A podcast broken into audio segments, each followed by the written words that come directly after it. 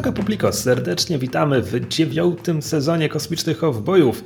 Ja jestem Krzysiek Seran, a przy mikrofonie po drugiej stronie Wisły siedzi Kamil Borek. Łop, łop, łop. Istotnie. E, dzisiaj omówimy sobie czwarty i ostatni sezon serialu Rebelianci. Ostatni to się okaże, czym będzie Asoka, tak Mhm. do końca.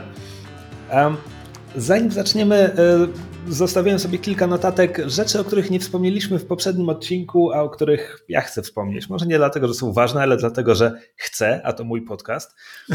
E, więc mówiliśmy, że Rogue One ukazuje się w trakcie. Premiera Rogue One następuje gdzieś tam w połowie trzeciego sezonu. E, Rogue One wpływa na rebeliantów na kilka sposobów. E, W sezonie trzecim wpłynął już wizualnie, bo e, nie wiem, czy zauważyłeś, ale w obstawie Trauna pojawili się Death Trooperzy, czyli ci szturmowcy w czarnych zbrojach ze zmodyfikowanymi pancerzami. Aha. A oni debiutują w Rogue One. Jakby przed Rogue One Ha. tego designu nie było. E, Więc oni byli już tam, oni będą się znowu pojawiać w czwartym sezonie. Czemu ja mam zawsze wrażenie, że. Bo zawsze, po pierwsze, zawsze mylę Death Trooperów i Dark Trooperów, Tak, oczywiście. E, a po trzecie, zawsze mi się wydaje, że któryś z nich byli w e, Dark Forces w Dark grze Trooperzy. komputerowej. Dark, Dark Trooperzy. Trooperzy pochodzą z Dark Forces. Mówiliśmy o tym chyba właśnie w poprzednim odcinku, gdy w Rebelsach pojawiają się droidy strażnicze, które wyglądają jak Dark Trooperzy, bo byli Dobra, inspirowani tak. Dark Trooperami stamtąd, a potem Mandalorian zerżnął ich design na swoich Dark Trooperów. Dobra, okej. I Dark Trooperzy Tak. to jest co innego niż, Death Trooperzy i to jest ważne. Dobra. Tak. No oczywiście inny wpływ Rogue One. Zakładam, że bez premiery Rogue One nie byłoby Soła Guerrery w Rebeliantach, bo jasne jest to postać wyprzedzająca w Rogue One, bo debiutuje w Clone Warsach, ale jest jakby zupełnie innym człowiekiem wtedy niż po 15 latach ciągłej wojny. Mhm. Więc w Rebeliantach po prostu jest to wersja Soła z Złotra 1. E, a w sezonie czwartym bohaterowie przelecą się U-Wingiem ze dwa razy, a to też jest e, maszyna, która debiutuje w Rogue One. Ja je, ja je bardzo lubię, uważam, że bardzo, bardzo umiejętnie wstrzeliły się w to, jak wygląda technologia z okresu oryginalnej trylogii. Um, Sezon czwarty, jak mówiłem, rebelianci są symetryczni, więc mamy 16 odcinków, 22 odcinki, 22 odcinki, 16 odcinków, czyli znowu mamy krótki sezon. E, I on jest nietypowy. A nie, nieważne, nieważne, chciałem powiedzieć coś głupiego. E. Czy chciałeś powiedzieć, że to jest 15 odcinków? Bo E, tak, ale to jest, e, ale wszystkie są ponumerowane, w związku z czym jakby ten ostatni odcinek to są technicznie rzecz biorąc dwa odcinki. tak, chociaż one, to, nawet, jest- one nawet na Disney Plusie wyświetlają się jako 45-minutowy film i zresztą pierwsze dwa odcinki pierwszego sezonu robią to samo. To tak. E, tak, czym szczerze mówiąc, ja w tym, w tym finale czwartego sezonu to ja nawet nie jestem pewien, gdzie jest ten punkt podziału. Znaczy, zakładam, że jak zobaczę 22 minutę, to on następuje tam, Ale- ale to jest nie taka bardzo ciągła podziału. To narracja. jest po prostu produkcyjnie to są dwa odcinki, ale no nawet na Wikipedii to jest po prostu jakby w jednym jest 15 i 16 wiem. to jest Family Re- Reunion and Farewell. To jakby nigdy nie było zaplanowane jako dwa odcinki, że możesz to podzielić na dwa. Nie, prostu... e, wiem po prostu pierwsze dwa, mam wrażenie, że tam był na początku serialu, że to było bardziej wyraźnie zlepka dwóch odcinków, a tutaj A, to jest okej. po prostu 45-minutowy Tak, tak. jakby film telewizyjny. Nawet się, kompletnie o tym zapomniałem. Jakby zacząłem oglądać ten odcinek i miałem takie w pewnym momencie, już powinniśmy się zbliżać do końca, jakby coś tu się dzieje i dopiero popatrzyłem, że o, o, okej, jeszcze jestem, mam 20 minut na liczniku i jeszcze kolejnych 20 parę przed Tak. sobą. E, Inna pewna taka nietypowość sezonu czwartego wynika trochę z tego, że sezon trzeci był odrobinkę inny, to znaczy nie wyeliminowaliśmy złoczyńców sezonu. E, W sezonie czwartym głównymi złymi pozostają Wielki Admirał Traun i Gubernator Price, tak jak w Mhm. sezonie trzecim. Pożegnaliśmy tylko Mola, który jakby cześć Mol, już cię nie zobaczymy, ale Mol był tam wy- występem gościnnym. Tak, znaczy, na sam koniec pojawia się stary dziadek, który też jest e, niby kreowany na jakiegoś złola, ale on się pojawia znikąd e, i właściwie do niczego nie prowadzi, więc... O nim jest ciekawostka, ale to wspom- Okej. wrócę do tego, kiedy będziemy wymieniać te odcinki. E, dobra. E, aha, no i ostatnia, największa jakby nietypowość sezonu czwartego jest taka, że zaczynamy tradycyjnie od dwóch czy tam trzech, zależy jak liczyć, mniejszych historii, a potem w odcinku piątym bohaterowie lecą na Lotal i właściwie od odcinka piątego to jest ciągła historia. Kolejne odcinki jakby zamykają się, tak, zakończyliśmy, zakończyliśmy misję i tak dalej, ale od odcinka piątego mamy właściwie walkę o Lotal do końca serialu. E, więc jakby wpadamy w taką naj, największą. Rebelianci zawsze mieli pewną ciągłość, że to były jakby pomniejsze historyjki, gdzie tam w tle były jakieś dłuższe wątki, ale w sezon czwarty, jakby od odcinka piątego do końca, to jest właściwie jedna wielka historia. Um, więc najpierw musimy się e, rozprawić z tymi pomniejszymi, które otwierają ten sezon. Zaczynamy od dwóch odcinków pod tytułem Bohaterowie Mandalor, czy też Mandalory.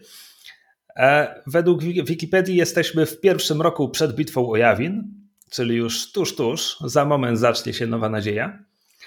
E, jesteśmy na Mandalorze i bohaterowie odwdzięczają się za tę mandaloriańską pomoc, której udzielono im w finale trzeciego sezonu, więc pomagają Sabin i jej matce nie tyle toczyć wojnę domową, oni mają mniejszy cel. Oni chcą odbić ojca Sabin, który jest uwięziony przez sprzymierzonych z Imperium Mandalorian e, i który ma zostać no, wyeliminowany w, w ramach publicznej egzekucji. I tu jest ostatnia rzecz, o której nie wspomnieliśmy w poprzednim odcinku, a wypadałoby, to znaczy, kiedy Sabin e, wróciła do domu i udowodniła rodzinie, na co ją stać, i pokonała Gara Saxona i tak dalej, to Fen Rau może nie padł przed nią na kolano, ale zaniczo powiedział jej tam królowa północy i w ogóle ja tobie wierny i tak dalej.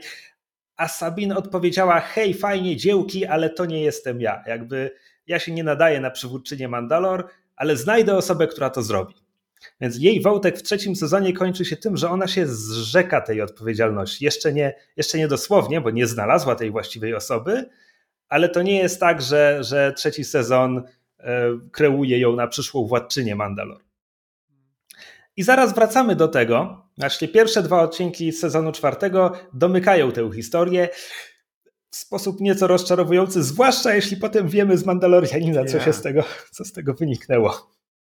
Znaczy, ja naprawdę się spodziewałem, że rebelsi podprowadzą pod Mandalorianina, że, że trochę więcej się dowiem na temat Mandaloru i tego, co się wydarzyło z Mandalorem w międzyczasie, e, niż to, co rzeczywiście się dowiedziałem z tych rebelsów. No man, to, tam, gdzie zaczyna się Mandalorianin, a tam, gdzie kończą się rebelsi, tu, tu, nie ma do tu, tu, nie ma za bardzo ciągłości. Nie, jakby, nie, nie ma ciągłości. No tutaj, tutaj są retrospekcje z Mandalorianina, jakby te wiesz, pół minuty materiału, który ma ci wytłumaczyć, co zaszło. Um, no więc e, w, w, tym odcinku jakby... Bo jest fajny element e, estetyczny, to znaczy Ezra, który przez cały serial kolekcjonował hełmy, tutaj po prostu biega w hełmie e, szturmowca zwiadowcy pomalowanym na pomarańczowo przez Sabin. I jest zasadniczo, on będzie go miał jeszcze potem w następnej historii. Na początku sezonu on po prostu biega w nim praktycznie ciągle. E, teraz jeszcze dostał jetpack od Mandalorian, na którym nie potrafi latać, więc ma taką trochę nową stylówę. To, że on nie potrafi na nim latać, to jest taki powtarzający się dowcip tutaj. I na, na, Mandalorze, żeby nie było, jest Sabin, Ezra i Kanan. Zaczynamy sezon tylko z tą trójką. Oni próbują pomóc e, matce Sabin, czyli Ursie i jej bratu Tristanowi odbić ich e, ojca, w sensie Sabin i Tristana. Zapomniałem sobie wy, wy, wypisać jego imię. Ojciec ma jakieś imię. E, I pierwsza misja idzie źle, bo więzienie, w którym miał być, jest puste. Tam przybywają imperialno-mandaloriańskie posiłki i naszym bohaterom ratuje tyłki nowa postać, zupełnie nowa bohaterka. E, to znaczy, to jest Bokatan. Bokatan debiutuje w Rebeliantach. E, w tym momencie znamy ją z Clone Warsów, w sensie jeśli oglądamy chronologicznie, jak te dzieła powstawały. Jej głos podkłada Katy Sakow, tak jak w Clone Warsach, tak jak zagrała ją w Mandalorianinie. I gdyby Bo-Katan była gangsterką z amerykańskiego filmu z lat 90, no, o latach 20. XX wieku, to miałaby przydomek coś w rodzaju babyface, bo jej design jest tutaj mm. dziwny. Ona ma taką okrągłą buzię, jest, jest taka niewinna, taka...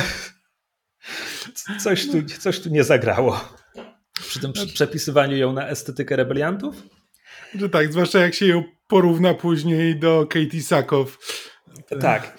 E, no i tutaj e, od razu mamy powiedziane, kiedy Bokatan się pojawia, to ktoś nam usłużnie podpowiada, że no to jest siostra, siostra księżnej Satin, że miała, miała żołdzić po niej, ale potem Imperium i ona broniła ludu, ale nie wyszło i w ogóle. I Sabin od razu mówi, hej, to jest twoje, jakby wręcz jej Darksaber, a Bokatan tylko mówi, nie, ja już zawiodłam, to nie jest moja rola. To jest chyba pierwsza wzmianka o Satin w tym serialu, mam wrażenie. Tak, tak? Aczkolwiek potem będzie druga, która jest cudowna. Ponieważ ten odcinek kończy się e, akcją odbicia ojca Sabin. To się udaje, ojciec zostaje odbity, ale Mandalorianie rzucają e, posiłki na pole walki. Jest to zmodyfikowany AT-ST, jest zmodyfikowany, bo jest wyposażony w specjalną broń, która się odpala, robi tam charakterystyczny dźwięk. E, Sabin, Ezra i Kanan akurat ratowali ojca, więc są oddaleni od pola walki i Sabin tylko mówi, znam ten dźwięk i jest przerażona. No i oto imperialna super broń robi bum, bum, bum, bum, bum. I kiedy oni wracają na pole walki, pole walki jest zasłane pustymi zbrojami Mandalorian, pomiędzy którymi walają się popioły. A odcinek kończy się jak Sabin klełka w takich popiołach jakiegoś odparowanego Mandalorianina. Jest to po prostu tak groteskowo ponure. Znaczy, jeszcze nie widziałem Oppenheimera, ale już widziałem, że jest scena o tym, jak e, wkłada stopę w ten, w, bodajże w czaszkę, czy, czy szkielet jakiegoś, jakiejś ofiary bomby atomowej i to jest taka wersja kreskówkowa tego tak, typu sceny. Tak. Dodajmy jeszcze, że w tym momencie oczywiście Sabine jest przekonana, że jej matka i ojciec zostali odparowani razem z resztą. To trwa tylko na początku następnego odcinka, kiedy wychodzą za jakiejś pobliskiej wydmy i okazuje się, że nic im nie jest, bo akurat ostrzeżenie przyszło w samą, pole, w samą porę, byli na skraju pola rażenia, udało im się uciec. No i to jest w końcu odcinek, który wykłada nam wszystkie grzechy Sabin, to znaczy to nie jest imperialna superbroń, to jest de facto mandaloriańska superbroń. Sabin ją opracowała, ponieważ była w akademii, przedstawiono jej to jako wyzwanie i jest to rzecz, która y, namierza bezkar w mandaloriańskich zbrojach i jakby wali piorunem po bezkarze, więc jest to broń do eliminowania Mandalorian. Drugi odcinek zaczyna się od tego, jak aktualny wicekról Mandalor, Tiber Saxon, składa Traunowi raport, proszę bardzo, odpaliliśmy broń, proszę bardzo, super, odparowała wszystkich jak należy, a Traun mówi, nie ze mną te numery Brunner, bo zasięg miał być większy i jakby nie przykryjesz tego, że, że nie potrafisz tego e, dopracować, nie potrafisz jej udoskonalić, żeby spełniała wszystkie założenia. No więc tu się pojawia wątek poboczny. Traum mówi, potrzebujesz Sabin Ren, bo to jest jej broń, więc Tiber będzie próbował e, ukatrupić pozostałych, ale pojmać Sabin. Teraz dodajmy, Tiber Saxon, kto zacz? No więc jest to e, tykowaty brat Gara Saxona, wyeliminowanego w poprzednim sezonie. I żeby nie było, jest dubbingowany przez kolejnego weterana Rzymu, to jest Tobias Menzies, którego możecie kojarzyć z gry o Tron jako tego brata nieudacznika Kathleen Stark. Imienia nie pomnę. Tak, tak. No proszę. E, I Ale... jeszcze jest, już Gar Saxon był kreskówkowy w swoim złolstwie, jego brat jest podkręcony jeszcze do 11. Tak, i tutaj na koniec, na koniec jakiś bezimienny mandaloriański superkomandos, który jest jego strażnikiem, jakby był świadkiem jego rozmowy z Traunem i on mówi, ale panie, czy, jak, jak zapewnimy, żeby Imperium nie wykorzystało tej broni przeciwko nam? Na co Tiber odpowiada, dzięki be, bezwzględnej lojalności. Mm -hmm. to, to, jest jego długo, długofalowa strategia. Natomiast jest tutaj coś, co mi się mm, podoba, bo to jest takie budki. trochę przekreślenie właściwie gwiezdnowojennego motywu. Jakby w Gwiezdnych Wojnach kiedy kończy się wojna? No bo imperator wpada do szybu. Nie ma imperatora, nie ma imperium. Proste. A tutaj mamy, ej, pokonaliśmy Gara Saxona. Mandalor jest wyzwolone. Co? Zaraz, miał brata? Aha. No po prostu po wyeliminowaniu jednego wielkiego złola, no jest kolejny. No to jest... No tak. Jakby... No to jest łańcuch złoli, tak? się znajdzie. Biorąc pod uwagę, że jeszcze Imperium nie potrzebuje mądrych ludzi, potrzebuje tylko lojalnych ludzi, to zawsze się znajdzie ktoś na miejsce. Miernych, ale wiernych, tak, dokładnie. dokładnie. no więc e, nasi bohaterowie.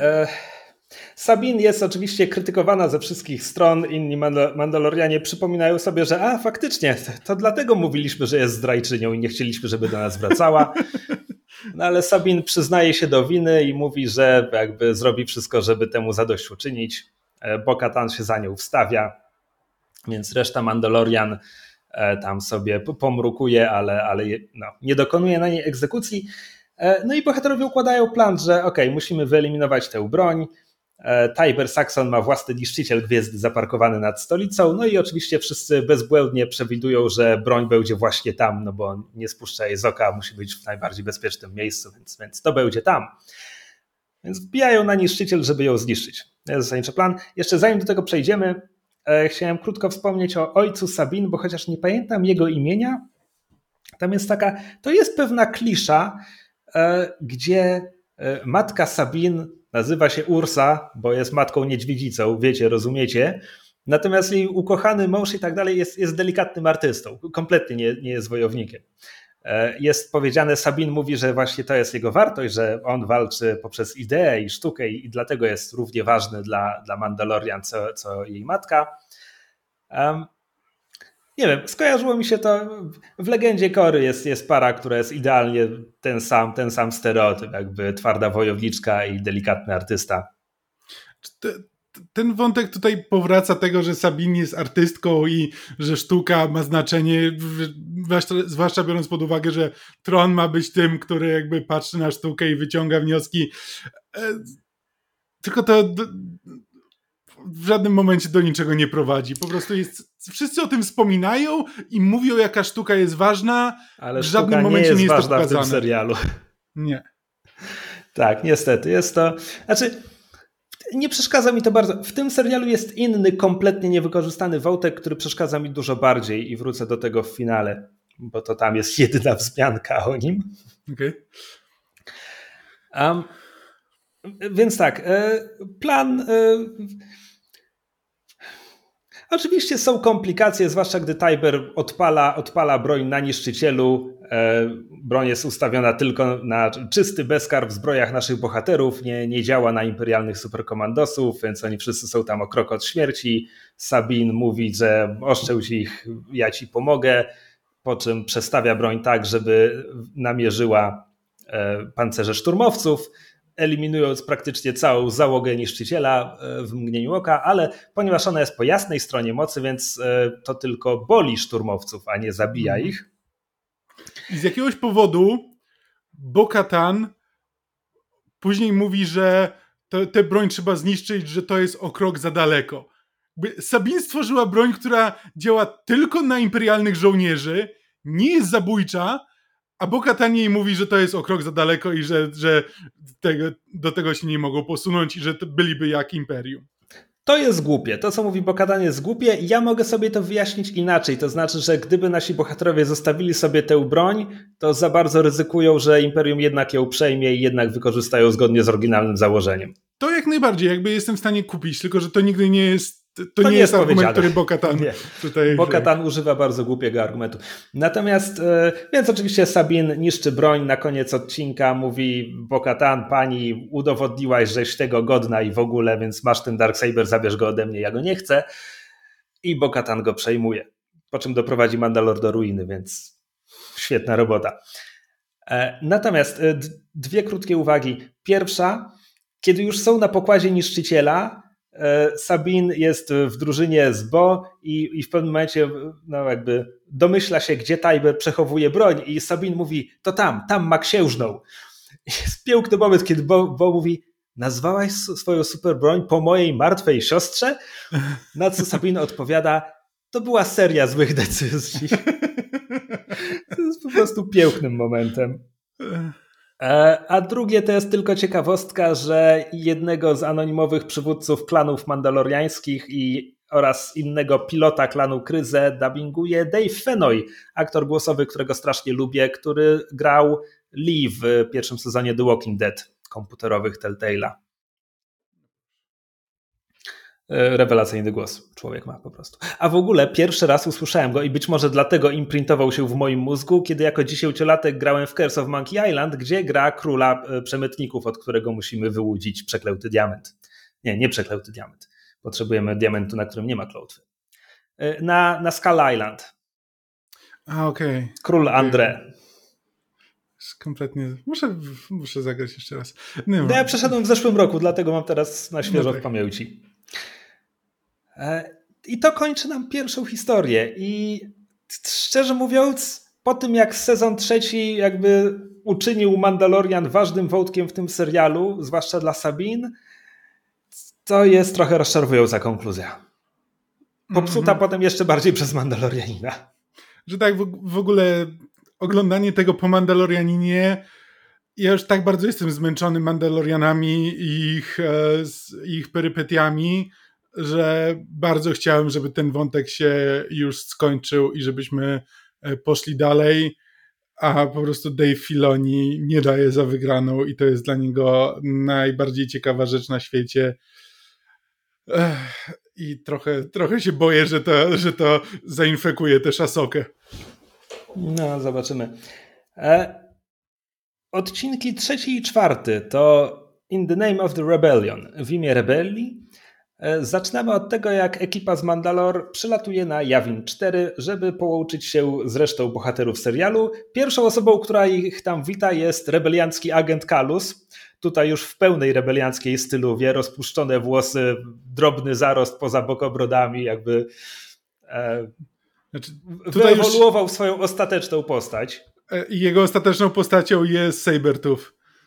Już, już to mówiłeś w tydzień temu, ale tak. Tak, ale tutaj jest jakby ta przemiana, ta przemiana postępuje. E, tak. E, I tutaj oni łączą się z rebelią i wraca ten motyw pewnych tarć pomiędzy nimi a szerszą rebelią, no bo wracają tutaj i Ezra od razu mówi, no dobra, to kiedy, to kiedy pomożemy Lotal? Po czym jest, jest briefing, on dotyczy czegoś zupełnie innego. Ezra takie, no tak, ale, ale Lotal. I Mon Mothma musi go wziąć na bok i pokazać mu mapę gwiezdną i powiedzieć, no tu jest moja rodzinna Chandrila pod okupacją Imperium, a tutaj są tysiące innych planet. No i pytanie brzmi, Ezra, komu pomożemy? No bo jeśli pomożemy Lotalowi, to co z pozostałymi setkami tysięcy planet? Jest słaby punkt tego myślenia, do którego zaraz wrócimy. E, jednocześnie, czego dotyczył ten briefing? E, po tym, jak nasi bohaterowie przylecieli na Jawin, chwilę później na Jawin przyleciała Hera, niemal rozbijając się o powierzchnię ze swoją e, ostrzelaną eskadrą. Tam jest Wedge, wyskakuje z innego myśliwca i to jest chyba jego ostatni występ w serialu. Um, bo eskadra Hery została zaskoczona przez szybką reakcję Imperium. A czemu Imperium szybko reagowało? Bo na planecie Jalindi ma wielką antenę komunikacyjną, dzięki której ich siły mają świetną łączność i tam zerowy czas reagowania. Są wszędzie w mgnieniu oka. Więc briefing dotyczy tego, co z anteną zrobić. Ezra mówi na to, co rozwalić. No a inni mówią, no, zbudują kolejną, więc lepiej ją schakować żebyśmy wiedzieli, kiedy reagują i jak i w ogóle. I to jest, to ma sens, widzę logikę, pewnie. pewnie. Ale to nie wszystko, co się tutaj dzieje, ponieważ jest jeden podejrzany droid, który przetacza się przez bazę i nagle wyświetla gigantyczny hologram Soła Gerery, który zasadniczo wbił tutaj, żeby... Gdyby to był film na YouTubie, miałby tytuł w rodzaju Soul Gerera masakruje Mon Mothmę. Um, bo on zasadniczo tutaj ma taką odezwę do rebeliantów, hej, jakby słuchajcie, Mon Mothma siedzi na tyłku, nic nie robicie i czy to naprawdę ma być walka o wolność, e, a ja tutaj walczę. Ponieważ pomiędzy poprzednim sezonem, gdzie Saul Gerrera zostaje wprowadzony jako legendarny dowódca rebelianckiej komórki, a tym sezonem Saul Gerrera e, pożegnał się z szerszą rebelią. I tu jest, dodajmy, Scenarzystą tego odcinka jest Gary Witta, czyli oryginalny scenarzysta Rogue One, e, czy jakby pomysłodawca historii, bo ostatecznie jakby autorami scenariusza był, byli Tony Gilroy i nie pamiętam drugiej osoby niestety w tej chwili. E, więc Mon Mothma wychodzi z bazy, żeby, wiesz, robią rap battle i ona odpowiada kontrargumentami i to, co Mon Mothma mu robi, wpada trochę. W... Nie chcę tego nazywać tone policing, bo to nie jest to. Ona ma bardzo konkretne argumenty. Ona mówi: My prowadzimy wojnę według zasad, a ty bierzesz na cel cywilów, maltretujesz jeńców. Nie pamiętam jej trzeciego argumentu. W każdym razie mówi tak, jest jakieś święte oburzenie Mon Motmy, którego Gerera punktuje odpowiadając proszę, gdzie była ta Mon Motma, kiedy próbowaliśmy walczyć? I to jest ten moment, kiedy rebelianci wracają do tego. To jest pytanie, które w rebeliantach pojawiało się wielokrotnie, ale właściwie nigdy nie było odpowiedzi. Keynan mówił, że y, nie chodzi tylko o to, żeby walczyć, ale ważne jest to, jak walczysz. I tutaj wracamy do tego pytania najbardziej otwartym tekstem, bo Mon Mothma mówi Ez, że twoja planeta potrzebuje pomocy, ale jeśli jej pomożemy, to co z setkami innych? Tylko, że kiedyś komuś trzeba zacząć pomagać. Tak. A ona to jest pierwszy rok przed bitwą o Jawin. Cztery lata po pierwszym sezonie Andora i ona wciąż jest, no, no zbieramy siły, kumulujemy. Ona wciąż nie chce działać. No to tak, to, to jest. De, de to facto jest... o tym będzie Łotr 1, gdzie jakby flota musi się zbuntować przeciwko niej, żeby coś zrobić w końcu. Tak, my będziemy tutaj prowadzić działania, wygrywać e, serca i umysły, e, a na koniec e, imperator e, wpadnie na ambonę i zacznie krzyczeć i imperium upadnie. Tak, chyba już to mówiliśmy w zeszłym odcinku. Tak, ale to pozostaje aktualne. Ale tak. Bo, bo na, na to wygląda, że, że to, jest cały, to jest cały plan Mon Mothmy, że po prostu w pewnym momencie dojdziemy do takiej masy krytycznej sprzeciwu wobec imperium, że wszyscy naraz się zbuntują i obalą imperium jakby jednym ciosem. I na to gra Mon Mothma. A w międzyczasie, jeśli e, ludzie na odległych planetach będą musieli ginąć, to jest to ofiara, na którą jestem gotowa. Tak. E, Soul Gerrera jakby znowu jest dubbingowany przez Foresta Whitakera.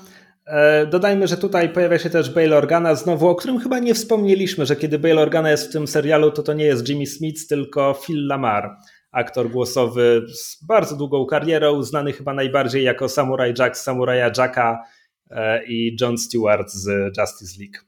Ja go znam A? jako Hermesa z Futuramy. Oczywiście, tak. Trzecia, trzecia wielka rola w jego dorobku.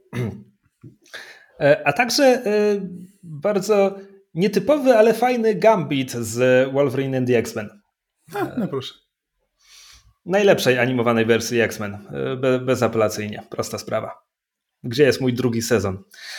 Każdym razie, e, Mon Mothma tak naprawdę nie ma jak wygrać tej dyskusji z Guerrero, więc po prostu w pewnym momencie mówi, no dobra, wystarczy i każe wyłączyć tego droida.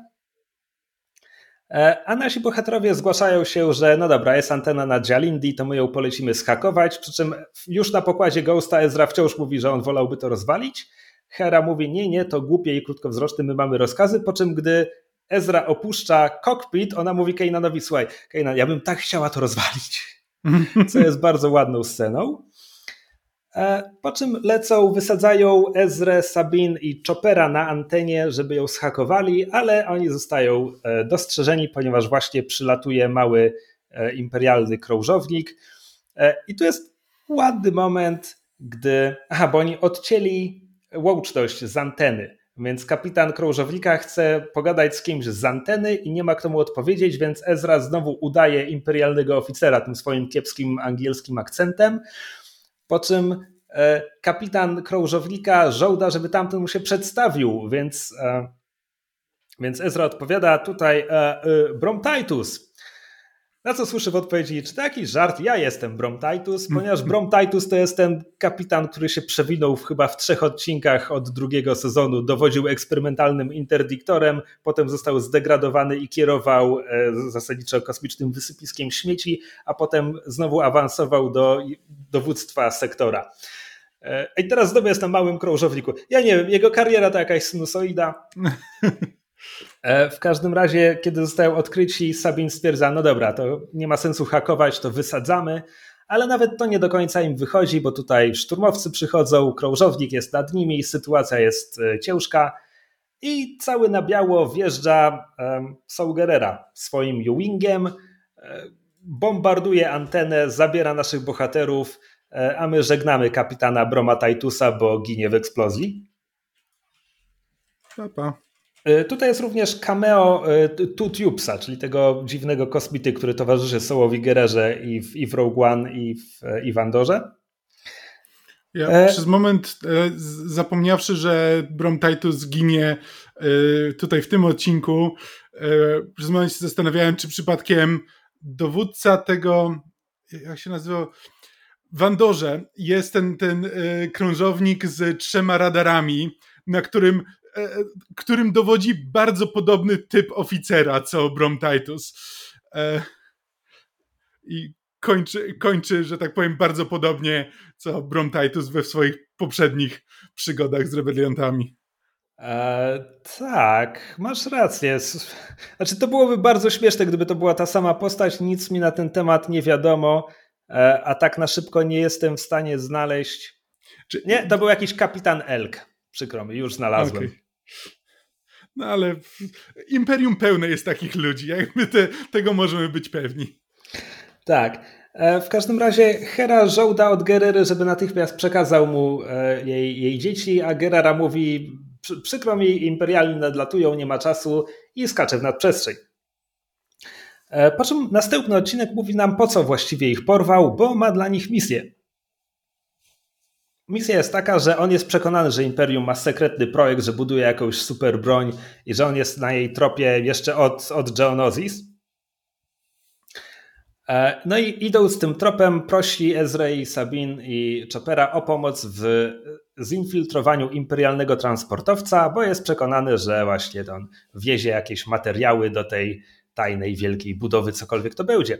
Nasi bohaterowie się zgadzają, poczęli dlatego, że nie bardzo mają wybór, ale również dlatego, że hej, tu jest Saul Gerrera i on działa, on coś robi, a Ezra i Sabin bardzo w tym momencie chcą coś zrobić, więc jakby on naprawdę nie musi ich długo przekonywać.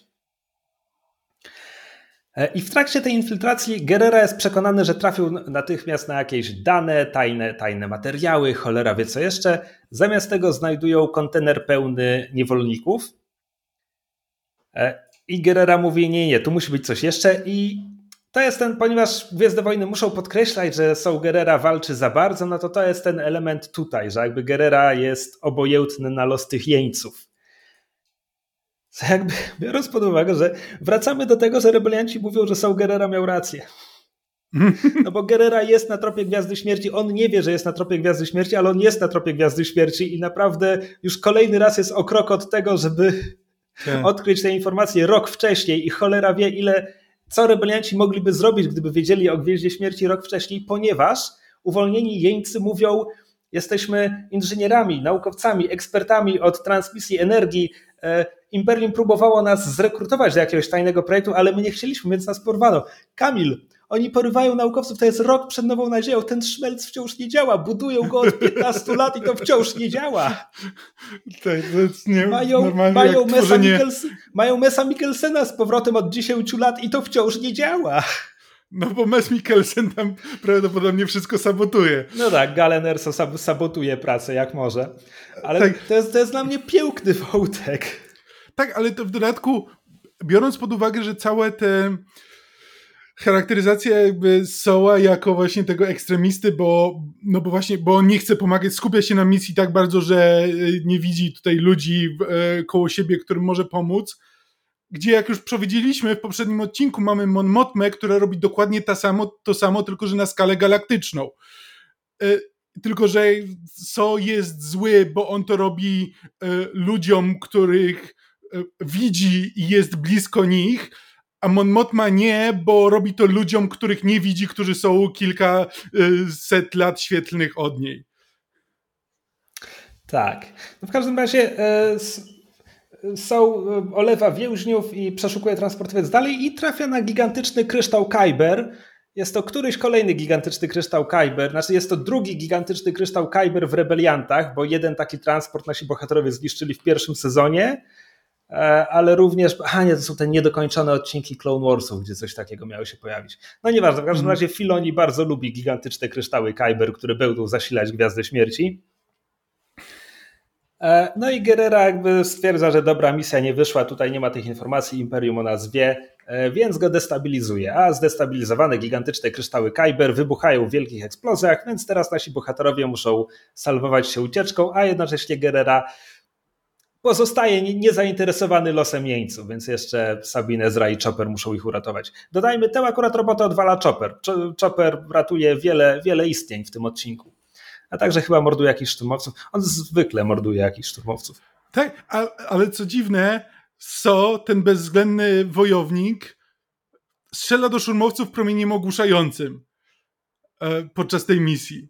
Co jakby kompletnie nie ma sensu, e, Zwłaszcza, że jakby nasi bohaterowie zazwyczaj strzelają do szturmowców normalnymi promieniami, nie licząc chyba, że strzelają do nich e, od tyłu albo w głowę, to wtedy, e, to wtedy ogłuszającym, ale mimo wszystko większość e, wymian ognia jest normalną amunicją, więc ja nie wiem, co tutaj się dzieje. No to tak, to był jakiś dziwny, dziwny element. W każdym razie, transportowiec eksploduje, jeńcy uratowani, bohaterowie rozstają się z sołem, czy są na niego obrażeni za numer, który im wywinął? Tak. Czy wciąż myślą, że w sumie ma rację? Tak, i zobaczymy to w następnym odcinku. Odcinek piąty, The Occupation, czyli okupacja, zaczyna się wciąż na Jawinie 4, z którym łączy się Ryder Azadi z Lotal, żeby donieść o tym, że Imperium nie tylko buduje TIE Defendery na Lotalu, ale co więcej, pracują nad nowym modelem. Jeszcze lepsze osłony, jeszcze lepsze działa, jeszcze groźniejsze bydle. No i tutaj nasi bohaterowie mówią, no to, no to trzeba zniszczyć te fabryki na Lotalu. Jakby to jest ta akcja, do której się szykowaliśmy cały trzeci sezon, wciąż możemy to zrobić. Mon Motma mówi, mm, a, mm, a, potrzebujemy więcej informacji. Więc wysyła naszych bohaterów na Lotal jako misję zwiadowczą, przy czym na odchodne Ezra jej deklaruje, że on tu nie wróci, że on zostanie na Lotalu, żeby pomagać swoim. Tutaj mamy dwie, e, dwa wielkie zaskoczenia. Znaczy, Kilka. Jest tu dużo różnych zaskoczeń. E, z moich notatek wynika, że tutaj przede wszystkim odbywa się rozmowa, czy są ma rację na zasadzie tego, że są przynajmniej coś robi i Ezra zasadniczo się zgadza z tym, że hej, są przynajmniej coś robi. E, Lotal jest otoczony przez gęstą imperialną blokadę i tym razem to naprawdę tak wygląda. Na naszym Discordzie niedawno było pytanie, jak działają te blokady w Gwiezdnych Wojnach, kiedy to zazwyczaj jest jeden niszczyciel zaparkowany nad jednym punktem planety, którą można opuścić w dowolnym kierunku w końcu ale tutaj to faktycznie jest pierścień, pierścień niszczycieli rozstawiony wokół równika. E, dodajmy, mogę też odpowiedzieć, e, Gwiezdne Wojny nabierają trochę więcej sensu, jeśli myślimy o nadprzestrzeni jako, e, że są te trasy przez nadprzestrzeń, te, te, te szlaki, które są najczęściej wykorzystywane jako te, które na pewno są bezpieczne, i dlatego jak zaparkujesz niszczyciel przed punktem, z którego wychodzi się z takiej trasy, to ma to trochę sensu, a obliczanie innych tras jest ryzykowne i dlatego zwykle się tego nie robi, bo nadprzestrzeń w Gwiezdnych Wojnach czasem tak działa, a czasem nie. Nadprzestrzeń jest jedną z najbardziej niekonsekwentnie przedstawianych rzeczy w Gwiezdnych Wojnach. E, dziękuję, że przyszliście na mój TED Talk. Znaczy, zwłaszcza jak później dojdziemy do e, dziewiątego epizodu. Tak. To kompletnie przestaje mieć jakikolwiek sens. Um, nasi bohaterowie skorzystali z pomocy starego znajomego, żeby przerzucił ich na Lotal i tak do serialu wraca Cicatro Vizago. E, dubbingowany, bo chyba wcześniej tego nie mówiliśmy, przez Kifa Szarabajkę. E, Piękny to jest aktor e, filmowy, również głosowy, bardzo często podkłada głosy w grach. Ja go znam ze starych przygodówek LucasArtsu, jest w Escape from Monkey Island, jest w Grim Fandango. Chyba jego największa rola ekranowa w Dark Knightie jest policjant, który pomaga Gordonowi i bardzo chce sprać Jokera i przez to, ponieważ on tak bardzo chce sprać Jokera, to Joker ma ułatwioną ucieczkę. To był Kif Szarabajka. Hmm. Nice. E, I największe zaskoczenie w serialu, to znaczy nasi bohaterowie szmuglowani przez e, Vizago pojawiają się w kadrze i mają wszyscy nowe ubrania. Oni dostali nowe stroje do tej infiltracji, przebrali się za lotalskich cywilów, co oznacza głupie czapki, głupie jakieś takie opaski na głowę zasłaniające uszy. E, Kanan, ponieważ jakby ma charakterystyczną bliznę, więc ma cały taki jakiś wyświetlacz czy ekran zasłaniający oczy, e, wyglądają spektakularnie śmiesznie. Zeb też ma fantastyczną czapkę, a jednocześnie to są trochę elementy kostiumów z ilustracji koncepcyjnych Macquire'ego. Tak? Jakby jest, jest jedna z... kiedy jeszcze Luke Skywalker miał być generałem Starkillerem, to on jest właśnie na mhm. rysunkach koncepcyjnych jako starszy gość z brodą, właśnie z taką opaską i z takimi dziwnymi kółkami zasłaniającymi uszy. Jakby, to nic tutaj nie bierze się znikąd. No, Gwiezdne Wojny recyklingują Gwiezdne Wojny od 40 znaczy, no, lat. Zwłaszcza rebelsi, jakby rebelsi robią tego dużo. Tak, bo jakby w rebelsach bo to jest, jest bardzo... podstawowe założenie stylu graficznego, że żeby nie powtarzać tego, co było w filmach jeden do jednego, to posiłkują się projektami Macquariego, żeby, żeby troszkę odmienić, żeby wyglądało trochę inaczej niż filmy. Dokładnie tak. I tutaj nagle odcinek, e, to będzie kalka z angielskiego, ale zmienia biegi, bo bohaterowie przylatują nad Lotal i pierwsze co widzimy to planeta płonie, niebo płonie. To jest jakby e, jest, jest taki mem internetowy, że podstawa dobrego worldbuildingu powinieneś mieć dziwny księżyc. Jeśli nie masz dziwnego księżyca, to co tu właściwie robisz? Więc jakby, hej, chcesz pokazać, że coś się zmieniło? Niech niebo płonie. E, to jest trochę, że jak hobbici wracający do Shire i odkrywają, że kurczę, przemysł tutaj przyszedł, industrializacja nastąpiła. Tak. Niebo płonie, bo imperium wydobywa, żeby zasilać swoje fabryki, wydobywa surowce odkrywkowo, demolując przy tym jakby całą planetę jest bardzo typowy motyw, jakby Gwiezdne Wojny często wpadają w te, że, w, te, w te tropy, że natura jest dobra, a technologia jest zła. Nie licząc X-Winga, którym możemy rozwalić Gwiazdę Śmierci. X-Wing jest dobry, ale technologia jest zła. X-Wing powinien być z drewna. Tak. E, Visago ma kody, ale te kody są chyba przestarzałe czy coś takiego. Coś wzbudza podejrzenia Imperium, więc ostatecznie Visago zostaje capnięty, nasi bohaterowie uciekają. E, no ale już infiltracja się posypała, no bo już są poszukiwani, już są plakaty gończe za nimi. Jest ładny moment, kiedy Ezra patrzy na plakat, na którym jest z mackami na głowie, bo to jest Ezra z pierwszego sezonu. Ezra ma takie, mają moje stare zdjęcie. I Sabine musi mu przypomnieć, że, że to dobrze. To jest ładna scena. E, ale ten odcinek on wpada w tak mroczne tory, nasi bohaterowie nie wiedzą co robić, więc wpadają na pomysł, tutaj rozdzielili się po drodze i Ezra i Sabine mówią, dobra, to, to pójdziemy do starego Joe. Nie wspominaliśmy o nim, bo to jest postać bardzo mm. głębokiego planu z pierwszego sezonu. To jest po prostu Itorianin, który ma bar, w którym nasi bohaterowie czasami łapali roboty w pierwszym sezonie. Więc oni idą tam, i to jest nagle bar, bar propagandowy Imperium. Są tutaj sami imperialni oficerowie i piloci. Za barem siedzi as pilotażu z pierwszego sezonu, który tam prowadził paradę i mówi: Teraz to jest mój lokal. A, a nasi bohaterowie to, no tak, tak, tak, dawno mnie tu nie było. A, a stary Joe? A imperialny baron, stary Joe? Rozstrzelano go za pomaganie rebeliantom. Mhm. Jest takie, naprawdę zmieniliśmy tonację od pierwszego sezonu i wesołych przygód awanturników w kosmosie. Tak. Ale cały ten bar jest po prostu tak depresyjny, po prostu jest pusto.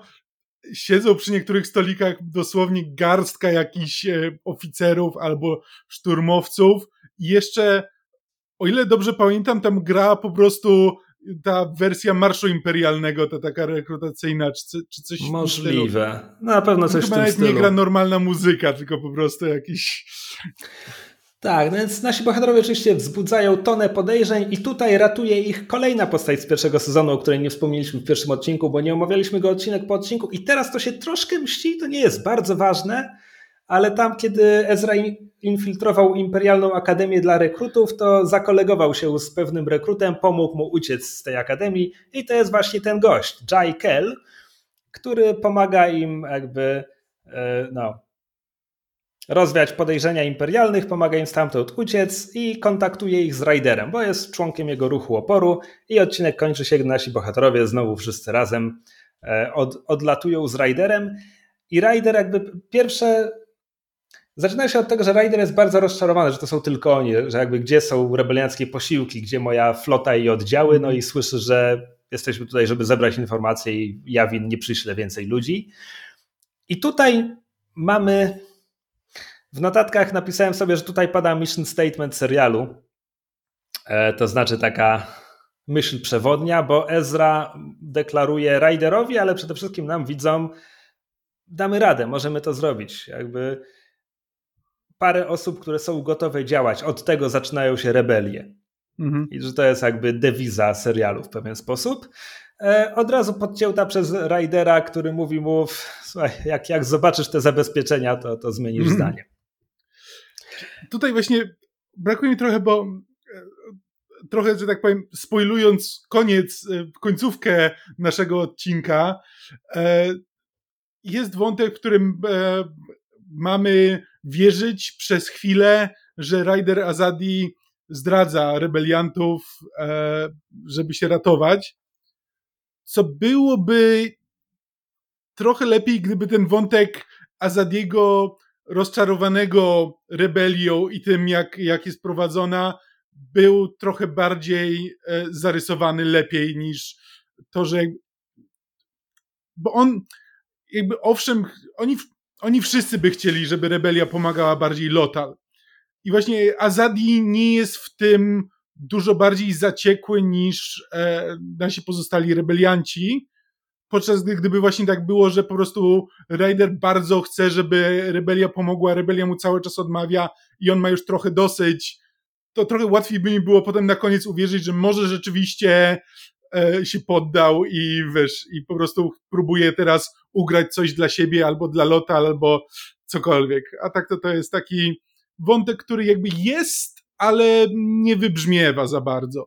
Znaczy, rozumiem, czemu to mówisz i częściowo się zgadzam. Kontrargument jest taki, że w, to jest odcinek 14, to jest bardzo krótka chwilka, kiedy tak, mamy tak. wierzyć, że on ich zdradził, a co więcej, odcinek nawet nie próbuje nas bardzo przekonać. W sensie, to, to jest dosłownie Ezra mówi, dobrze, mam plan i następna scena to jest Ryder kontaktujący się z Price. To prawda.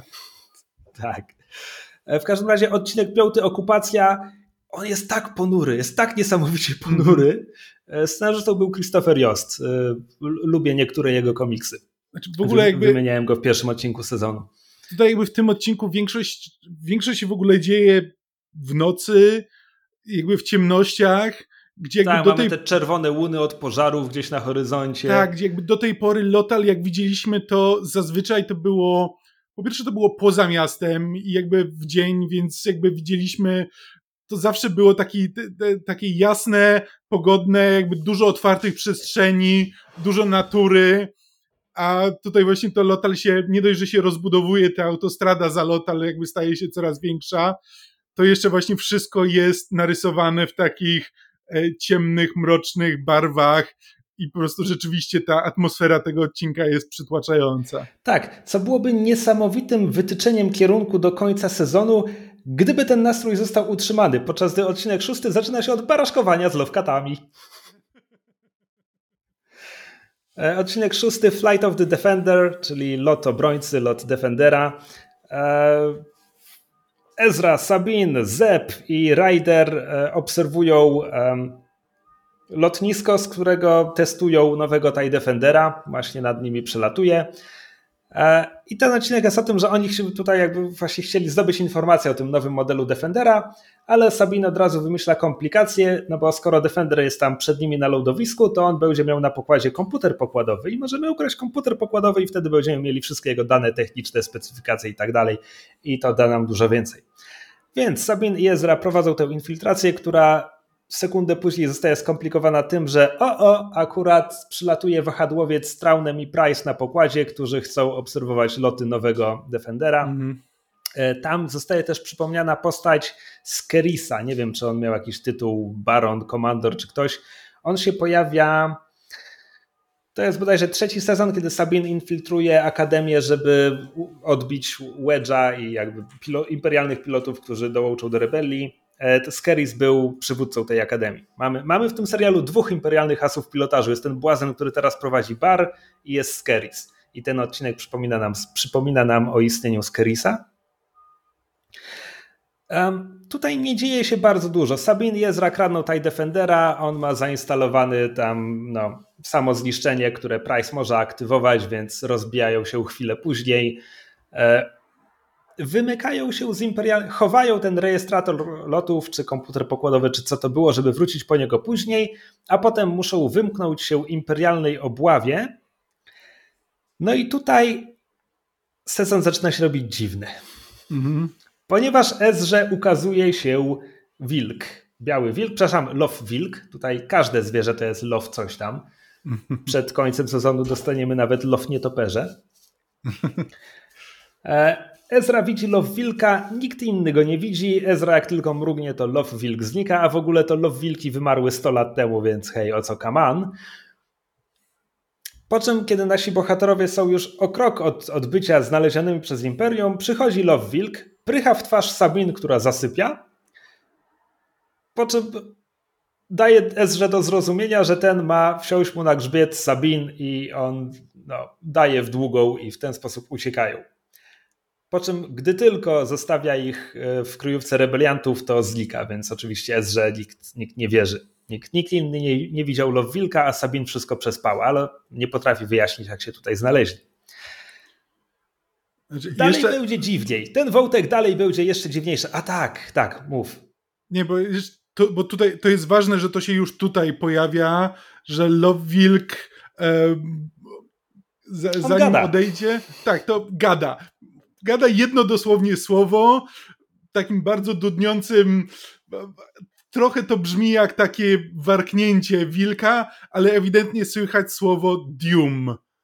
Właśnie. Ponieważ ja już powiedziałem, że Kanan naprawdę nazywa się Caleb Doom, to trochę to spaliłem, zwłaszcza, że oni w serialu wymawiają to inaczej. Bo wilk nie mówi Doom, wilk mówi Doom, tak, tak jak tak. zguba ponieważ jak się okazuje, w serialu to nazwisko też wy, wymawiają Doom. Tak, tak. Więc na tym etapie, oczywiście napisy też ci to spalą, jak w napisach widzisz Doom przez U, ale jeśli tylko oglądasz ten serial tak jak wiesz, domyślna amerykańska widownia, to Wilk mówi w tym momencie zguba i nie wiesz o co mm -hmm. chodzi. Tak, masz rację, rzeczywiście, to ważne.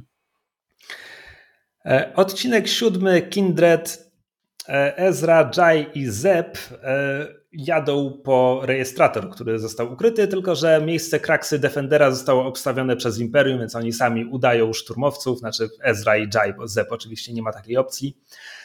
E, udaje im się to nie, to nie jest w tym odcinku ważne, więc tylko szybko powiem, że udaje im się uciec z rejestratorem, aczkolwiek Ezra i Jai muszą umknąć nowemu antagoniście, który on chyba zadebiutował już kilka odcinków wcześniej, ale dopiero tutaj wchodzi do akcji i to jest Ruk, czy jak wymawia to Lars Mikkelsen, Ruch.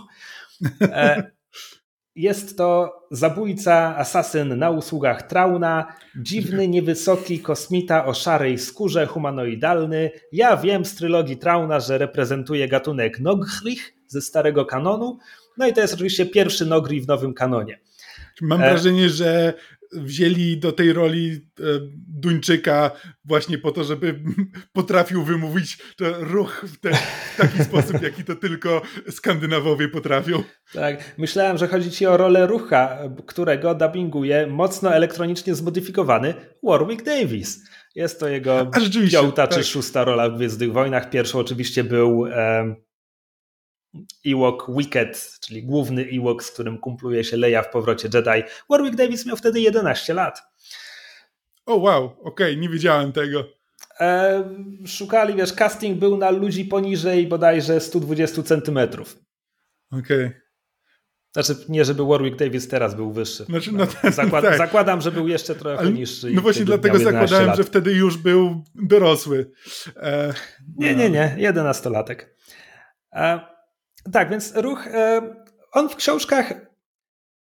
Tron wykorzystywał Nogry jako komandosów, zabójców, porywaczy i tak dalej, sabotażystów. Natomiast ruch, ruch konkretnie był jego ochroniarzem i przez całą książkę nie ruszył się z mostka Chimery.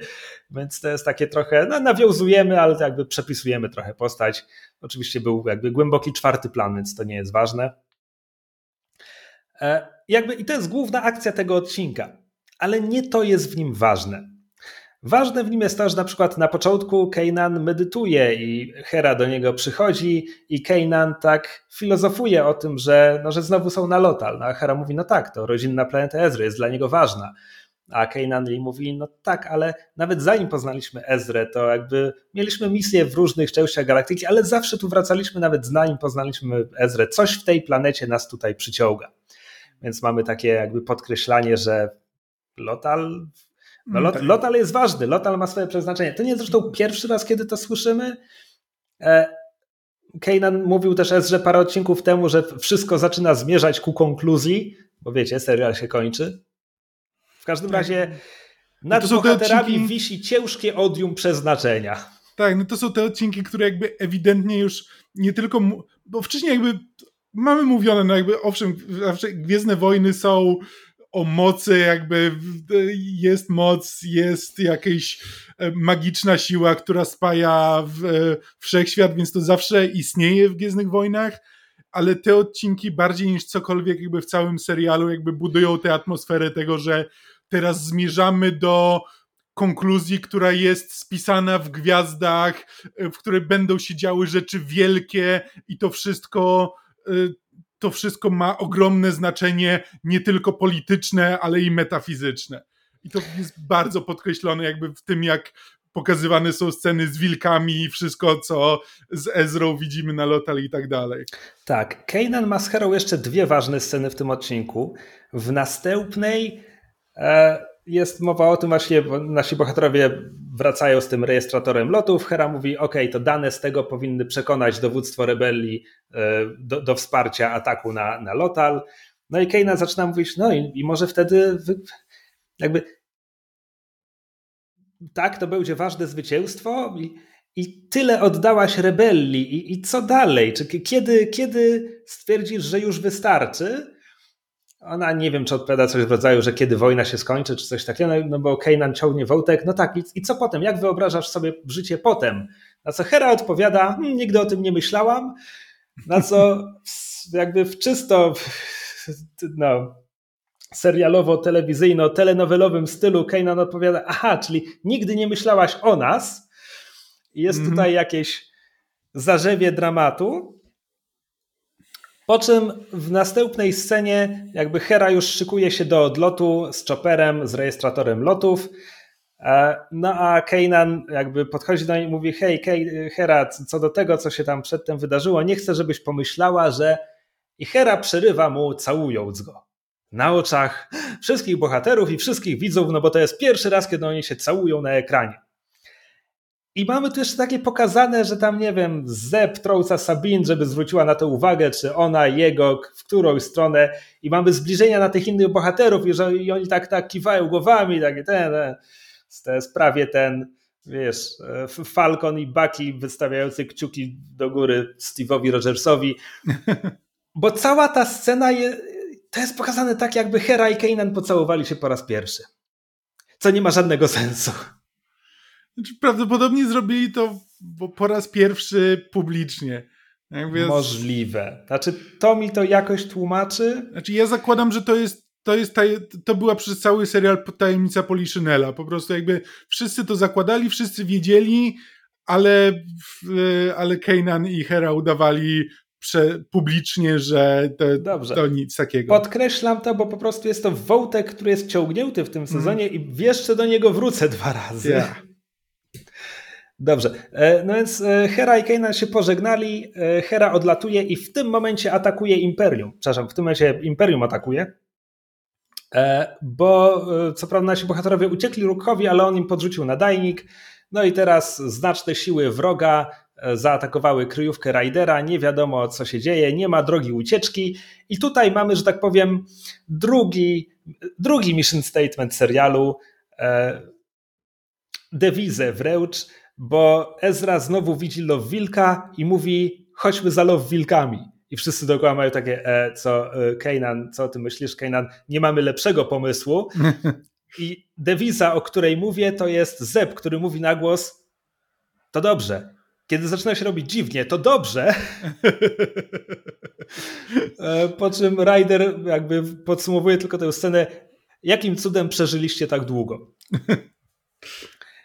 I teraz naprawdę zaczyna się robić dziwnie, bo nasi bohaterowie idą za wilkami przez jakiś ciąg jaskiń i w pewnym momencie wychodzą z ciemności w jasność. Znaczy oni zaczynają iść po powierzchni, która odbija gwiazdy, nie żeby szli pod gwiazdami, nie żeby powierzchnia, po której idą, był, była skałą, po której szli przed chwilą, a potem wchodzą w pełną jasność i nagle odzyskują przytomność i odkrywają, że są na drugiej półkuli niż byli. Mhm. w, w górach na południu, w miejscu, które będzie świetną kryjówką dla ruchu oporu Ridera od teraz. I ja to bardzo lubię. Powtarzam chyba co tydzień, że lubię, kiedy rebelsi operują niedomówieniami, a tutaj wychodzimy poza estetykę Gwiezdnych Wojen. Wiesz, co to jest, Kamil? Co mi to najbardziej przypomina? I to jest nietypowe, że tak powiem. To nie jest coś, to nie jest z kanonu, z którego Gwiezdne Wojny zazwyczaj czerpią, ale to jest piknik pod wiszącą skałą. To jest wyjście hmm. poza wyjście poza przestrzeń i czas, po, poza realia świata, w którym funkcjonują postaci. Mhm. E, Piknik pod wiszącą skałą, film Petera Weira, australijski, dotyczy wyprawy grupy dziewcząt ze szkoły dla dziewcząt albo sierocińca, nie pamiętam, gdzie nagle podczas pikniku parę dziewcząt i jedna opiekunka oddalają się, wchodzą w pewną tam skalną jakąś czeluść i znikają i ich nie ma, a potem pojawiają się bez słowa wytłumaczenia i nie wiedzą, co się stało. Jakby to jest film, w którym dzieje się bardzo niewiele, ale ma bardzo taki oniryczny, mm. właśnie dziwny nastrój. Polecam swoją drogą. I tutaj poruszamy się w tej estetyce. Znaczy, nasi bohaterowie wychodzą poza swoją rzeczywistość. I szczerze mówiąc, chyba wolałbym, że gdybyśmy potem nie dostali odcinka, który tłumaczy nam, dokąd poszli. Czy, czy ja coś źle kojarzę, czy może to było później, bo też miałem wrażenie, że przez moment, kiedy oni właśnie przechodzą przez cokolwiek tam jest, pojawia się efekt e, podróży w, w hiperprzestrzeni. Tak, jest, okay. jest też. To Dobra. też tam jest, tak. Co, co jest. Właśnie też nie wiem właśnie, jak, jak o tym myśleć, bo z jednej strony to jest interesujące, z drugiej strony. Znaczy, z jednej strony to właśnie dopowiada trochę, co się, co się właśnie wydarzyło, więc jakby jest przeciwko temu, co właśnie mówiłeś, żeby trochę, trochę niedopowiedzenia. Z drugiej strony jakby wilki podróżujące w hiperprzestrzeni też jest to interesujące Ale... i jest to niedopowiedziane, jak to się cholera dzieje, że wilk wchodzi w dziurę i podróżuje przez Ale zobacz, ale ta efekt nadprzestrzeni, ten efekt nadprzestrzeni tutaj jest w pewnym sensie zmyłką bo odcinek Świat pomiędzy światami jakby powie nam co innego, wytłumaczy to inaczej. Znaczy, okay. Wytłumaczy to za dużo powiedziane. Okay. Pokaże co innego. E, dobra, więc e, Hera dotarła na Jawin i tam e, pokazuje dane z Defendera. Odcinek ósmy, Crawler Commanders. Commandeers. Aha, bo to, jakby to przetłumaczyć? Mhm. Abord, abordaż na kombajn. Zabieracze. Tak, zabieracze żniwiarki.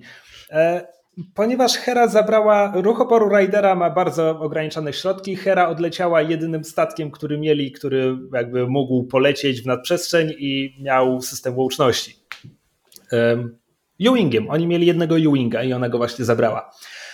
E, w związku z czym wpadają na pomysł, ponieważ koło ich nowej kryjówki niedaleko przejeżdża żniwiarka e, gromadząca surowce dla imperialnych fabryk. No i stwierdzają, ok, to ma e, nadajnik, ten nadajnik nam wystarczy, żeby połączyć się z Jawinem, ponieważ łączność w Gwiezdnych Wojnach. W tym odcinku to wystarczy, więc to wystarczy.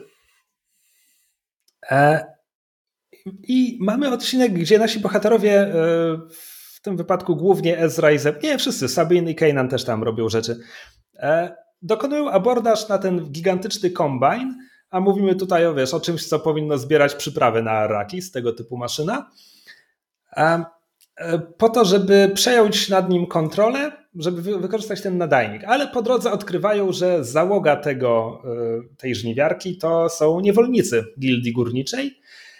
I nagle odcinek zbliża się do Indiany Jonesa, Indiana Jonesa i Świątyni Zagłady, zwłaszcza w momencie, gdy Zeb zacznie się tłuc z wielkim brygadzistą, nadzorcą niewolników. A y, ten oślizgły, gadowaty kapitan, y, ten, kiedy ucieknie po tym, jak go raz złapali, będzie próbował z zaskoczenia zamordować Ezrę i wpadnie do wielkiego pieca, w którym zginie, jakby. Mam. Nie jest to dalekie od, od poetyki Indiana Jonesa, tak, tak no to nie, ujmę. To prawda. E, dodajmy, że pośród niewolników e, odnajduje się Vizago, o którym nasi bohaterowie trochę zapomnieli, mhm. i on w pierwszej chwili jest wzruszony tym, że przybyli go uratować, po czym orientuje się, że zasadniczo trochę o nim zapomnieli. Znaczy, to jest ten moment, gdzie jakby z jednej strony mamy Vizago i mamy e, o oh Jesus. Pirata. Hondo? Hondo. Hondo, tak. Którzy są bardzo podobnymi archetypami postaci i serial mam wrażenie, że momentami traktuje ich trochę wymiennie, że bo to, to takie na zasadzie, o, moi przyjaciele zaraz przy, przylecą po mnie, uratują, uratują mnie. O nie, w ogóle o mnie nie myśleliście. To jest tak bardzo typowy Hondo. Masz rację. Że bardzo mi to nie pasowało do Vizago. Jakby tro, trochę mam wrażenie, że właśnie e, no tak, no bo nawet, nawet kiedy on wraca, żeby przeszmuglować ich na lotal w piątym odcinku, to nie robi tego z dobroci serca. To jest jakby oni go do tego wynajmują. Tak, jakby to jest taki. Jakby Vizago od samego początku wydaje mi się bardzo pragmatyczny. Jakby owszem, jakby jest podobnym archetypem co Hondo, ale dużo bardziej. E, dużo jakby stąpającym po ziemi, dużo mocniej. E, gdzie jakby to właśnie Hondo jest tym takim na zasadzie nigdy nie wiesz, czy to, co on mówi, to jest coś, w co on wierzy, czy jest po prostu e, trochę walnięty i, e, i mówi, mówi głupoty, bo, bo mu się coś wydaje. No tak. Na końcu tego odcinka, e, na końcu tego odcinka e, ci uwolnieni niewolnicy wraz z Bizago dołączą do ruchu oporu Raidera i ja to trochę lubię, bo to jest Kolejna historia radykalizacji. Masz wyrechowanego przestępcę handlarza bronią, którego jak mhm. zwinęli go imperialni i sprzedali w niewolę gildii górniczej, to on tak. mówi walić to, jestem rebeliantem. Znaczy, to, to jest taki motyw tutaj, że te oni za każdym razem jak ratują jakąś nową grupę ludzi, to pytają, że hej, chcecie dołączyć do rebelii i nam pomóc? I wszyscy są tacy, tak, pewnie, już dołączamy. Tak co jest bardzo mocnym uproszczeniem, bardzo kreskówkowym, ale też zazwyczaj oni właśnie ratują osoby, które właśnie zostały wzięte w niewolę albo, albo przeżyły jakąkolwiek inną traumę, więc rozumiem to, że nie będą najpierw pokazywali tego, jak po tej traumie muszą się otrząsnąć, tylko bardziej skupiamy się na tym, że no, chcieliby coś z tym zrobić. Tak. E, ten odcinek ma wątek poboczny, to znaczy przebitki z Jawina, gdzie tam dowództwo rebelii analizuje dane i ma takie, no, no, no niebezpieczna ta maszyna, no niebezpieczna ta maszyna, no, no, okej. Okay. To niedobrze, prawda? Tak, to niedobrze. Myślisz, że możemy coś zrobić? Nic mi nie przejść do głowy. Więc Hera wbija nieproszona na zebranie ścisłej rady dowództwa i właśnie mówi im, że hej, mamy ekipę na ziemi, mamy eskadrę, jesteśmy do tego gotowi, to jest wielkie zagrożenie, musimy to zrobić. No i oni to robią. Um, dziwne rzeczy się dzieją z, jeśli chodzi o rangę, bo oni ją tytułują tutaj kapitanem, kapitanką znowu, jakby nie dają jej wstępu na zebrania narady. Ona już była generałką w poprzednim sezonie. Z drugiej strony hmm. była generałem w grupie Feniksa, a teraz jest w sojuszu rebelii, więc może w, w strukturach szerszego sojuszu jeszcze nie weszła tak daleko. Znowu, na koniec tego sezonu będą ją tytułować generałem, ale mówimy o ruchu oporu na Lotal. Czy zastanawiam się, ona czy... pojawia się w książkach Expanded Universe już później i znowu jest generałem. Czy zastanawiam się, czy to nie jest trochę tak, że ona jest jakby kapitanem na statku, jest jakby kapitanem statku, choć jej ranga w strukturach rebelii to jest generał. No, też można tak do tego podejść. No w każdym razie tak, y, Hera musi osobiście przekonać, jakby wziąć Mon za fraki, żeby w końcu dostać pozwolenie na przeprowadzenie ataku. E, I nasi bohaterowie, dziełki nadajnikowi ze żniwiarki, dowiadują się o tym, co prowadzi nas prosto do odcinka dziewiątego, Rebel Assault, rebeliancki atak, a jednocześnie oczywiście tytuł e, legendarnej gry komputerowej z 1993. W to akurat nie grałem. Grałem w Rebel Assault 2 z bodajże 95. E, pierwszy Rebel Assault był pierwszą gwiezdnowojenną grą wydaną na płycie CD. Hmm. A wiesz czemu? Wiesz czemu, Kamil? Ponieważ to było to, FMV. To, to, cały, jest takie, cały seria film nagrany. prawda? Tak. I to kiepski. Znaczy, pamiętam strzelanie do szturmowców strzelanie do szturmowców, e, gdzie e, postać porusza się po szynach, ty masz po prostu tak. celownik. Wiesz dlaczego to pamiętam? Czemu? Ponieważ w gazetce szkolnej, w podstawówce, po tym jak ta gra wyszła, e, Krzysiek, nie ty, ale inny Krzysiek, którego nie będę tutaj wymieniał z nazwiska. Boże, w szkole było dwóch Krzyśków? E, e, Krzysiek D. napisał e, recenzję gry e, Rebel Assault, w której nazwał tę sekwencję strzelaniem do robotów. E, Wytknąłeś jakby... mu ten rażący błąd, mam nadzieję. Nie jestem pewien, czy wytknął. Nawet nie jestem pewien, czy ty tego nie wytknąłeś mnie. E, ale okay, w każdym razie. jak ja. E, w każdym razie pamiętam to, że jakby już te, jakby wiedziałem, że szturmowcy nie są robotami i, e, e, i to, to zdanie najwidoczniej zapadło mi w pamięci do dzisiaj. E, ale to musiała być recenzja dwójki, no bo jedynka, w 93 nie byliśmy jeszcze w podstawówce. Okej, okay, to możliwe, że to była dwójka. E, w każdym razie Rebel Assault jest to jest jeden z lepszych odcinków tego sezonu. Znaczy ogólnie to jest dobry sezon. Spoiler, od razu powiem, co myślę o sezonie. To jest dobry sezon, a to jest mm. jeden z jego najlepszych odcinków. E, zaczyna się dwutorowo. Znaczy przede wszystkim obserwujemy eskadrę Feniksa w boju. E, zaczynamy od, z perspektywy imperialnej blokady na Lotal. Traun zostaje właśnie poinformowany, że z nadprzestrzeni wyskoczyły statki. To są dwie eskadry, eskadra X-Wingów, eskadra Y-Wingów, czyli myśliwce szturmowe i bom bom bom bom bom bom bom bom bom bom bom bom bom myśliwce szturmowe i bombowce. Nagle mamy crossover z Mario. E, I Hera ma dla nich prosty rozkaz. X-Wingi osłaniają Y-Wingi i, torują im drogę przez blokadę po to, żeby Y-Wingi mogły zbombardować fabrykę. Ale prowadzi to do jednych z najfajniejszych scen walki kosmicznej w tym serialu, a jest to e, prze, przebijane, przebijane. Mamy przebitki z powierzchni Lotal, gdzie reszta bohaterów dokonuje akcji dywersyjnej, e, bo wysadza wieże obrony przeciwlotniczej, które pilnują fabryk na orbicie atak początkowo idzie nieźle, po czym Traun kieruje do walki z Kerisa, Skeris leci swoim TIE Defenderem, więc na pole wchodzi TIE Defender i nagle Hera zaczyna tracić pilotów. I to są sceny śmierci jak, jak z Nowej Nadziei, jak z powrotu Jedi. Znaczy mamy przebitkę na kokpit, pilot mówi są na ogonie, nic nie zrobię i mamy z zewnątrz wybuch tej maszyny. Jakby Przypominają mi się kreskówki o superbohaterach, zwłaszcza te Marvelowe z lat 90., gdzie kiedy helikopter eksplodował, to zawsze w tle byli dwaj piloci na spadochronach, żeby nie było, że ktoś zginął. Mm. To zupełnie nie jest to estetyka, w którą bawią się rebelianci, tak tylko to podkreślam ponownie. Um, najfajniejsza sekwencja następuje, kiedy e, po tym jak Defender zdjął kilka X-Wingów, Hera wchodzi na ogon tego klucza. Najpierw e, tam w 3 sekundy eliminuje obstawę Skerisa. No i tu jest znowu taka bardzo tradycyjna scena. Skeris właśnie jest, stracił swoich dwóch skrzydłowych, więc mamy przebitka na jego kokpit i on tylko rzuca syndula. I mamy to mm -hmm. pojedynek dwóch asów. E, Hera nie bardzo może ugryźć Defendera, który szybko wchodzi jej na ogon. Nawet nie wiem, czy to widzimy. Chyba po prostu w następnej przebitce Skeris już jest po prostu na jej ogonie. Ale Hera wpada na pomysł. Leci prosto na Chimerę, czyli flagowiec Trauna i tu jest bardzo ładna scena, gdy e, Traun łączy się ze Skerisem, mówi mu natychmiast przerwij pogoń, ale Skeris, jak to ten już adrenali, adrenalina weszła i mówi nie, nie, mowy nie ma, już prawie ją mam, co Traun kwituje słowem niefortunne i rozkazuje e, rozpocząć e, ostrzał. I to jest, to jest śmieszne, bo Traun rozkazał mu odwołać, e, tfu, przerwać tę, pogoń i kiedy rozkazuje otworzyć ogień, to tam ktoś z kontroli ognia mówi, ale, ale admirale, ale, ale Skeris. Na co Traun mówi, e, robi dokładnie to, czego chciał od niego Syndula.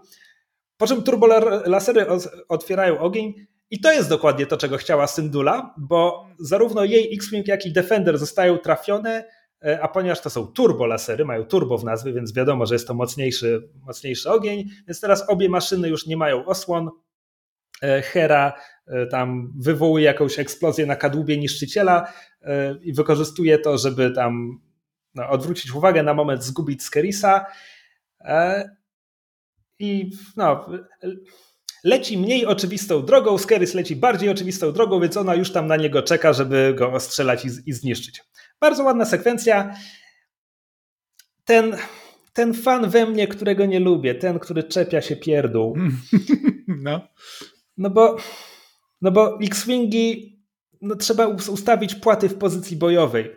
Ten odcinek się od tego zaczyna, jakby mamy fetyszystyczne zbliżenie na X-Wingi, jak rozstawiają swoje płaty mm. do pozycji bojowej, kiedy Hera to nakazuje. Ale ona musi złożyć te płaty, żeby przelecieć przez małą szczelinę tam po tym wybuchu, a potem strzela ze złożonymi płatami. To jeśli można strzelać ze złożonymi płatami, to po co je w ogóle rozkładać? W sensie kanonicznie, kiedyś kanonicznie nie można było strzelać, kiedy płaty nie były rozłożone. Hmm. Ale mówię, to jest ten, ten rodzaj fana we mnie, którego nie lubię, więc, więc tylko dzielę się, dzielę się jakimś głosikiem, który we mnie siedzi. Nie mówię, że mam z tym problem. Ta sekwencja jest, jest świetna, jest bardzo ładna i w ogóle. Ja e, po czym robi się no. ociupinkę komiczna, przepraszam, robi się ociupinkę komiczna, bo ostrzelany Skeris wbija się w krążownik i wytrąca go z lotu i ten krążownik wbija się w mostek niszczyciela przed sobą i go demoluje. Tak, tak. I to jest już trochę Monty Python. Znaczy, ja po prostu chciałem powiedzieć, że na, na etapie tego odcinka jakby miałem taką myśl, że zauważyłem, że Traun, e, Traun jest pisany jako jest trochę pisany jak taka postać, której jakby nic nie rusza, wszystko co się dzieje przyjmuje na spokojnie, tyle że w gorszym serialu e, tego typu postaci są spokojne, ponieważ wszystko jest częścią ich planu. E, ponieważ wiedzą, że teraz, e, teraz coś tam przegrywają po to, żeby później, później wykorzystać i wyskoczyć, bo wszystko mieli zaplanowane, i każda porażka, którą odnoszą, jest, e, jest przez nich przewidziana. Podczas gdy jakby Tron jest spokojny, bo po prostu ma dużo planów awaryjnych. I jakby jeśli coś się sypie, to po prostu to on by wolał, żeby to się nie posypało, ale wie, co ma zrobić, e, kiedy już się sypie i wie, co ma zrobić, co ma rozkazać, jaki inny plan wdrożyć w życie. I to jest tak, dla mnie no dużo tutaj, ciekawsze. Tak, no bo tutaj niszczyciel eksplodował, więc jest wyrwa w blokadzie i Hera mówi, no teraz mamy szansę i te pozostałe myśliwce i bombowce przelatują przez blokadę. Po czym mamy przebitkę na mostek Chimery, gdzie Traum mówi, proszę przekazać drugiej fali, żeby, żeby poderwała się do lotu. I mamy te pamiętam za pierwszym razem, jak oglądałem ten serial, że to zrobiło na mnie bardzo duże wrażenie, bo to jest heroiczny moment dla Hery. Jakby, mm. hej, ona realizuje plan, poniosła ofiary na orbicie, ale niszczyciel został wyeliminowany. Teraz jest sam szturm, zaraz bombardują fabryki, lecą przez chmury. I nagle jej e, drugi ten, znaczy drugi z jej eskadry to jest Mart, to jest ten irytujący gostek z trzeciego sezonu, z jednego odcinka mm. trzeciego sezonu, który tutaj nam wraca. Już nie jest irytujący, e, teraz jest po prostu nijaki, e, który mówi, że no, mamy nowe cele na radarze i leci na nich absurdalna chmara TIE Fighterów. Mhm. Po czym mamy przebitkę na ekipę sabotażystów, którzy właśnie patrzą, o już nadlatują, już nadlatują, a to co nadlatuje to są dopalające się w atmosferze resztki wraków. Te. I to, to jest, i to jest rebeliancki atak. Mhm. Przepraszam, wszedłem ci w słowo. Nie, nie, ja tylko mówiłem, że to naprawdę zrobiło na mnie duże wrażenie, jakby ta scena. E, I to jest znowu takie, że Mon Motma miała rację w, w, tym przypadku, jakby. Ale. Ale tak. Znaczy, no bo mimo wszystko, mimo że jakby w Hera się tam, w Hera się tam rozbija, no to oni dalej wciąż mają plan e, związany z atakiem na powierzchni i wciąż go będą wykonywać. E, no ale tak, jakby widać, że ewidentnie Hera jest tą bohaterką, która tak bardzo wierzy w swoje umiejętności, że nie bardzo myśli taktycznie, albo, albo może nie, nie taktycznie, strategicznie. Że właśnie Hera jest przekonana, że hej, my tu jesteśmy, jesteśmy dobrzy, e, możemy zaatakować i wygramy, bo, bo my jesteśmy ci, ci dobrzy, my wiemy, co robimy e, i damy radę. Będzie dobrze. No podczas gdy jakby... Ale powiedziałeś przed, chwilą, powiedziałeś przed chwilą, że oni mają dalej swój plan na powierzchni i będą go realizować. To nie jest prawda w tym odcinku. Oni właśnie obserwują, jak ich plan dopala się w atmosferze. Mhm. I dodajmy, kiedy plan dopala się w atmosferze, to jest połowa tego odcinka, bo reszta tego odcinka to jest Hera, która jakby ucieka ze swojego rozbitego X-Winga razem z Chopperem e, i ukrywa się w mieście, a szturmowcy i róg łapią kolejnych pilotów. I ostatecznie Hera pomaga Martowi, którego właśnie wymieniłem. Zaczynają uciekać razem, no ale w decydującym momencie Hera musi się poświęcić, żeby umożliwić mu, mu ucieczkę. Więc Mart ucieka, Hera zostaje złapana przez Ruka. E, Mart ucieka kanałami e, i poza miastem e, Kejnan pomaga mu jakby wskazuje mu drogę, dokąd ma podążać, żeby, żeby do, dołączyć do reszty ruchu oporu. Price tam wywyższa się nad Herą, to nie jest w tej chwili bardzo ważne. Ważne jest to, że Kanan Początkowo leci z Martem, albo resztą bohaterów, nie pamiętam, w każdym razie odłącza się od nich, deklarując, że on musi wrócić po Herę. I wraca do stolicy po to, żeby, no nie rozbić się, ale musi się dramatycznie zatrzymać, gdy na drodze nagle ukazuje mu się Love Wilk. I to jest chyba, no nie, nie pierwszy raz, bo pomogły im uciec z, z kryjówki. No w każdym razie to jest pierwszy raz, kiedy Kanan kontaktuje się z Love Wilkiem, pyta go dosłownie, co, co ma zrobić ten Love Wilk nie mówi, więc Kanan tylko komunikuje się z bytem, po czym mówi, że rozumiem.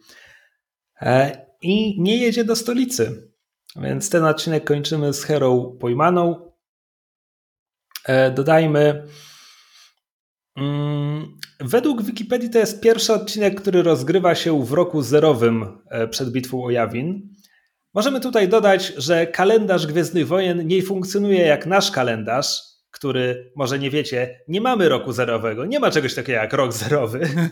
Jest rok przed narodzeniem Chrystusa i rok po narodzeniu Chrystusa, nie ma roku zero, ale Gwiezdne Wojny mają rok zero.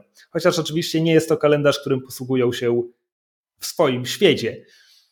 Cholera wie, jak działa ich kalendarz. No w każdym razie datujemy, datujemy filmy, książki, seriale i tak dalej do, do bitwy o Jawin i Nowa Nadzieja toczy się w roku zerowym. Od taka ciekawostka o tym, jak dziwne są kalendarze.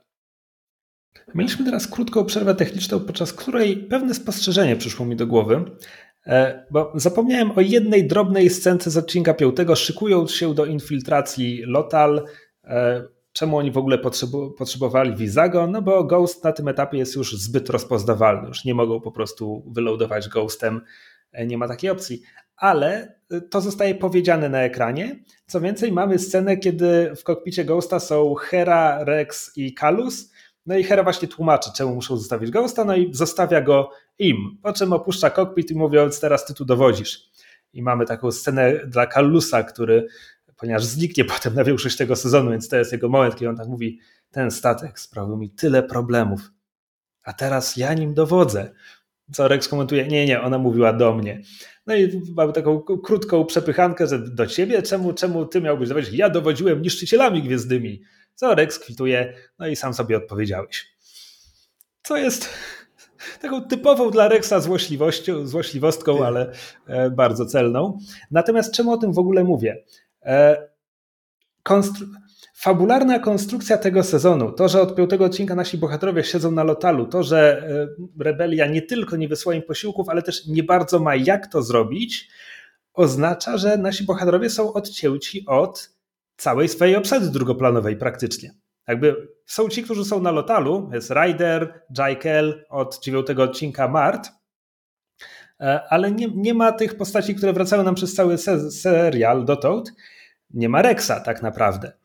E, co oznacza, że wracamy do tej symetrii. Znowu, znowu mamy podstawową grupkę naszych bohaterów, którzy siedzą na lotalu i robią rzeczy. To jest tak jakby lustrzane odbicie pierwszego sezonu, tylko oczywiście bardzo krzywe odbicie, no bo oni wszyscy przesz przeszli drogę, lotal jest już zupełnie innym miejscem, zagrożenie się spotełgowało i tak dalej.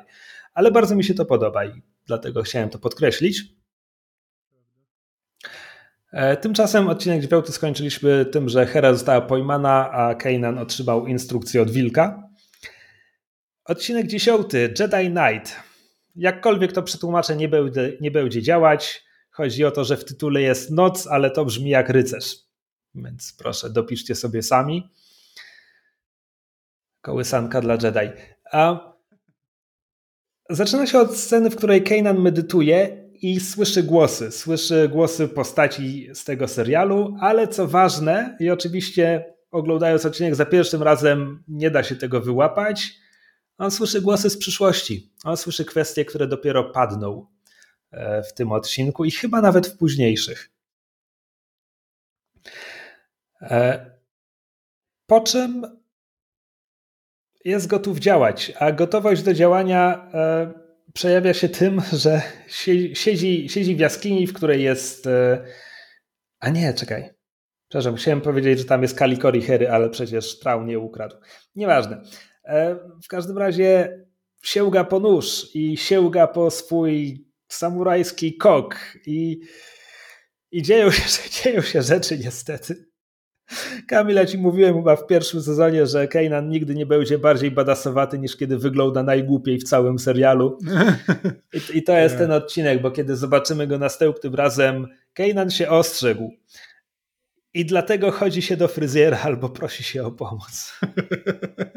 A do tego dodajmy, że Kanan jest niewidomy, co jakby dużo tłumaczy. Znaczy, e, propsy za to, że udało mu się ogolić i nie obciął sobie połowy twarzy. Jakby nie wiem, jak on to zrobił. Ja się zacinam, a, a mam lustro i oczy.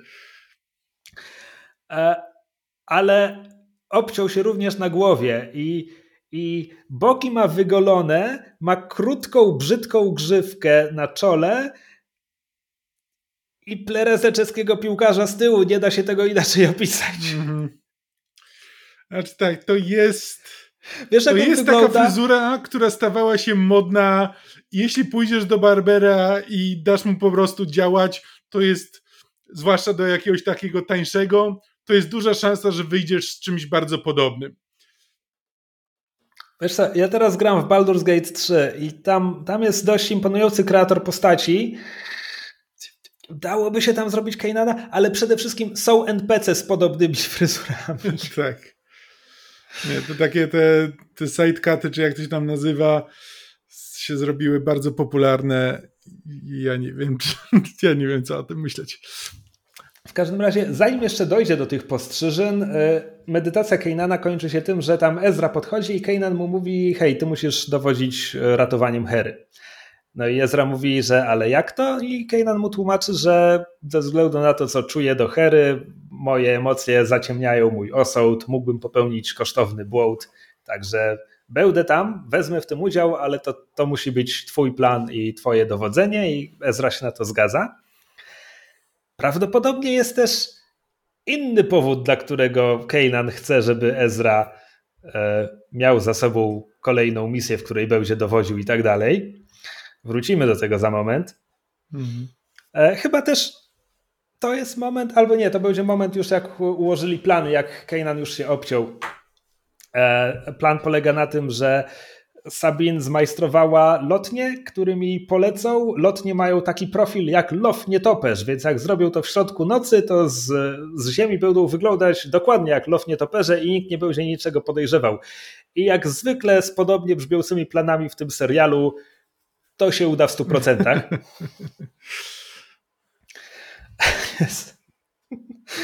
Zeb, Zeb bierze ich na hol, żeby ich rozpełnić, no tak jak kiedy startujemy, no.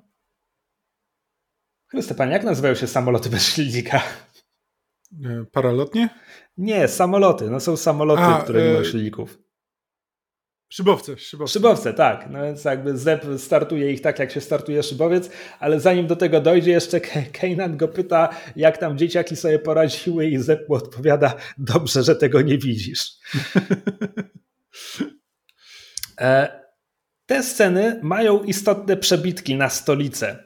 E, po pierwsze, Price zaczęła torturować Herę, co więcej, w pierwszej scenie, kiedy to widzimy, Price zaczyna, nie pamiętam, czy to Róg do niej przychodzi, czy Traum, w każdym razie Price mówi, o jeszcze nawet nie zadałem jej żadnych pytań. Mm -hmm. To jest dopiero rozgrzewka.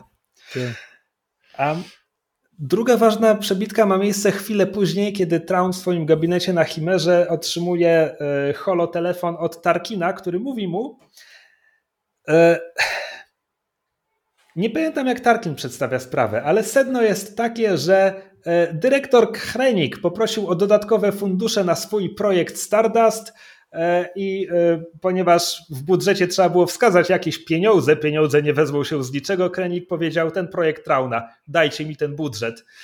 Mhm. Więc Traun musi lecieć na Korusant przed oblicze samego Imperatora, żeby opowiadać no, no żeby, żeby Krenik go nie okradł po prostu. To jest, mhm. to jest tak piękny wątek takiego biurokratycznego, takich biurokratycznych przepychanek, Prawda? ale wracamy. Ja już o tym mówiłem, e, że, że kiedy mówiłem o tym poprzednio, tydzień czy dwa tygodnie temu, mówiłem, że to jest w szerszym kanonie, w książkach i tak dalej, że, że właśnie e, projekt Krenika, czyli Gwiazda Śmierci konkurowała bezpośrednio z projektem TIE Defendera o fundusze i tak dalej.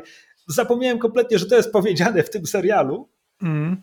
E, no i wracamy do tej kwestii, gdzie jakby gdybyśmy byli w militarnym sci-fi, to oczywiście, że TIE Fighter, tfu, TIE Defender jest dużo bardziej racjonalnym projektem, mm -hmm. ale jesteśmy w kosmicznym fantazy, gdzie zły czarodziej chce mieć jajo wysadzające planety. I Traun tego nie pojmuje. Nie. Ale to, to jest, to też... jest też to, to jest bardzo konsekwentnie prowadzone, że Traun całkowicie, totalnie nie ogarnia niczego, co jest związane z mocą. Dlatego właśnie przegrywa, że tak powiem, jego pozycja w Imperium jest wysoka, ale nigdy nie będzie najwyższa, bo on nigdy nie zrozumie tego, na czym zależy imperatorowi tak naprawdę. Tak. A zależy imperatorowi na tym, żeby być złośliwą żabą. E, ale też Tarkin prezentuje się tu intrygująco, bo jakby kiedy Traum jakby Tarkin mówi, że jego zdaniem projekt Krenika to jest jakby strata czasu i pieniędzy i same, same niepowodzenia i rozczarowania. Po czym, gdy tylko Gwiazda Śmierci zacznie działać, on położy na niej łapę i teraz to będzie jego Gwiazda Śmierci. I też słuchaj, on nie tylko wypchnie Krenika z, no, przejmie kontrolę nad, nad Gwiazdą Śmierci, on też dosłownie go zabije Gwiazdą Śmierci, jeśli pamiętasz finał Rogue One. Co prawda to jest już hmm. przypadek, tak? Tarkin być może nawet nie wiedział, że Krenik jest w tym momencie w Cytadeli na Scarif, ale tak to się skończy. E, więc Traun wezwany na dywanik e, odlatuje natychmiast. Chimera znika z orbity Lotal, e, w związku z czym Price tu wszystkich zarządza, co jest bardzo dobrą wiadomością dla naszych bohaterów. Prawda? Ale to też jest konsekwentne. Price od początku ona miewa przebłyski, takie krótkoterminowe, że tak powiem, jakby była w stanie pobić się z Sabin i nie zaprezentowała się wtedy fatalnie. Był ten moment, kiedy Rex i Kanan infiltrowali e, niszczyciel przebrani za szturmowców. Kanan zaczął używać na niej sztuczki mocy i Price natychmiast kazała swojemu ochroniarzowi go zastrzelić. Ogłuszająco, co prawda. Więc jakby Price ma momenty, ale jakby znaczy... w szerszej skali, zwłaszcza w finał trzeciego sezonu, kiedy e, Traun e, no, zlatuje na Atolon, żeby nadzorować atak na bazę rebelii, a Price zostaje na górze i zarządza blokadą. I kiedy słyszy tylko, że coś idzie nie tak, to mówi pod, podwładnemu nie chcę o tym słyszeć, zajmij się tym. Mhm. Znaczy, przede wszystkim jakby w tym sezonie e, głównym, główną, że tak powiem, wadą Price e, jest to, że ona nie potrafi sobie wyobrazić, że można chcieć być po, e, w cudzysłowie, przegranej stronie i że dla niej jest oczywiste, że imperium się nie da pokonać, w związku z czym ktokolwiek jakby nie chce pracować dla imperium. Ona nie jest w stanie zrozumieć jakby dlaczego ktoś nie chciałby być częścią imperium. To, ciekawe, że to mówisz. To jest moment, kiedy wrócę do tego, co powiedziałem, że jest w tym sezonie wątek, który kompletnie nie wybrzmiewa. A to jest fakt, że Price jest lotalką. Ona pochodzi z Lotal. I tutaj było miejsce, żeby skonfrontować ją z Ezrą, i w ogóle tego nie ma. Jakby. Rzeczywiście. Mhm. To padnie w czternastym odcinku. Będzie powiedziane, że Price jest stout ale jakby cała walka z Imperium na Lotalu jest przedstawiona jako miejscowi Lotalczycy wa walczą z obcym najeźdźcą, podczas gdy kompletnie pomijają, że żołdzi nimi miejscowa, jedna z nich. Tak. Żałuję, że nic z tym nie, nie zostanie zrobione.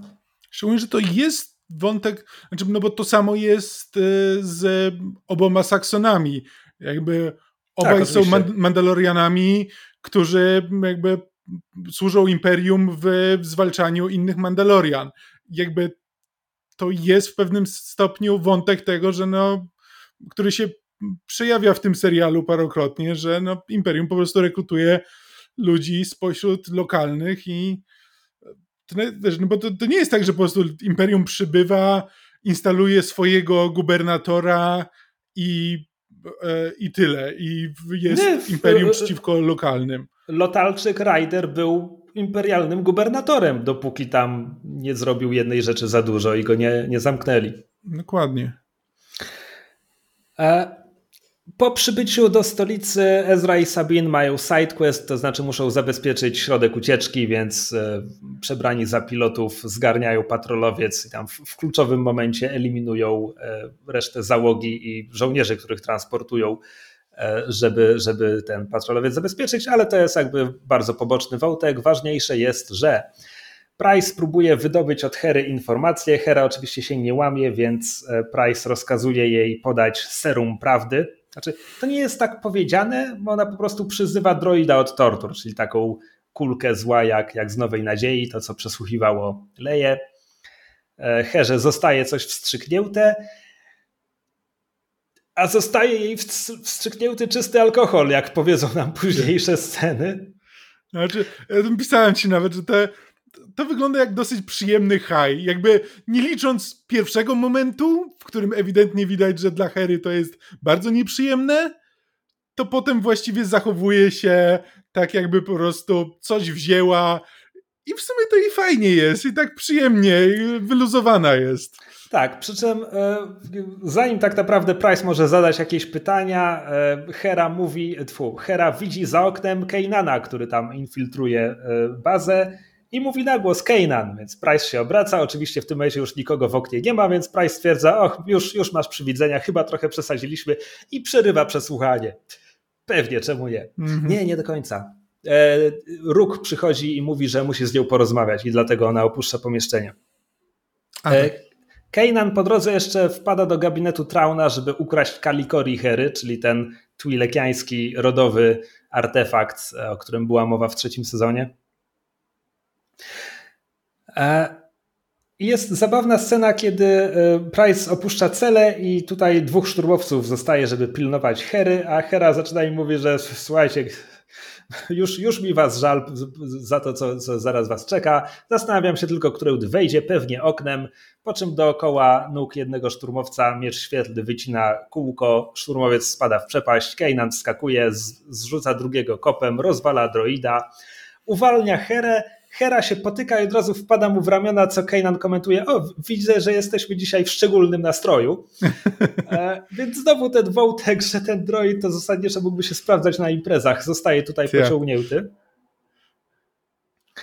Może, może Price zapomniała, że wcześniej korzystała z niego do celów prywatnych i nie przeładowała mu pojemnika. Um, Zanim stąd uciekną, jest moment, gdy Hera zatrzymuje Keinana przy oknie, zaczyna go głazić po twarzy i mówi, że musi mu powiedzieć coś bardzo, bardzo ważnego. Jest to naprawdę bardzo ważne. Keinan, słuchaj uważnie. Po czym mówi, że nienawidzi jego nowej fryzury, co jest bardzo zabawne. Keinan mówi, że bez lustra nie mógł, nie mógł zdziałać nic więcej, co jest w miarę zabawne. Po czym mówi, że ma dla niej prezent. Hera komentuje: Keinan, nigdy nie dajesz mi prezentu, odkąd się znamy co jest jedną z kwestii, które Kanan słyszał medytując na początku tego odcinka. I to też zostaje pociągnięte bardzo ładnie, bo Kanan e, sięga tam za plecy i wręcza jej kalikori, no, co ona komentuje, Kanan, to jest moje, więc to nie jest prezent. Bardzo mi się podoba, w jaką stronę ten dialog zostaje pociągnięty. Oczywiście w tym momencie zaczynają tu wbijać szturmowcy, więc oni nie mogą kontynuować tej rozmowy. Uciekają na szczyt budynku, gdzie Kanan zostawił lotnię uciekają na lotni, Hera pilotuje, ponieważ teraz już są w powietrzu. Jest pod wpływem, więc ja bym jej nie sadzał za sterami, ale wyższa konieczność, ok? E, lotnia zostaje postrzelona i Kanan, i to jest bardzo ważne, że Kanan to mówi, mówi jej, żeby wylądowała w składzie paliwa. Więc lądują na szczycie wielkiej kopuły um, silosu z paliwem, gdzie Hera kontynuuje rozmowę rozpoczętą w celi, e, ponieważ są w środku ucieczki, więc to jest bardzo ważne, ale w tym momencie nikt do nich nie strzela, więc to jest świetny motyw na, tę, na ta, świetny moment na taką rozmowę. No i Hera musi mu powiedzieć coś bardzo ważnego i mówi mu Kanan, kocham cię. Kanan mówi, a to, to to serum, na co Hera odpowiada, nie, nie, to ja, to tylko ja. No jak Więc już ktoś się nie jest... domyśla, co się dalej stanie, to... Znaczy, znaczy, przede wszystkim to jest pierwszy raz, kiedy Kanan słyszy od Hery kocham cię.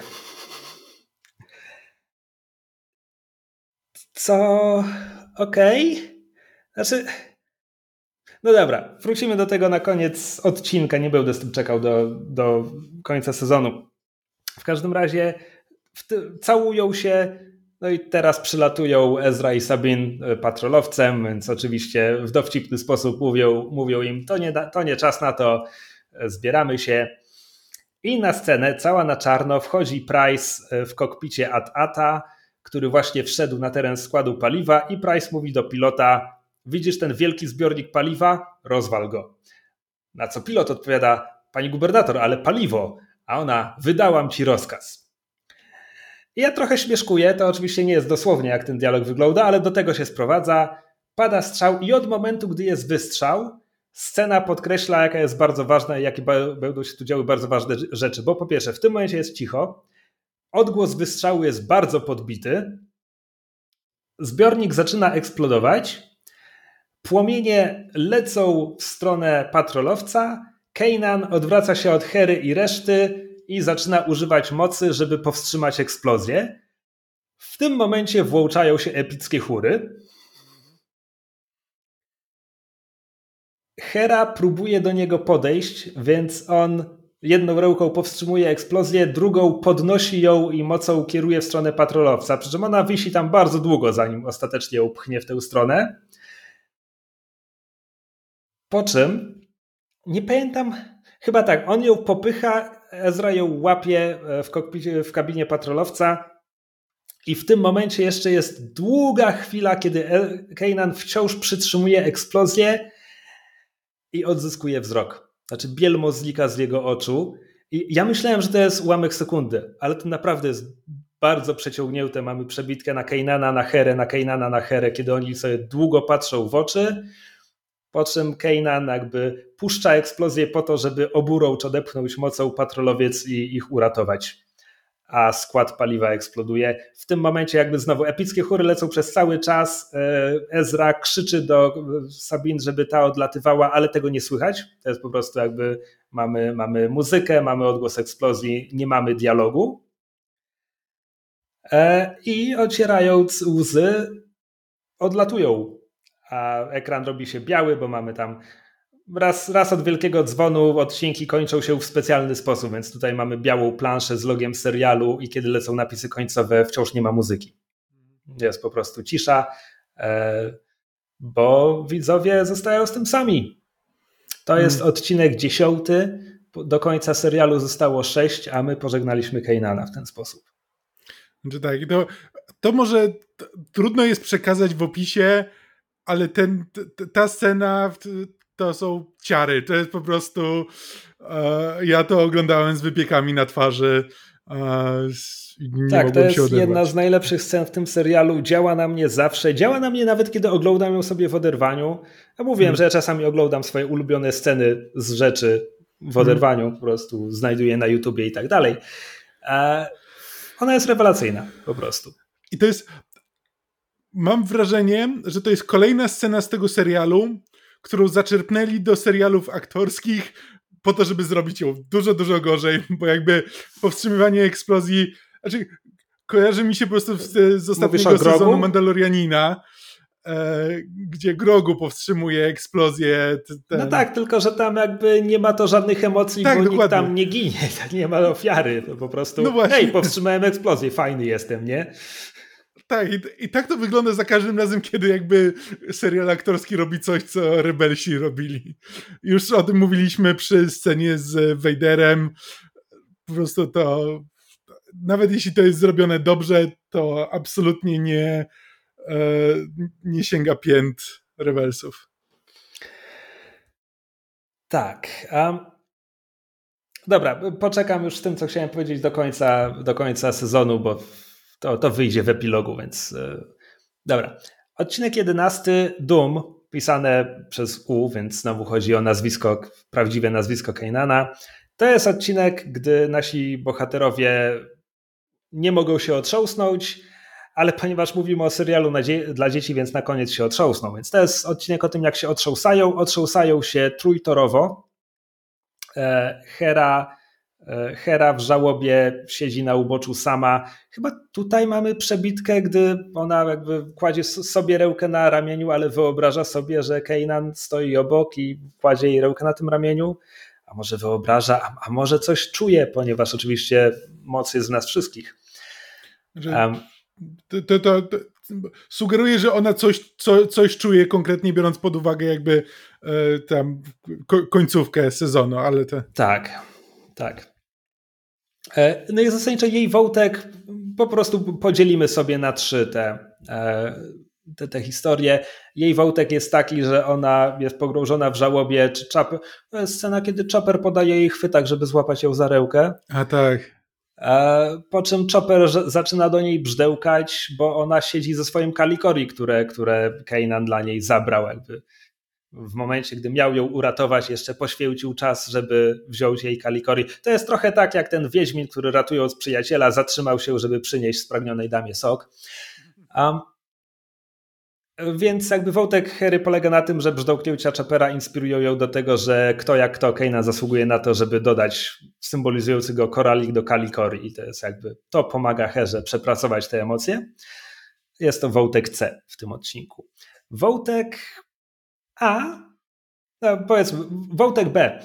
E, Sabin i Zeb są wściekli i chcieliby coś zrobić, a dowiadują się, że Price zarządza, zarządziła paradę w mieście. Więc oni lecą do stolicy, żeby tę paradę jakoś sabotować.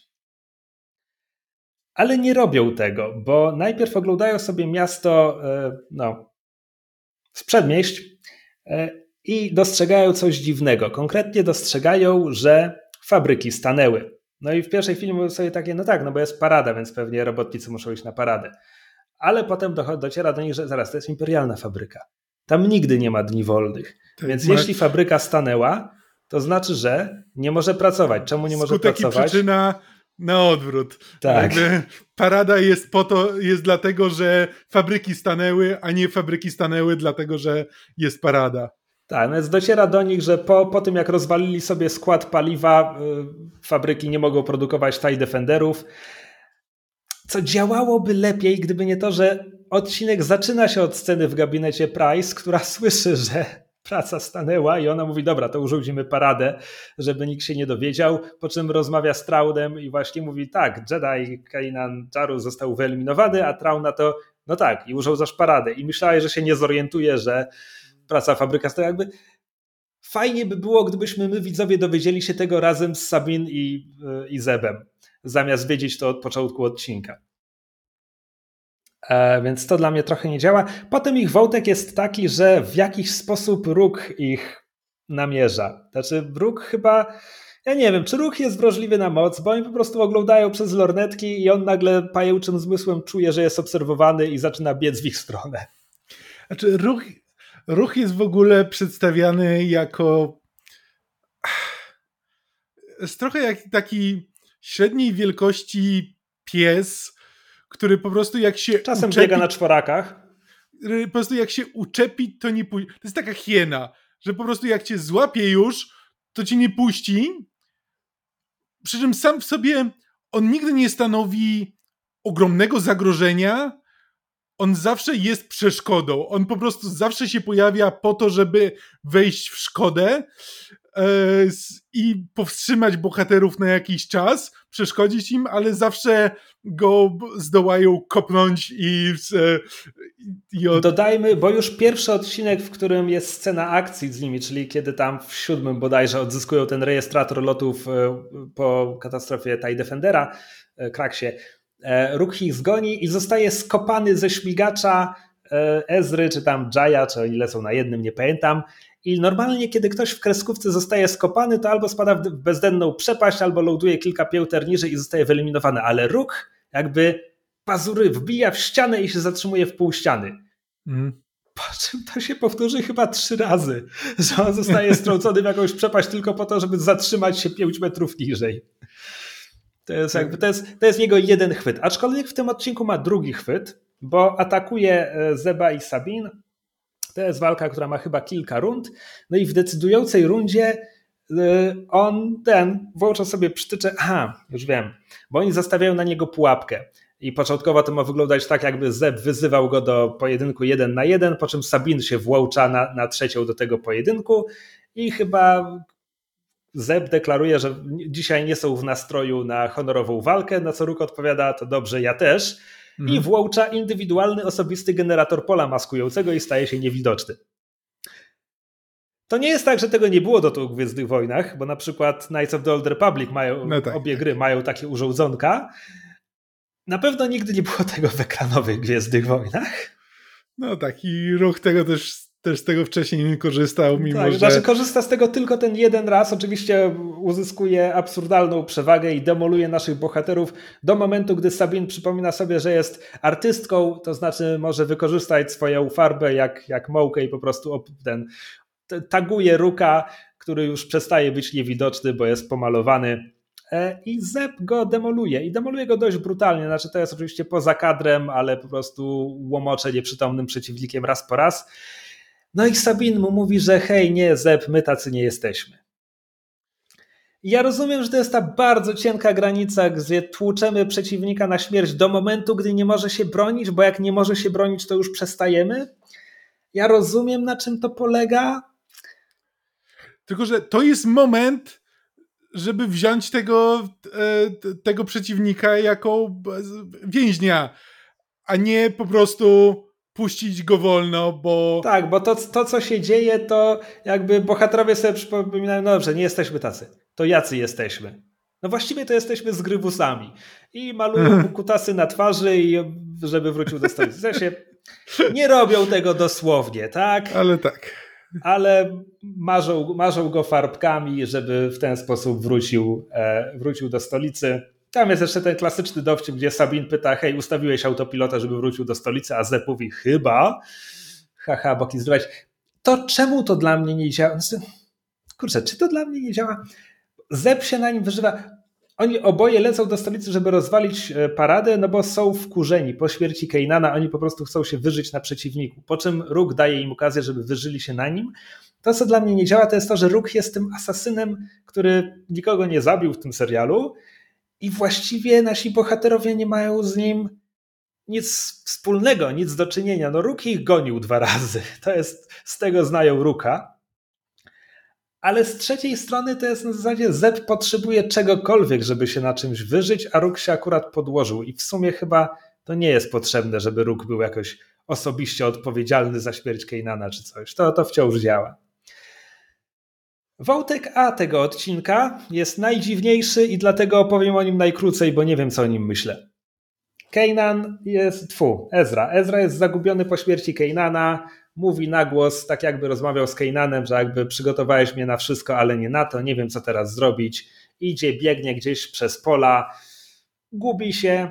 A, to nie jest tak, że biegnie gdzieś przez pola. E, Love wilki zaczynają go szturchać i gonić i mhm. zaganiają nie wiadomo gdzie, także Ezra się kompletnie gubi, po czym wygłasza bardzo głupią kwestię, którą dzieliłeś się na Messengerze, jeśli chcesz przytoczyć.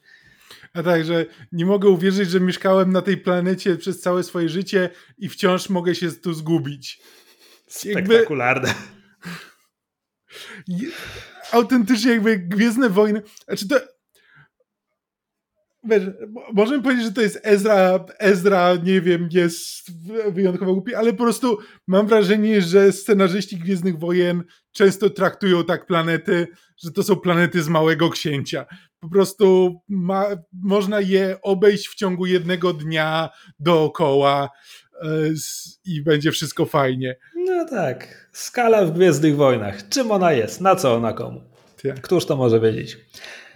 Po czym e, zasypia tam, gdzie się zgubił, a kiedy się budzi, jest otoczony przez lowwilki oraz e, mega lowwilka, giga lowwilka. W sensie zwykłe lowwilki to są takie pełne dorosłe wilkory, są, są większe od dorosłego człowieka, a ten jest jak mały pagórek.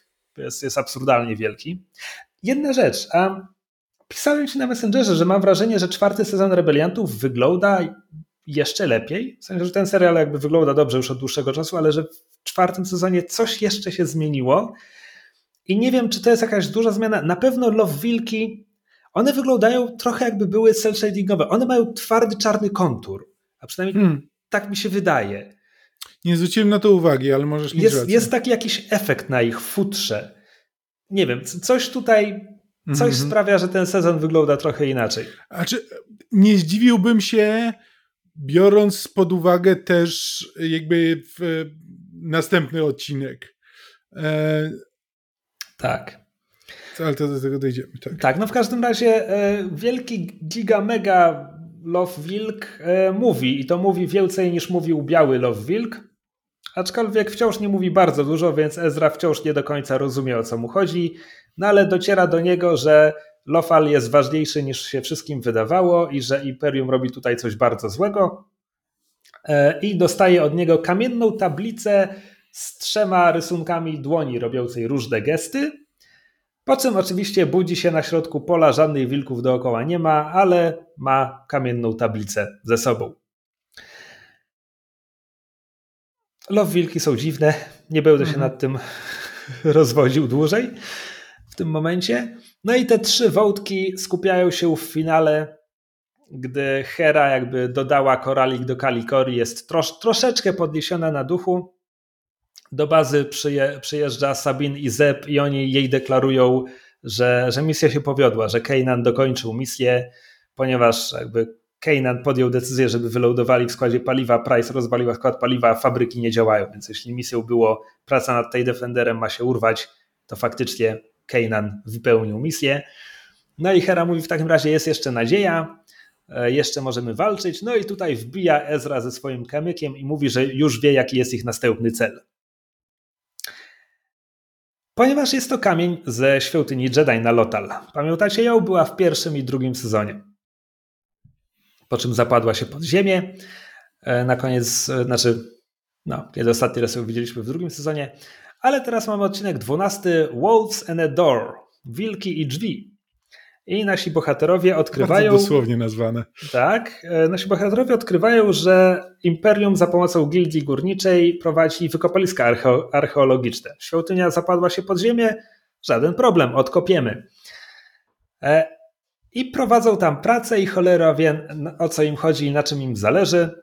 E, główny, jakby lwia część odcinka polega na tym, że Sabin i Ezra przebierają się za szturmowców, żeby zinfiltrować wykopaliska i rozgryźć o co chodzi.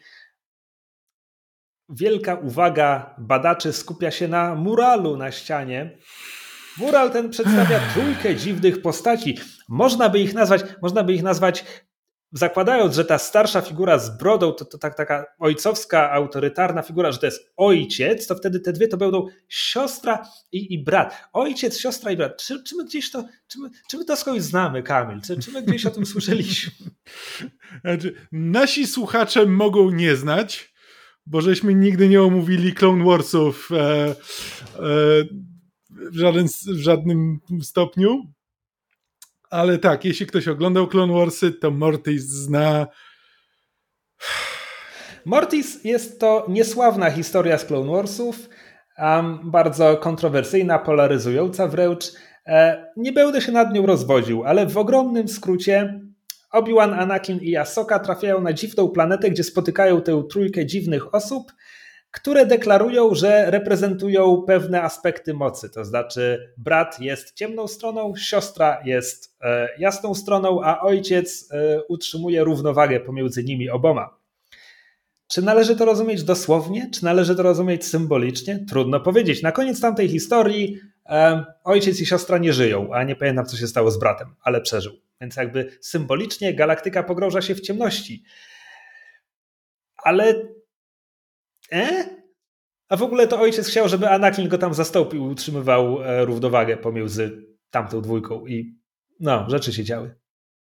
Tak. tak więc to później nikt o tym nie pamiętał, więc... Właśnie nie do końca oni pamiętają potem, co przeżyli na Mortis, tylko że nie minął żaden czas w, szerszy, w, w realnym świecie. Nieważne. Nie. W każdym razie, więc to, to to nie jest bardzo ważne dla rebelsów, na szczęście. Nie, nie jest. Po prostu musimy wiedzieć, że te, te, ta święta trójca jest ważną, ważnym elementem mitologii mocy. Tak, no jak wiemy, świątynia Jedi na Lotalu jest, jest dziwna, jest dziwniejsza niż inne świątynie. Widzieliśmy to już poprzednio, widzimy to i teraz, gdy fresk zaczyna się poruszać, to znaczy układ dłoni się zmienia, no i nasi bohaterowie łapią, że aha, no my mamy kamień z trzema dłońmi, a tu są trzy postaci, każda z nich robi gest dłonią, a w ogóle to low wilki, które im towarzyszyły na tym muralu sobie poszły. W sensie, w sensie dosłownie widzimy, jak low wilki wstają i idą na tym fresku, więc mm. znowu mamy dwuwymiarową animację w Rebeliantach, ja zawsze lubię, kiedy to się dzieje. W ogóle ten fresk, te postaci bardzo mi przypominają jakby e, no, e, ikony w sensie takie rosyjskie. E, tak, znaczy prawosławne. Ten, prawosławne. Masz rację. E... Zwłaszcza z tymi, bo po to, żeby zaznaczyć te ręce, to mają takie aureole wokół, e, wokół tych rąk. Tak, racja. No w każdym razie e, Sabine jako artystka pomaga Ezrze zinterpretować dzieło, jakim jest kamień z rysunkami trzema dłoni. Przepraszam. I Ezra jest w stanie, znaczy jest, tak, on, on ma w tym jakiś udział. Otwierają portal. W ścianie otwiera się portal. Po prostu portal teleportujący cholera wie gdzie. Znaczy te mają... wilki, które odbiegają, potem zaczynają biegać w kółeczko i to kółeczko to jest brama, portal do czegoś. Nie, wie, nie wiemy tak. jeszcze czego. Tak. E, no i oczywiście e, tutaj miejscowi e, zorientowali się, że mają sabotażystów, szpiegów i w ogóle, więc Ezra w ostatniej chwili przeskakuje przez portal, a Sabin zostaje pojmana.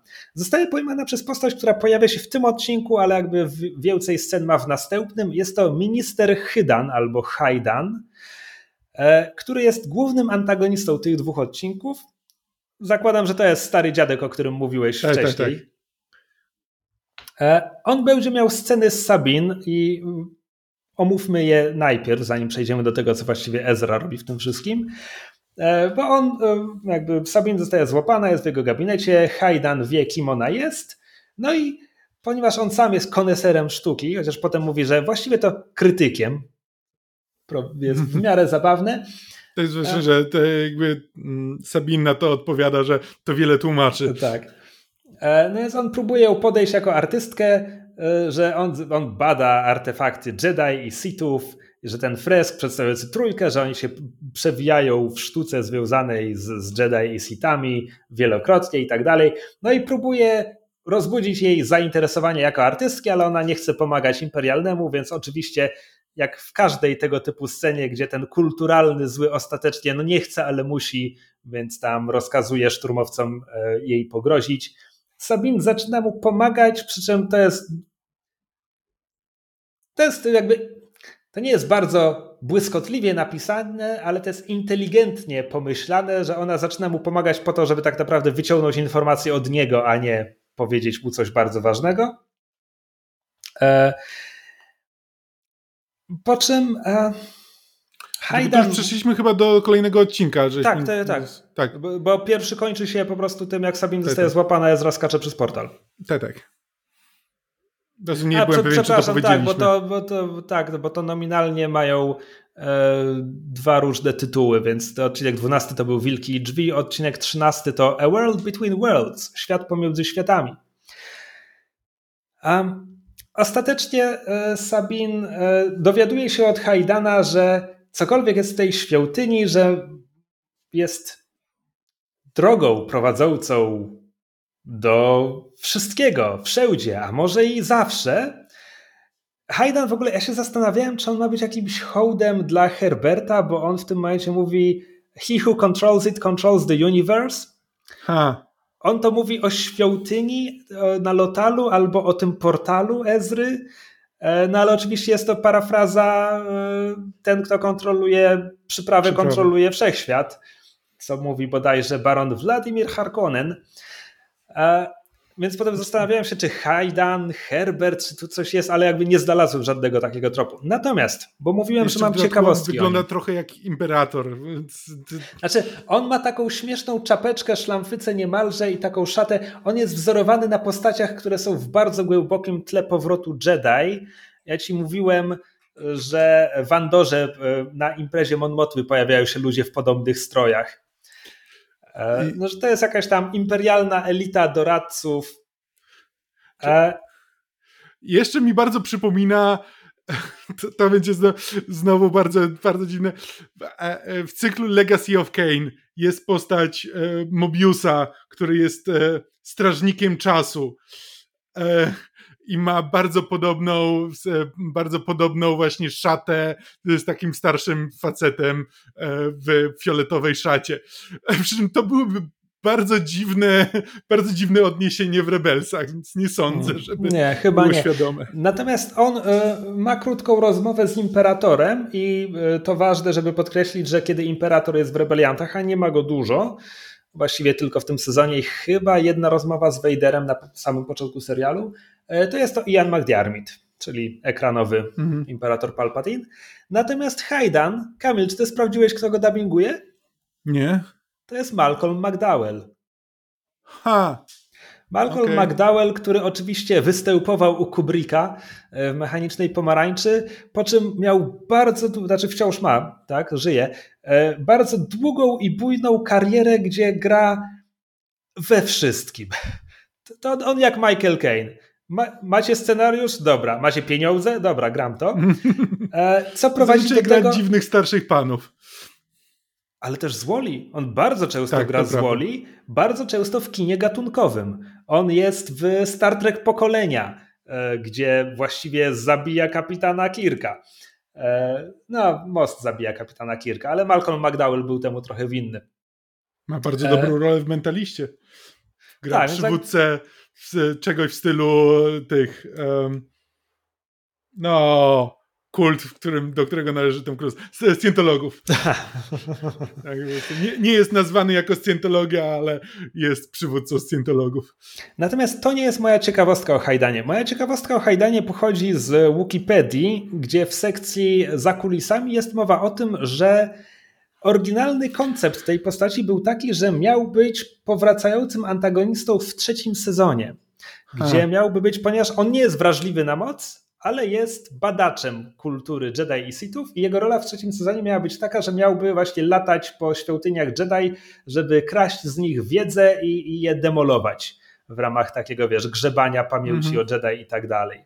To jest e... interesujące, to bardzo to jest fajny koncept na postać trochę żałuję, że się nie pojawił w takiej Aha. roli wtedy. E, w każdym razie ten wątek skończy się, gdy e, Hera i Sabin, tfu, Hera i Zeb e, pomogą, którzy nadzorują całą tę misję z pobliska, pomogą Sabin uciec, ponieważ, i to jest bardzo fajny motyw, Haydan, biuro Haydana znajduje się w mobilnym centrum dowodzenia. Czemu centrum dowodzenia jest mobilne? Bo jest to taki barak, który ma silniki rakietowe. Więc Hera odpala te silniki rakietowe tylko po jednej stronie, żeby wywrócić cały ten budynek, co prowadzi do ładnej sekwencji, gdy Sabin ucieka po jakby podłodze, która stała się ścianą. Jest to bardzo ładna sekwencja, ale to jest wszystko wątek poboczny tego odcinka. Wątek główny tego odcinka to tytułowy Świat pomiędzy światami, do którego wpadł Ezra. Jest to czarna przestrzeń przecinana białymi liniami, wokół których są jakieś dziwne symbole. Te linie czasem prowadzą do portali, różnych portali. Na początku Ezra słyszy tylko głosy i bardzo konkretnie dziełkuje napisy dla niedosłyszących na Disney Plusie, bo nie wiem, czy sam bym to wyłapał. E, słyszy przeszłość i przyszłość, bo mamy tam, on słyszy Obi-Wana, on słyszy Qui-Gona, ale on słyszy również Rey i Mas z Przebudzenia Mocy, mhm. bo na tym etapie Mas jeszcze... akurat słyszałem, tak. Na tym etapie jeszcze nie było dużo więcej nowych Gwiezdnych Wojen, z których można było wziąć e, sample. A, więc jakby od początku, jeśli wyłapiemy te głosy, co nie jest łatwe, e, wiemy, że to jest jakieś miejsce, gdzie krzyżuje się przeszłość z przyszłością, po czym e, pojawia się kosmosowa, to znaczy zielona kosmosowa, którą widzieliśmy najbardziej, gdy latała w finale drugiego sezonu, żeby pokazać nam, co się stało z Vaderem i Asoką a która teraz pochukuje, żeby naprowadzić Ezrę e, dla, dla fanów e, tego typu informacji jest to konwor. Ten gatunek nazywa się konwor, a ten konkretny osobnik nazywa się Morai, ale dopiero usłyszymy to za moment. A kiedy to usłyszymy? Usłyszymy to, kiedy Ezra zacznie oglądać finał drugiego sezonu Rebelsów, bo dociera do portalu gdzie właśnie Asoka pojedynkuje się z Vaderem i właśnie Asoka zostaje doprowadzona pod ścianę przez Vadera. Dramatyczna pauza, a Ezra sięga przez tę ścianę i ją tam wciąga. Kamil, podróże w czasie, mamy podróże w czasie w Gwiezdnych Wojnach. No właśnie, ja ci napisałem, że to jest... E, w Rebelsi otworzyli w ten sposób drzwi do tego, żeby Gwiezdne Wojny w pewnym momencie mogły e, stworzyć e, swój własny Kelvin Timeline. Kelvin Timeline to jest w Star Treku ten moment, w którym reboot Star Treka wyreżyserowany przez J.J. Abramsa zaczyna się od rozdarcia czasu wywołanego przez atak na właśnie USS Kelvin przez Romulan, przez konkretnie przez, on się Nero nazywał chyba, e, w każdym razie ten Romulanin i jakby od tego momentu wszystko, wszystkie te nowe Star Treki to jest, e, to jest właśnie Kelvin Timeline, czyli osobna linia czasu od tego, co widzieliśmy w oryginalnych seriach, jakby od, e, znaczy od oryginalnego Star Treka przez New Generation, Deep Space Nine i tak dalej. Jakby teraz Star Trek po prostu dzieje się w osobnym, w osobnej linii czasu. No i pytanie, czy Gwiezdne Wojny będą chciały kiedyś zrobić to samo, żeby po prostu, jak już, szczególnie biorąc pod uwagę, w jakim punkcie teraz są Gwiezdne Wojny, gdzie nikt nie ma do końca pomysłu na to, jak to kontynuować i o czym powinna być historia po pokonaniu Imperium, gdzie jeszcze w dodatku ciągle wracamy do tego Imperium i pokonujemy je po raz kolejny. I czy w pewnym momencie po prostu stwierdzą, ok, robimy reboot, mamy tutaj taką opcję, wciśniemy w Asokę, co by było bardzo głupie, ale ale byłbym gotów w to uwierzyć, że wciśniemy w Asokę jakby motyw tego świata pomiędzy światami i w pewnym momencie ktoś zrobi coś głupiego, e, cofnie przeszłość i zaczniemy teraz być w nowym uniwersum i walczyć z Imperium od samego początku. Wątpię. Mówiąc krótko, wątpię. W każdym razie, e, co się dzieje? Ezra wita się za Soką, ta orientuje się, że musiał minąć trochę, trochę czasu, jakby nie widziała jeszcze redesignu Ezry, więc to jasne. E, po czym Ezra jakby bardzo szybko jakby wpada, ok, to jest dziwne miejsce, ale właśnie cię uratowałem, więc i zaczyna biec przed siebie i nie wiem, co nim kieruje, ale bezbłędnie znajduje okno prowadzące do finału odcinka 10 tego, tego sezonu i widzi, jak Kanan powstrzymuje eksplozję i szykuje się, już zaciera ręce, żeby sięgnąć po Kanana i uratować go w ten sposób.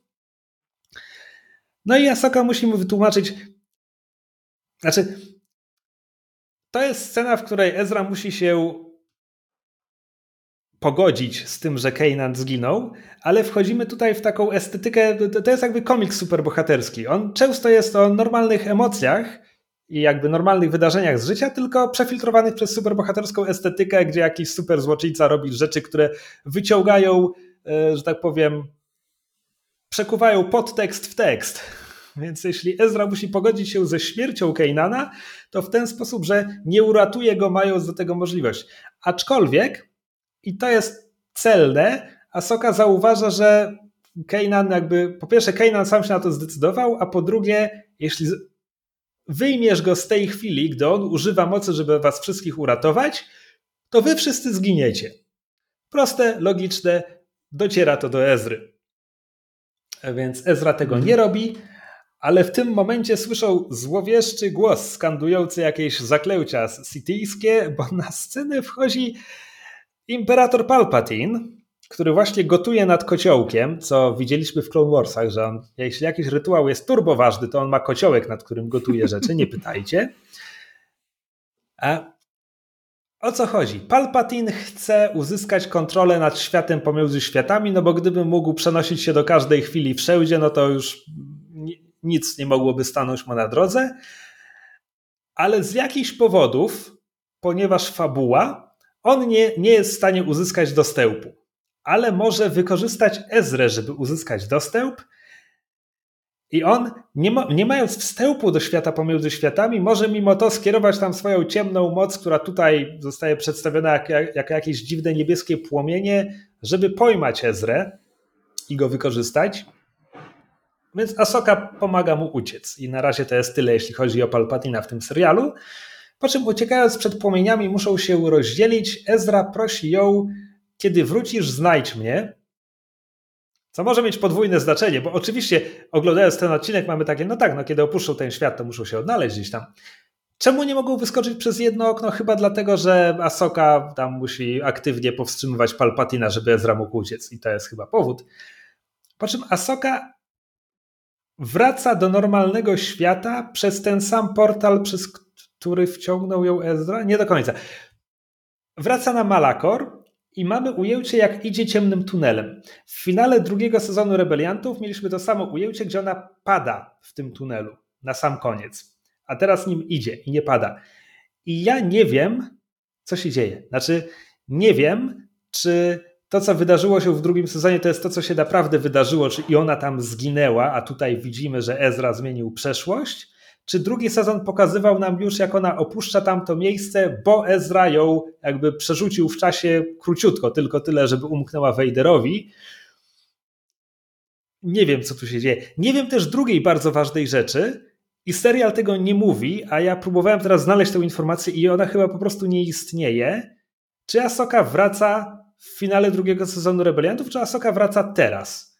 I po prostu straciła te dwa lata, bo, bo Ezra przerzucił ją w czasie. Gdyby wróciła w finale drugiego sezonu Rebels, można by zakładać, że odnalazłaby naszych bohaterów. No tak, nie no, raczej. I chyba znaczy, została no tak, wyjęta poza normalny upływ czasu. Znaczy tak, ja to rozumiem w ten sposób, że tak, że ona wyjdzie w czasie tam, gdzie Ezra, ale rzeczywiście. Huh. Po prostu nie przyszło mi to do głowy. Żeby się tak. nad tym zastanawiać. No, wracając, wracając do Love Wilków, jak mówiłem, że wolałbym, gdyby to, to ich dziwne wyjście poza ramy świata przedstawionego nie zostało wytłumaczone.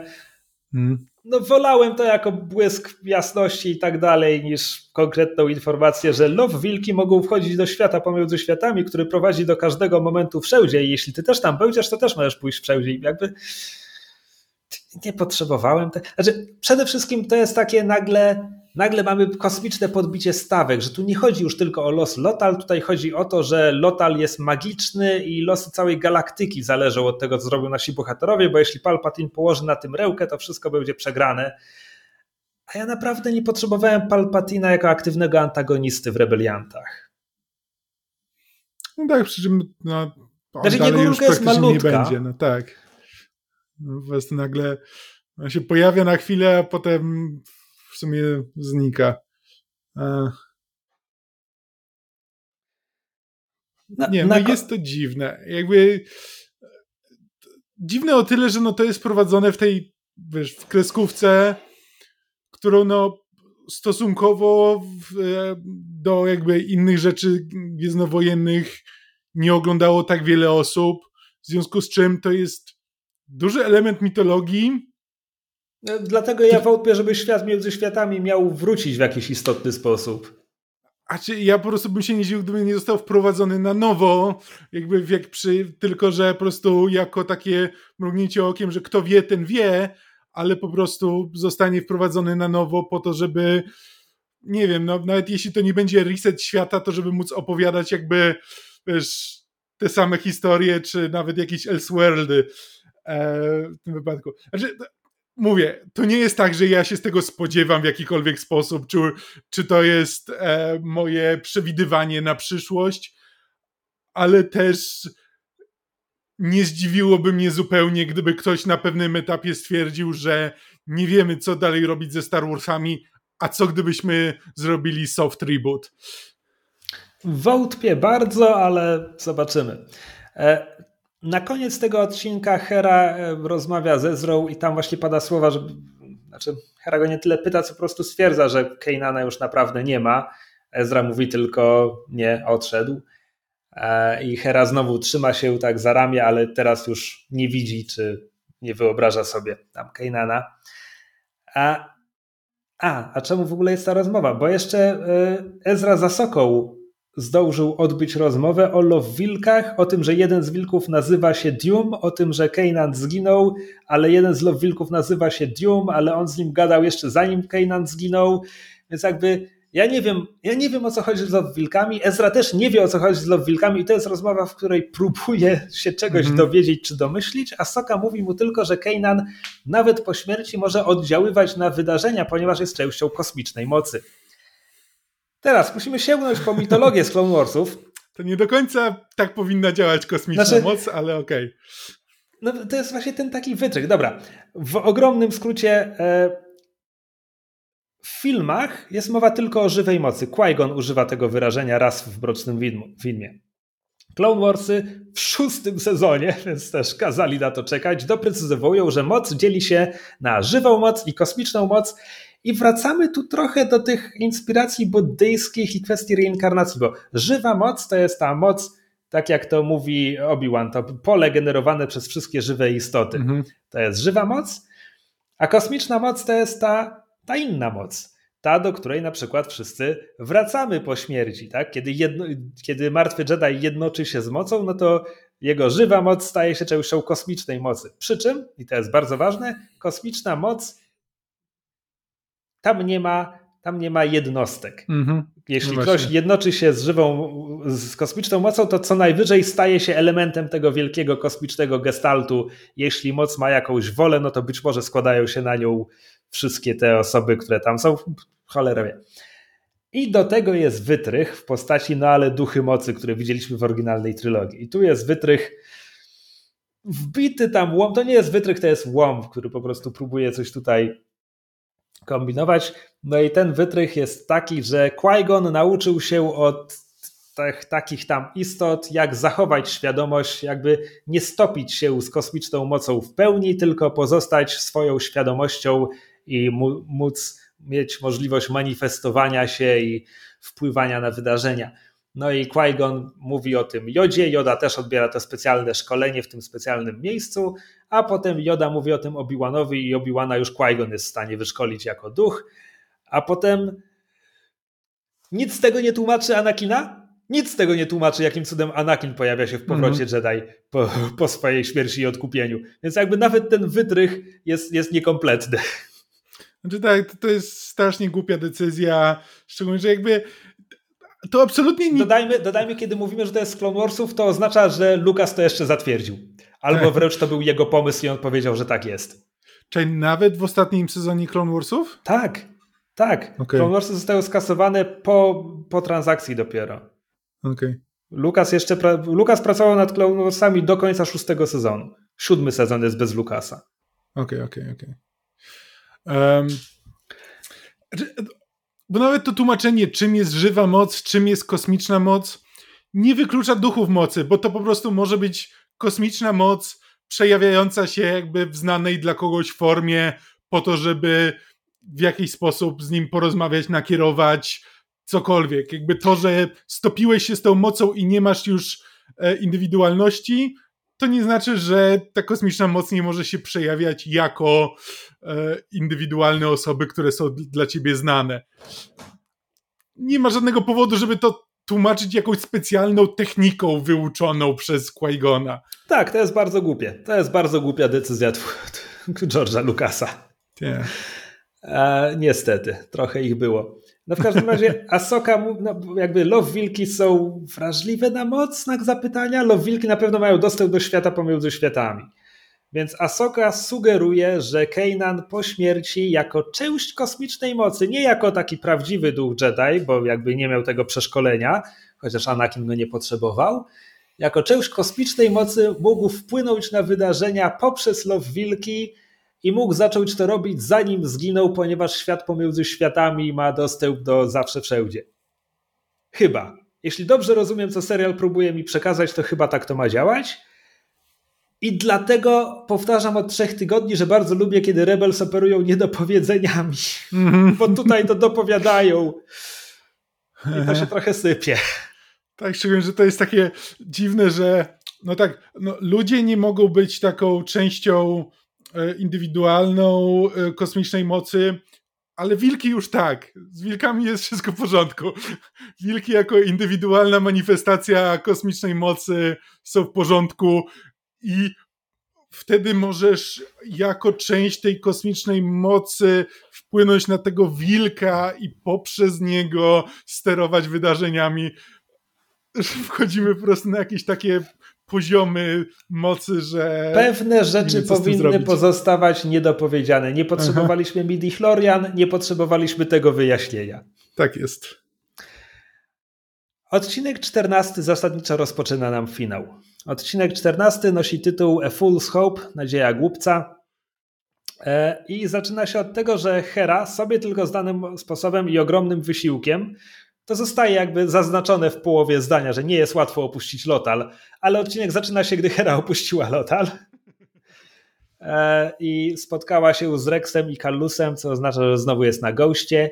E, I w pierwszej scenie odcinka rekrutują posiłki, ponieważ jakby główne dowództwo na Jawinie nie wierzy w sukces jakiejkolwiek operacji na Lotalu, to nawet chyba już nie próbują z nimi gadać, tylko ej, mają e, przyjaciół i znajomych królika, krewnych i, krewnych i przyjaciół królika, e, bo w ramach jednej sceny rekrutują, poczekaj, wyliczę na palcach, Gregora i Wolfa, czyli tych dwa pozostałe starsze klony, z sezonu drugiego.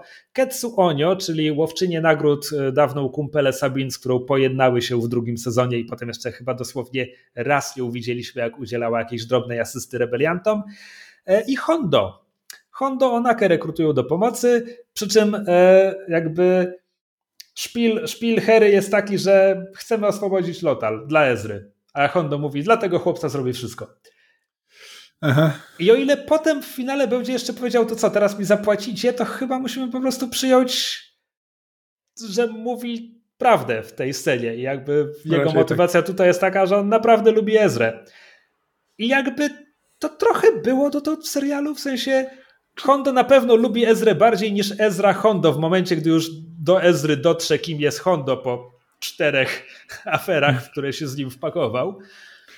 Ale to już jest trzeci wannabe mentor Ezry, bo jakby mamy Kanana, okay, który jest jego prawdziwym mentorem, Darth Maul chciał być jego mentorem i teraz jeszcze Hondo by chciał. Jest, musi być coś w Ezrze, co po prostu co przyciąga starszych panów do niego. To nie brzmi hmm. dobrze.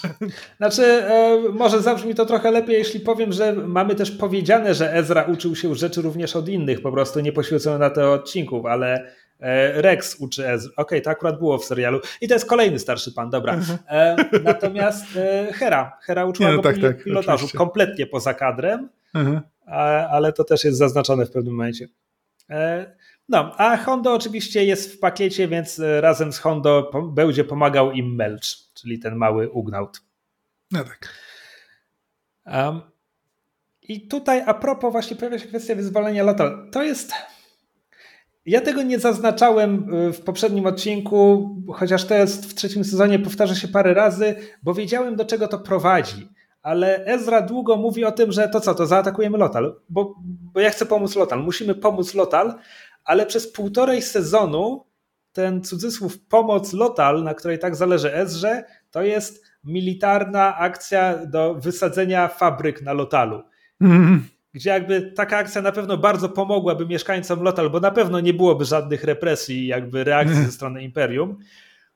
Przy czym nie wspominałem o tym dotąd, ponieważ jakby ten sezon mówi nam wyraźnie, że rozwalenie fabryk to jest jedno, ale jakby Ezra od początku liczył, że po tej akcji zostaną na Lotalu i będą walczyć o wyzwolenie Lotal, więc jakby mhm. trochę to rozumiem.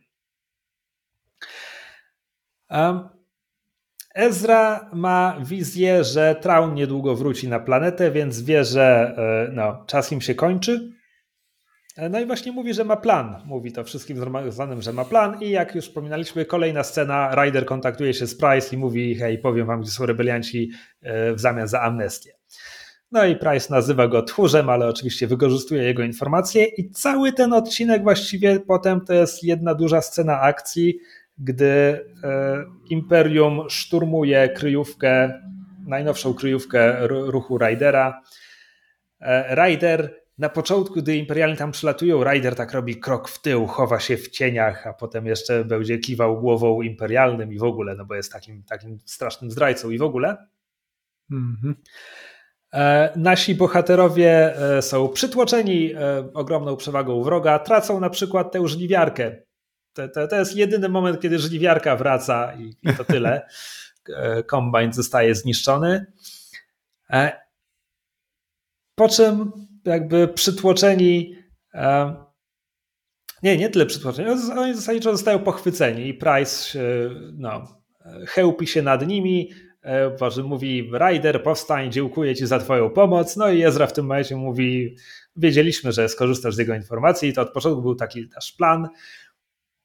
I Price, to jest jej chyba najgorsza chwila. W sensie, jeśli, jeśli zastanawiamy się, czy e, Arinda Price jest, jest inteligentna, bystra, czy, czy głupia, czy tełpa, to jest jej najgorszy moment, gdzie w twarz mówią jej, hej, to jest wszystko nasz plan, a ona odpowiada, hm, fajny plan, pojmowałam was, was wszystkich i to jest ten wasz plan, co?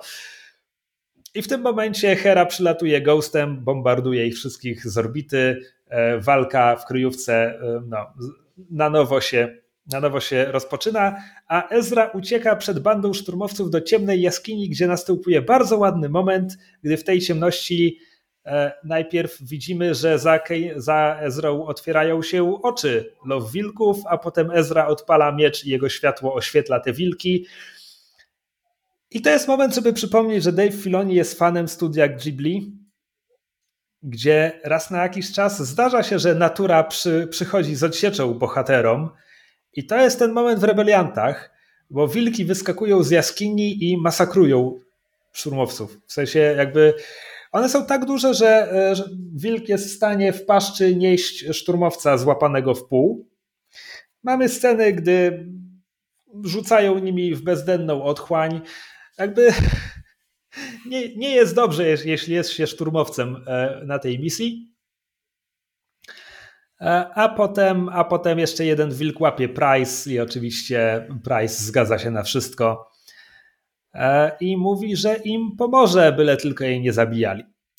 Znaczy, ja chciałem jeszcze się odnieść do tego właśnie, bo to, to jest w sumie dobry moment właśnie w kontekście tego, że natura jakby tutaj przychodzi z pomocą Mieliśmy to już w finale trzeciego sezonu.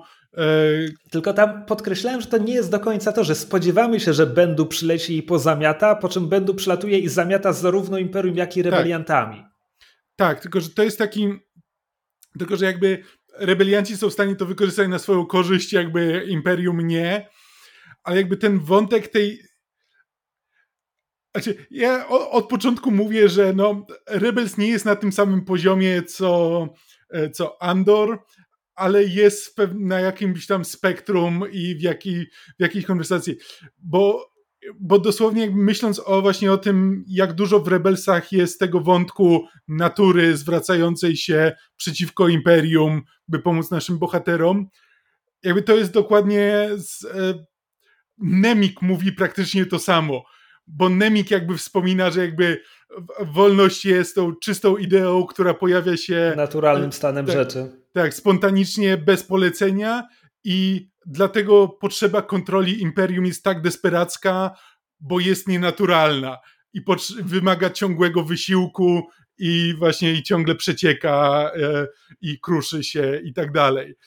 E, jakby jest coś w tym tutaj właśnie w Rebelsach, gdzie jakby imperium musi autentycznie walczyć przeciwko no, zmanifestowanym mocom natury, które, które obracają się przeciwko nim.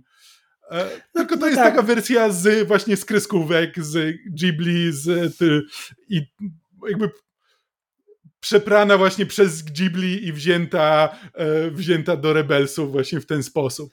No tak, no ale przy tym też należy zaznaczyć, że motyw natura, dobra, technologia, a zwłaszcza indu postępująca industrializacja pożerająca naturę zła, Oczywiście. jest bardzo klasyczny i wraca nam w wielu dziełach, żeby no, nie wiem, od choćby Władcy Pierścieni tak. wymienić. Tak.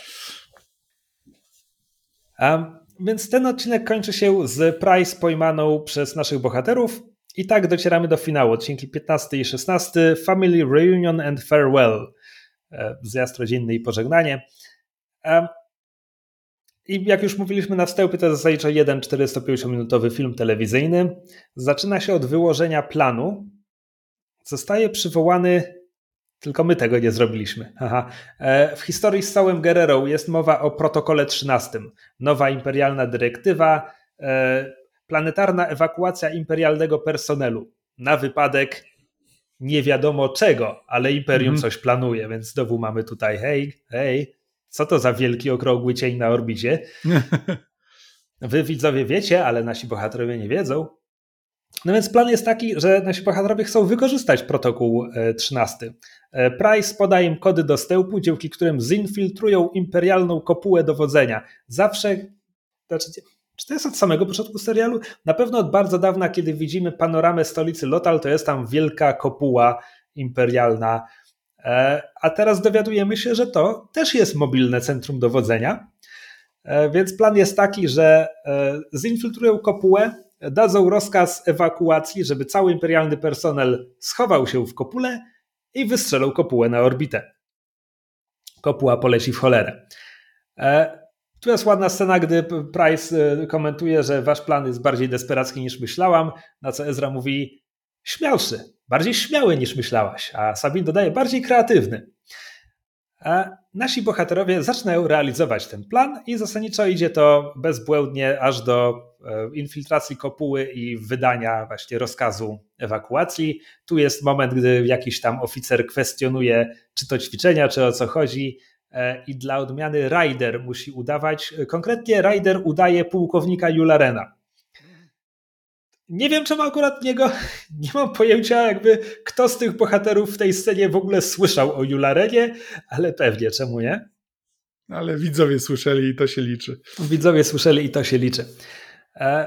Był tam też moment, gdy infiltracja wymagała odwrócenia uwagi e, imperialnych w centrum dowodzenia. Od, o, uwagę odwracał Melch, którego Zep e, wyrzuca w powietrze, tak że Melch ląduje na szklanym dachu. I jest moment zbliżenia na Hondo, który patrzy na swojego lecącego przyjaciela i mówi, a jednak latają. Bo jakby kiedy świnie będą latać, to idą po angielsku. Tak. Znaczy, rebelsi nie traktują tych. Jak się nazywa ta rasa? Gatunek? Ugnauci. Ugnautowie. Tak, nie, traktują ugnautów um, z wielkim szacunkiem, ale bywa nie. to zabawne. Bywa. E, tak. E, więc plan idzie doskonale aż, aż do tego momentu. Już imperialni się chowają. E, jest jeden szkopuł w tym planie. Szkopuł jest taki, że Róg, który oczywiście brał udział w ataku na kryjówkę rebeliantów i oczywiście został rzucony w bezdenną przepaść, wbił swoje kocie pazurki w skałę i wciąż tam był i podsłuchał ich plan. Po czym e, uciekł, bo tam, e, tam zostali tylko klon Wolf, Mart i Vizago. Zostali tam z Ghostem, ponieważ zabezpieczają, ponieważ jest jakiś plan B, który Ezra ułożył i o którym wie tylko Mart więc Róg im z łatwością uciekł, skontaktował się z Traunem, więc Traun wie o wszystkim i wydaje mu polecenie, że ma zdezaktywować pole siłowe, które chroni planetę, a przynajmniej stolicę. Po czym w momencie, gdy nasi bohaterowie już są gotowi odpalić kopułę w cholerę, Traun przylatuje i parkuje Chimerę bezpośrednio nad miastem, centralnie nad kopułą, więc gdyby ją teraz odpalili, to wielka eksplozja e, kopuły i niszczyciela zniszczyłaby całe miasto, a nasi bohaterowie nie są gotowi na takie, na takie ofiary. Po czym e, Traun mówi, że wszystkim zgromadzonym, hej, e, zaraz wam coś powiem, ale chcę, żebyście potraktowali mnie poważnie, w związku z czym, e, panie kapitanie, proszę rozpocząć bombardowanie.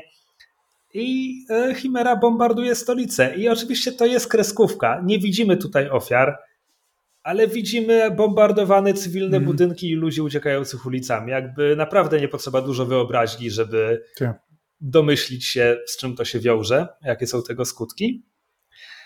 E, po czym e, po tej krótkiej demonstracji Traun mówi, że Ezra ma się bezwarunkowo mu poddać, a potem będą rozmawiać dalej. E, I Ezra się zgadza. I tu jest moment, gdy. A, po pierwsze, tu jest bardzo ładna scena, ale zanim do niej przejdę, chcę tylko powiedzieć, że kiedy nasi bohaterowie gadają z Traunem, właśnie mówią, ha, jesteśmy tacy sprytni, e, wszystkie twoje siły są w kopule i nic nie możesz zrobić, Traun odpowiada, nie, nie, nie, wy no, sprawiliście, że moje siły znalazły się w bezpiecznym miejscu. I wtedy zaczął zabombardowanie miasta. Mm. To jest ładny moment. Natomiast to jest bardzo ładna scena, gdy Hera absolutnie zakazuje Ezrze się poddawać i mówi, że coś, coś wymyślą. No i Ezra jej mówi, no dobra, to, to jaki jest plan? Hera zaczyna układać plan, a Ezra daje sygnał Chopperowi, który otwiera mu właz wentylacyjny w suficie. Sabin to widzi, to się mm. wszystko odbywa bez dialogu, więc to jest tylko znacząca mina i Sabin też ściąga uwagę Hery, żeby, żeby Ezra mógł um, no bez, bez dalszego przeciągania, bez, bez dyskusji z Herą, żeby mógł w tym momencie niepostrzeżenie zniknąć e, i oddać się w ręce Trauna. I to jest bardzo ładny moment, tam oczywiście chwilę później Hera się orientuje, co się stało, no ale jakby rozumie, że Ezra zajmuje uwagę Trauna, że kupuje im wszystkim czas, a w międzyczasie Sabin jakby nie tyle odwracała jej uwagę, co faktycznie ułożyła plan, że hej, podzielimy się na dwie drużyny, Chewie zostanie tutaj, będziemy koordynować i w ten sposób odbijemy, odzyskamy kontrolę nad generatorem pola. Jak będziemy mieć pole nad planetą, to wtedy zastanowimy się, co dalej. Co jakby w tej sytuacji dobry plan. E, I akcja biegnie teraz dwutorowo. Ezra oddaje się Traunowi, a on jeszcze żegnając się oddał swój miecz Chopperowi. To nie jest bardzo ważne, ale o, warto to, to zaznaczyć. E, tak, więc jeszcze zanim opuścił pozostałych. E, w, w wątku pozostałych bohaterów no jak powiedziałem, Chewie zostaje w centrum dowodzenia, reszta dzieli się na dwie podgrupy, żeby zaatakować e, generator z dwóch stron. E, jest zabawny moment, kiedy Zeb mówi: Hej, ten nasz sprytny plan, żeby zamknąć wszystkich imperialnych w tej kopule. Wszyscy imperialni są zamknięci z nami w tej kopule. To jest zabawne. E, docierają do generatora, tam strzelają się ze szturmowcami, szturmowcami śmierci i rukem. Sytuacja jest e, desperacka, więc ktoś tam, chyba Wolf, mówi, że musimy zrobić coś, coś głupiego i Zeb rzuca się, przeskakuje pół tej komory, żeby wyeliminować ruka z walki. Znaczy spada z nim głębiej w przepaść, właściwie do samych mechanizmów generatora.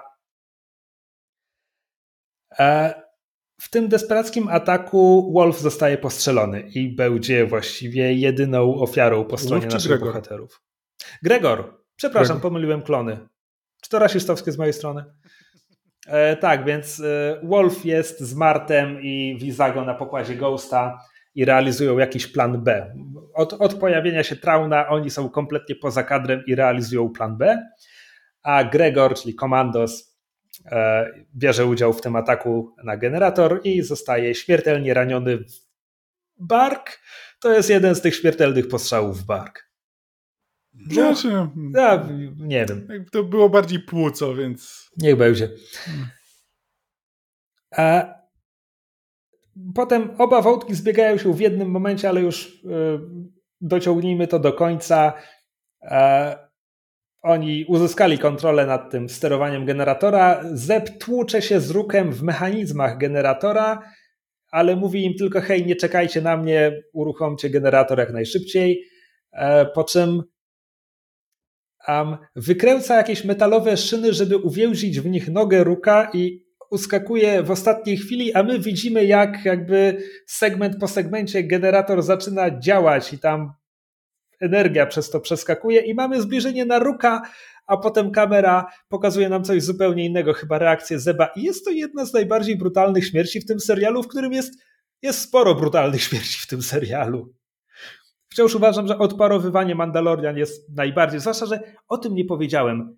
W drugim odcinku my to widzimy, jak to się dzieje na tym nagraniu, które Tiber pokazuje Traunowi. Widzimy po prostu, jak oni zamieniają tak. się w popiół. Jesus. I oczywiście wszyscy mają zbroje i hełmy na twarzach, więc nie widzimy ich twarzy, ale znowu tu naprawdę dziecko, które to ogląda, nie potrzebuje bardzo bujnej wyobraźni. Hmm. No tak. E, e, tak, więc e, kiedy Traun się orientuje, że tam na dole coś się jednak dzieje, nakazuje bombardowanie, ale w tym momencie pole siłowe działa i bombardowanie nic nie robi. Traun próbuje uzyskać wyjaśnienia od Ruka, a Zeb, e, który najwyraźniej przejął jego komunikację. Nie pytam, jak to działa, jest zabawne, więc nie pytam, jak to działa. Zeb odpowiada Traunowi: e, Ruk nie może w tej chwili podejść do komunikatora, proszę odzwonić. E, po czym słyszymy jakieś skwierczenie i Zeb dodaje: Wiesz co, nie dzwoń. Co, znowu jest? momentami to jest naprawdę zaskakująco, dużo zaskakująco bezlitosnych scen i osób i odzywek. Więc to jest wszystko ten wątek. Z Ezrą dzieje się co innego. E, Ezra ma bardzo krótką scenę z Traunem, który natychmiast przekazuje go Palpatinowi. Palpatin nie jest tutaj osobiście, Palpatin jest hologramem, ale, i to jest fajny chwyt, jest to sympatyczny dziadek Palpatin w białym oficjalnym stroju, siwiutki na skroniach, taki sympatyczny dziadek. Znaczy, to jest właśnie wątek, którego ja nie do końca rozumiem, bo to już parę razy się przewijało, że właśnie widujemy jakby zdjęcia Palpatina jakby jako właśnie jeszcze tego senatora. Znaczy to jest dosłownie Ech. raz w pierwszym sezonie, wiem, że Amca o tym mówią, ale to jest głębokie tło, kiedy okay, jest okay. przebitka na Senat e... i tam faktycznie Palpatin nie jest y, sitowską pomarszczoną tak, nie, żabą, właśnie, tylko jest jakimś dygnitarzem. E, w AMCA już się nad tym zastanawiali właśnie, czy, e, czy Palpatine właśnie używa jakichś symulacji i tak dalej, żeby się pokazywać. Mimo, że jakby e, pod koniec tego... Zemsty Sithów otwarcie... on otwarcie i mówi, i on to wykorzystuje wręcz jako propagandę, że zostałem zaatakowany przez Jedi i dlatego zostałem... E, zostałem... żabą. tak, że, ale stąd to są rany, to, to, to, nie, są, to nie jest żaba, to, to są rany. E, w związku z czym to jest dziwne, że mimo wszystko potem wykorzystuje swój stary wizerunek, bo no bo znaczy... albo chce wykorzystać właśnie tą sympatię, którą zyskuje na tym, że został zaatakowany tak bardzo poważnie, albo próbuje udawać miłego senatora Palpatina. Znaczy, ponieważ to w pierwszym sezonie to jest naprawdę jakieś głębokie tło, to jest jak, jakiś jeden obraz gdzieś w tle chyba jakiegoś wątku z senatorem Travisem czy coś tak, takiego. Tak, tak. I tam e... bym się nie zdziwił, gdyby po prostu jakby to jest stare zdjęcie, nie chcą używać w komunikacji tak. publicznej zdjęcia, w którym on jest, e, no w cudzysłowiu, e, Boże, disfigured, nie wiem jak to przetłumaczyć. Okaleczony.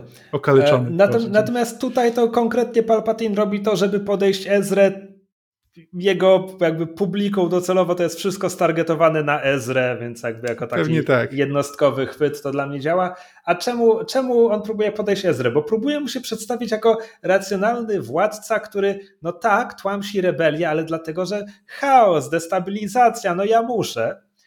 E, ale rozmowa nie jest o tym. Rozmowa nie jest o tym, że on chce, żeby Ezra mu pomógł ten stłumić rebelię czy coś takiego, nie chce go przyciągać na ciemną stronę. Nie, nie, nie, nie. On tu ma prezent dla Ezry, bo w ładowni Chimery jest kawałek świątyni Jedi z Lotal, ocalony przed tym, jak ostatnio się zapadła. I w tym akurat kawałku jest portal. I ten akurat kawałek prowadzi do kuchni domostwa Bridgerów, gdzie Ezra widzi swoich rodziców, którzy właśnie wołają go na obiad. No i Palpatine mówi: Hej, zobacz, to twoi rodzice, to na ich cały czas ci zależało. Słuchaj, no, możesz mieć rodzinę. Wystarczy tylko, że otworzysz ten portal. Możesz, możesz odzyskać rodziców. Tylko otwórz portal. Tylko otwórz portal. Otwórz portal. Otwórz, otwórz, otwórz, otwórz. Szczęśliwy jest. Tak, szczęśliwie jest to krótkie kuszenie Ezry, który oczywiście wzrusza się na widok swoich rodziców. E, mówi do nich tak, jakby mogli go usłyszeć. Oni zresztą zwracają się w stronę, że tak powiem, oka kamery tego portalu, tak jakby faktycznie mogli go usłyszeć.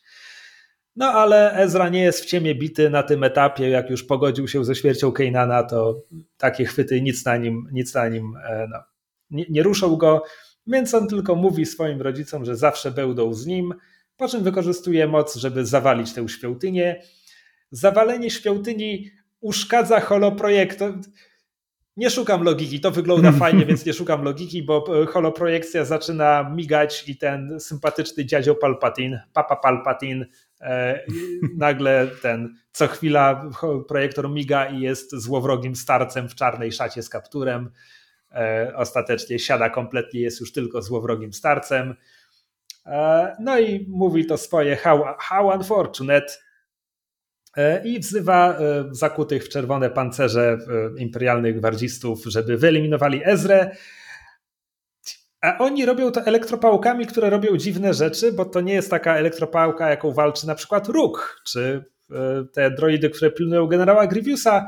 To jest pałka, która unosi Ezrę w powietrze i zdaje się go delikatnie razić. Jest to być może najdziwniejsza broń pokazana w tym serialu. Jakby bardziej skuteczni są szturmowcy, którzy stoją obok i strzelają do lewitującego Ezry z karabinów, ale i tak nie mogą go trafić. Oczywiście, chociaż nie. on nie ma miecza. Na Ezra na tym etapie jakby, jak, jak wiemy, pełnoprawny Jedi coś tak prostackiego jak miecz świetlny nie jest mu potrzebne, a przynajmniej tak sugeruje oryginalna trylogia i ja tak bardzo żałuję, że Gwiezdne Wojny w to nie poszły potem. E, no ale Ezra nie potrzebuje swojego miecza, rzuca tymi głazami ze świątyni, uwalnia się.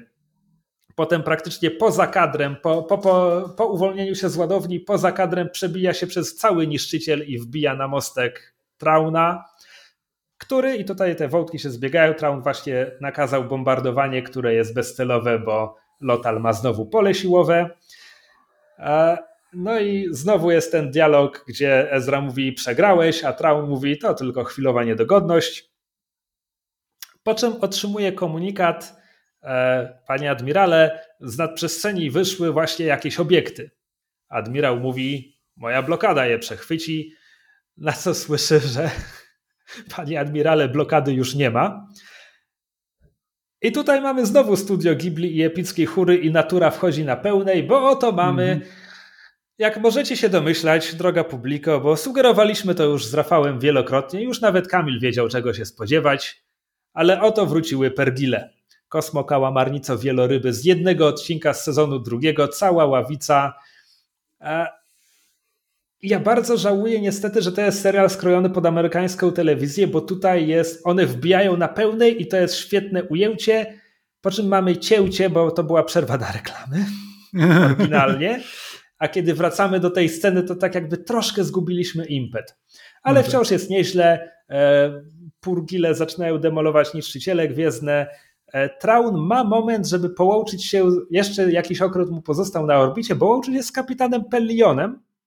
Mówiliśmy o nim przy okazji ostatniego sezonu Mandalorianina, postać z długą historią w starym Expanded Universe, prawa ręka Trauna w trylogii Trauna, a potem tak jakby spadkobierca pewnych jego idei, a jednocześnie moralnie lepszy człowiek, który ostatecznie doprowadza do zawarcia pokoju między Nową Republiką i resztkami Imperium. Um, jakby to wszystko wyleciało razem ze starym kanonem. No tak. To jest jego pierwsze pojawienie się w nowym kanonie. Po prostu jest tylko jest, jest nazwiskiem kapitana, którego nawet Jasne. nie widzimy. E, I Filoni mówił, że zrobił to specjalnie, że jakby on, on wie, że Pil, e, Pellion ma mnóstwo fanów, że jest bardzo lubianą postacią, więc on po prostu stwierdził, no dobra, dajemy tutaj jego nazwisko i jeśli jakiś autor kiedyś będzie chciał to pociągnąć w ramach nowego Expanded Universe gdzieś, no to w ten sposób ma otwartą furtkę, zrobiliśmy to dla niego. Nikt mm. tego nie zrobił przed Mandalorianinem. Liczę, że w Asoce nie zawiodę się Pellionem, ale ja Liczę, że nie zawiodę się bardzo wieloma rzeczami w Asoce i zakładam, że jedyne do czego to doprowadzi to do tego, że się zawiodę.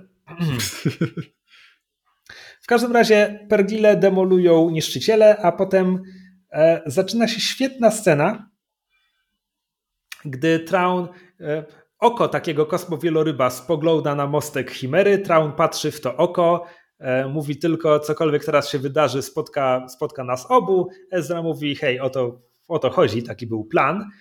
I jest scena po prostu jak z Piratów z Karaibów, gdy e, macki pergilów e, wbijają na ten mostek. I po prostu obsada mostka panikuje, Traun i to jest jakby jedna z moich jego ulubionych scen. Hej, wielki kosmiczny Ktulu właśnie wbił mu na mostek, a Traun po prostu stoi tam w centrum chaosu i strzela ze swojego małego blasterka piu-piu do macek. Po czym zostaje pochwycony przez Backi. Przypomnijmy słowa Bendu z finału trzeciego sezonu. Nie widzisz tego, ale ja widzę zimne objęcia e, twojej porażki. Um, Ezra w tym momencie łączy, łączy się z Sabin, czy Sabin łączy się z nim. Jest rozmowa o tym, czy, czy to taki był jego plan, czemu im nie powiedział. Ezra mówi, że chciał ich wszystkich zaskoczyć. W tym momencie zostaje zaatakowany. Szturmowcy wbijają na mostek, więc on się odwraca plecami do Trauna, żeby ostrzeliwać się przed tamtymi. Traun to wykorzystuje, żeby postrzelić go w plecy. To jest, to jest taka klasyczna rana w bark, tym razem nieśmiertelna, więc Ezra musi dzielić uwagę między szturmowców wbijających na mostek a Trauna. Używa mocy, żeby jeszcze głębiej wepchnąć go w objęcia tych macek, a pergile zaczynają obsiadać chimerę i błyszczeć e, na kuprach, co oznacza, że zaraz wejdą w nadprzestrzeń. W związku z czym Hera i Sabin orientują się, co się dzieje i mówią Ezrze, żeby stamtąd spadał, na co Ezra mówi, że musi doprowadzić tę sprawę do końca. Mhm. I że liczy na nich wszystkich, znaczy. Czy mówi konkretnie, że liczy na Sabin, a na koniec jeszcze deklaruje, że moc będzie z nami, z nimi zawsze. Słowo w słowo mówiąc to, co Obi-Wan mówi Lukowi w Nowej Nadziei. Ale ten cytat jakoś mnie nie boli, tak jak zwykle te nachalne cytaty mnie bolą. E, I pergile odlatują z Chimerą, Ezrą i Traunem na pokładzie i tyle ich widzieli. Po czym nasi bohaterowie mają chwilę, żeby otrząsnąć się po tym wszystkim i mówią, że okej, okay, to, jest, to jest ten moment. Tam Wolf im deklaruje z orbity, że hej, czy to był plan, bo tutaj, tutaj nikogo nie ma. Imperialnej floty nie ma w systemie, wszystko, wszystko zostało zmiecione. No i nasi bohaterowie mówią, że to jest ten moment i że za Kejnana i Ezrę e, wykonają oryginalny plan, szykują się do e, odpalenia kopuły. Do centrum dowodzenia w końcu wbijają imperialne posiłki, żeby uwolnić Price. To jest bardzo ładna sekwencja, kiedy widzimy ich wszystkich, jak oni się ostrzeliwują i ewakuują przez okno. Sabin wykorzystuje miecz Ezry, żeby rozbić szybę, żeby mieli drogę ucieczki. Czemu o tym mówię? Bo w zwiastunie Asoki widzimy ją, jak włada mieczem Ezry wciąż. Mhm. Um, jest ładny moment, gdy Ryder oferuje Price, żeby uciekła razem z nimi. I Price, to jest tak jak ona ma przebłyski, a potem jest bardzo tełpa. E, podoba mi się to, że jej ostatnia scena prezentuje ją całkiem nieźle, bo ona odpowiada mu, że służy imperium do końca co mm. Ryder kwituje, czyli już niedługo. Oni wszyscy się stamtąd zawijają. E, Mart i Wolf przylatują Ghostem, żeby ich ewakuować. Jest tam bardzo kreskówkowa scena rodem z pierwszego sezonu Rebels, gdy banda szturmowców leci, a Ghost strzela im pod nogi, tak że oni się wszyscy przewracają trochę jak domino. Nie wygląda to najlepiej, ale spoko. E, oni ewakuują się Ghostem, odpalona kopuła została skierowana e, nad morze, poza miasto i Sabin deklaruje za Kejnana i Jezrę, wciska guzik i czy to jest zbrodnia wojenna? Ja się zastanawiam.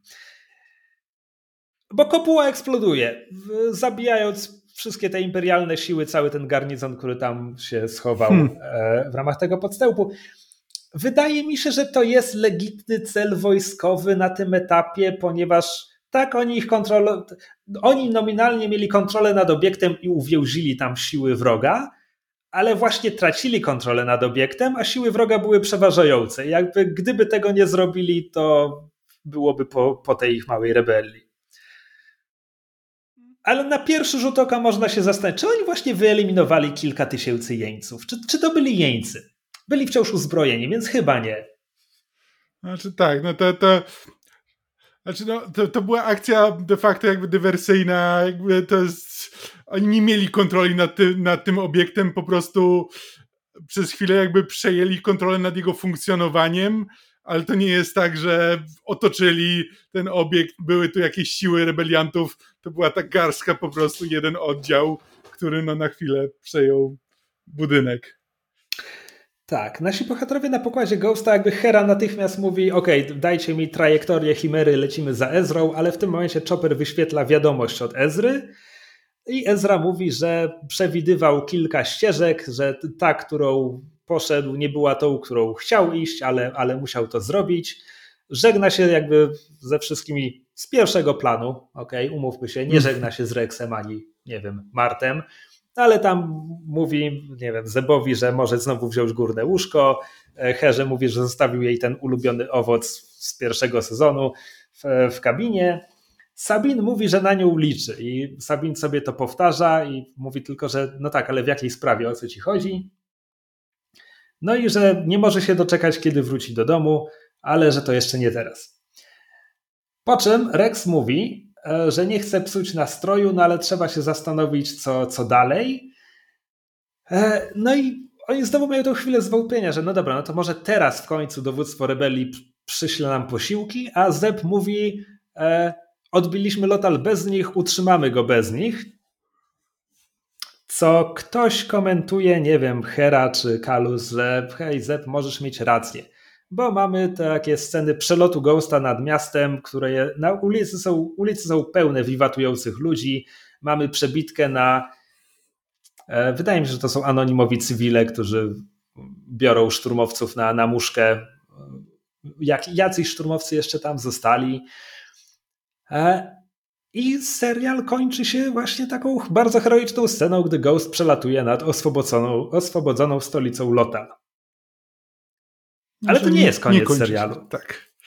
Bo potem mamy jakby wyciemnienie i epilog z narracją Sabin.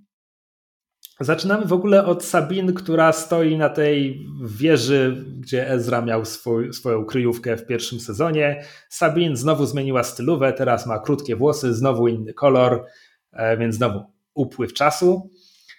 E, I na planetę przylatuje bardzo charakterystyczny statek. To jest chyba jeszcze design z Clone Warsów, obsadzony, e, obstawiony przez dwa X-Wingi Znowu zwiastuny Asoki, jeden do jednego. Ta scena jest w Asoce. Huh. E, I Sabin, Sabin rusza e, gdzieś tam do stolicy e, śmigaczem, e, a jednocześnie jej, jej narracja mówi nam, co było dalej. I już pierwsze zdanie jest mocne, bo pierwsze zdanie brzmi: Atak, którego się obawialiśmy, nigdy nie nadszedł. E, że niegdyś. nie wiem, jak do, tego, jak do tego doszło, nie wiem. E, ja mam pewien pomysł, zaraz do, do tego wrócimy. Nie, nie, mam całej jej narracji, no ale mówi, że jakby niegdyś potężne imperium e, zaczęło, zaczęło się wsypać, no, że, e, że, że zaczęło przejawiać słabości. Więc jakby Lotal po prostu nigdy nie został zaatakowany. I potem mówi nam, co się stało z innymi osobami z załogi.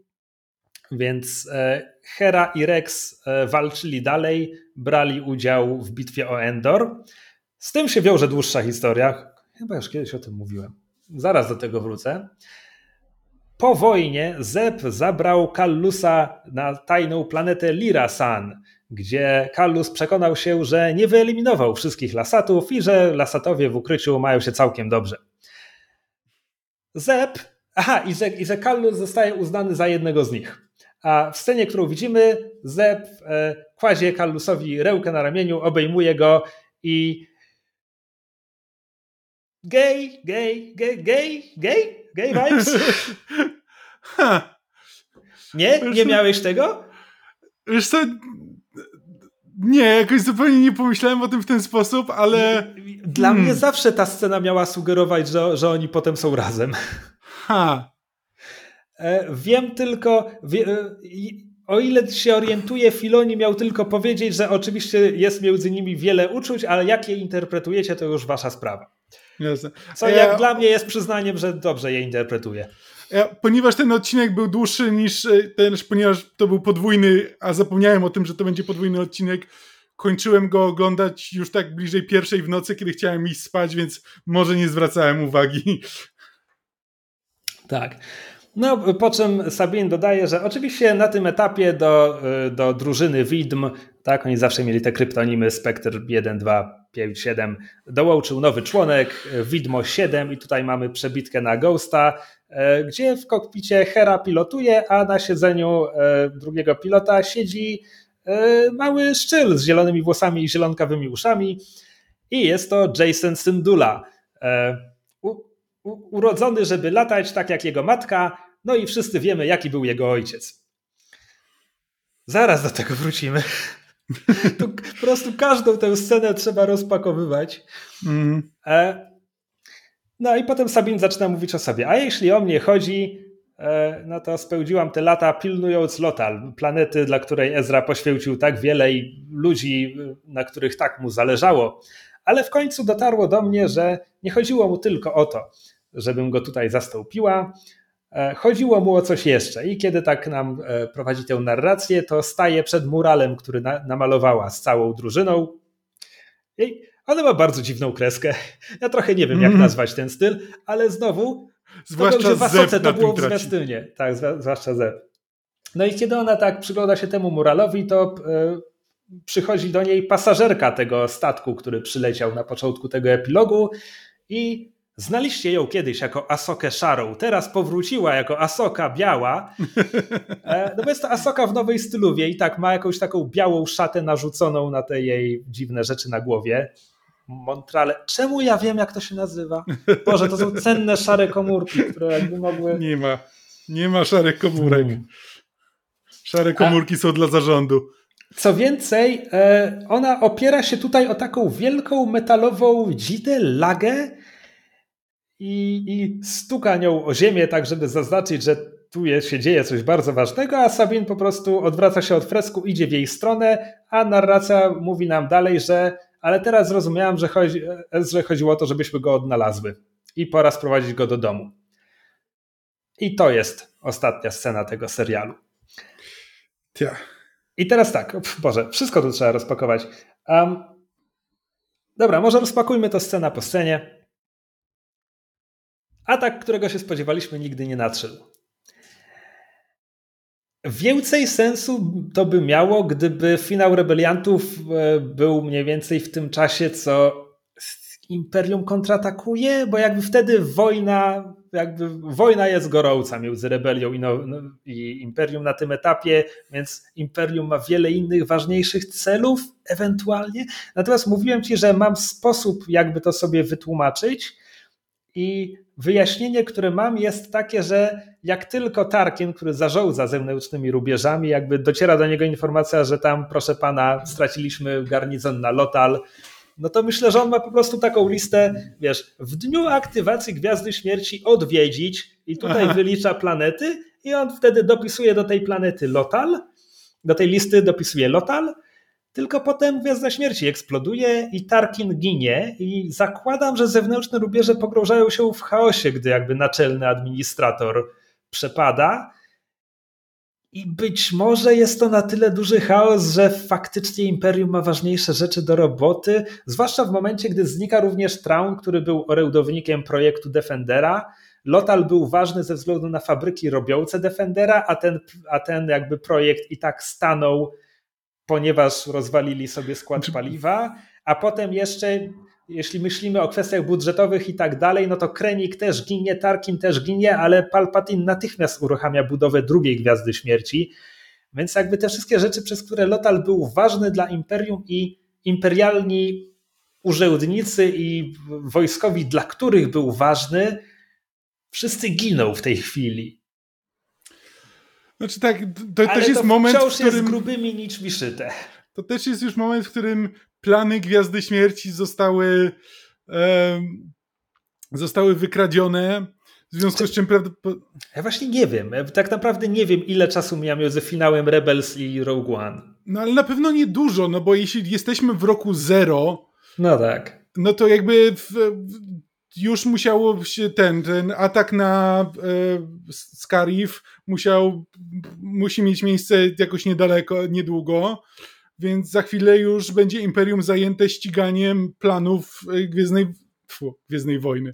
E, Gwiazdy no tak, Śmierci. Na pewno, na pewno utrata Gwiazdy Śmierci jest dużym ciosem, po którym Imperium się miota, znaczy, Ja nie mówię o utracie Gwiazdy Śmierci. Chodzi mi po prostu o samych planach, mhm. że po mhm. prostu muszą, że teraz ścigają Leje to jest priorytet. No tak.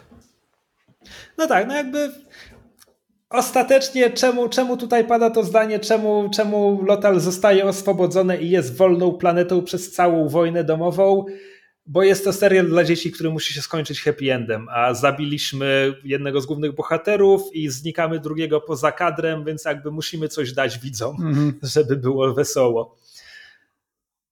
Dobra. E, następna scena Hera i Rex dalej biją się po stronie rebelii.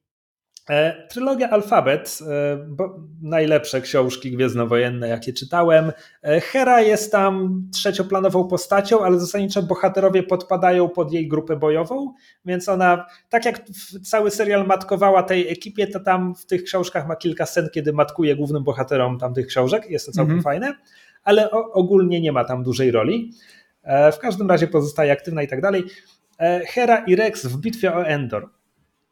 Odkąd Rex pojawił się w rebeliantach, A zwłaszcza przed czwartym sezonem pokazano rysunek koncepcyjny, na którym Rex był w stroju rebelianta, który widzimy w jednej scenie, chyba właśnie w piątym odcinku, kiedy Hera przekazuje im kontrolę. On jest tam ubrany w taki strój jak rebelianci na Endorze.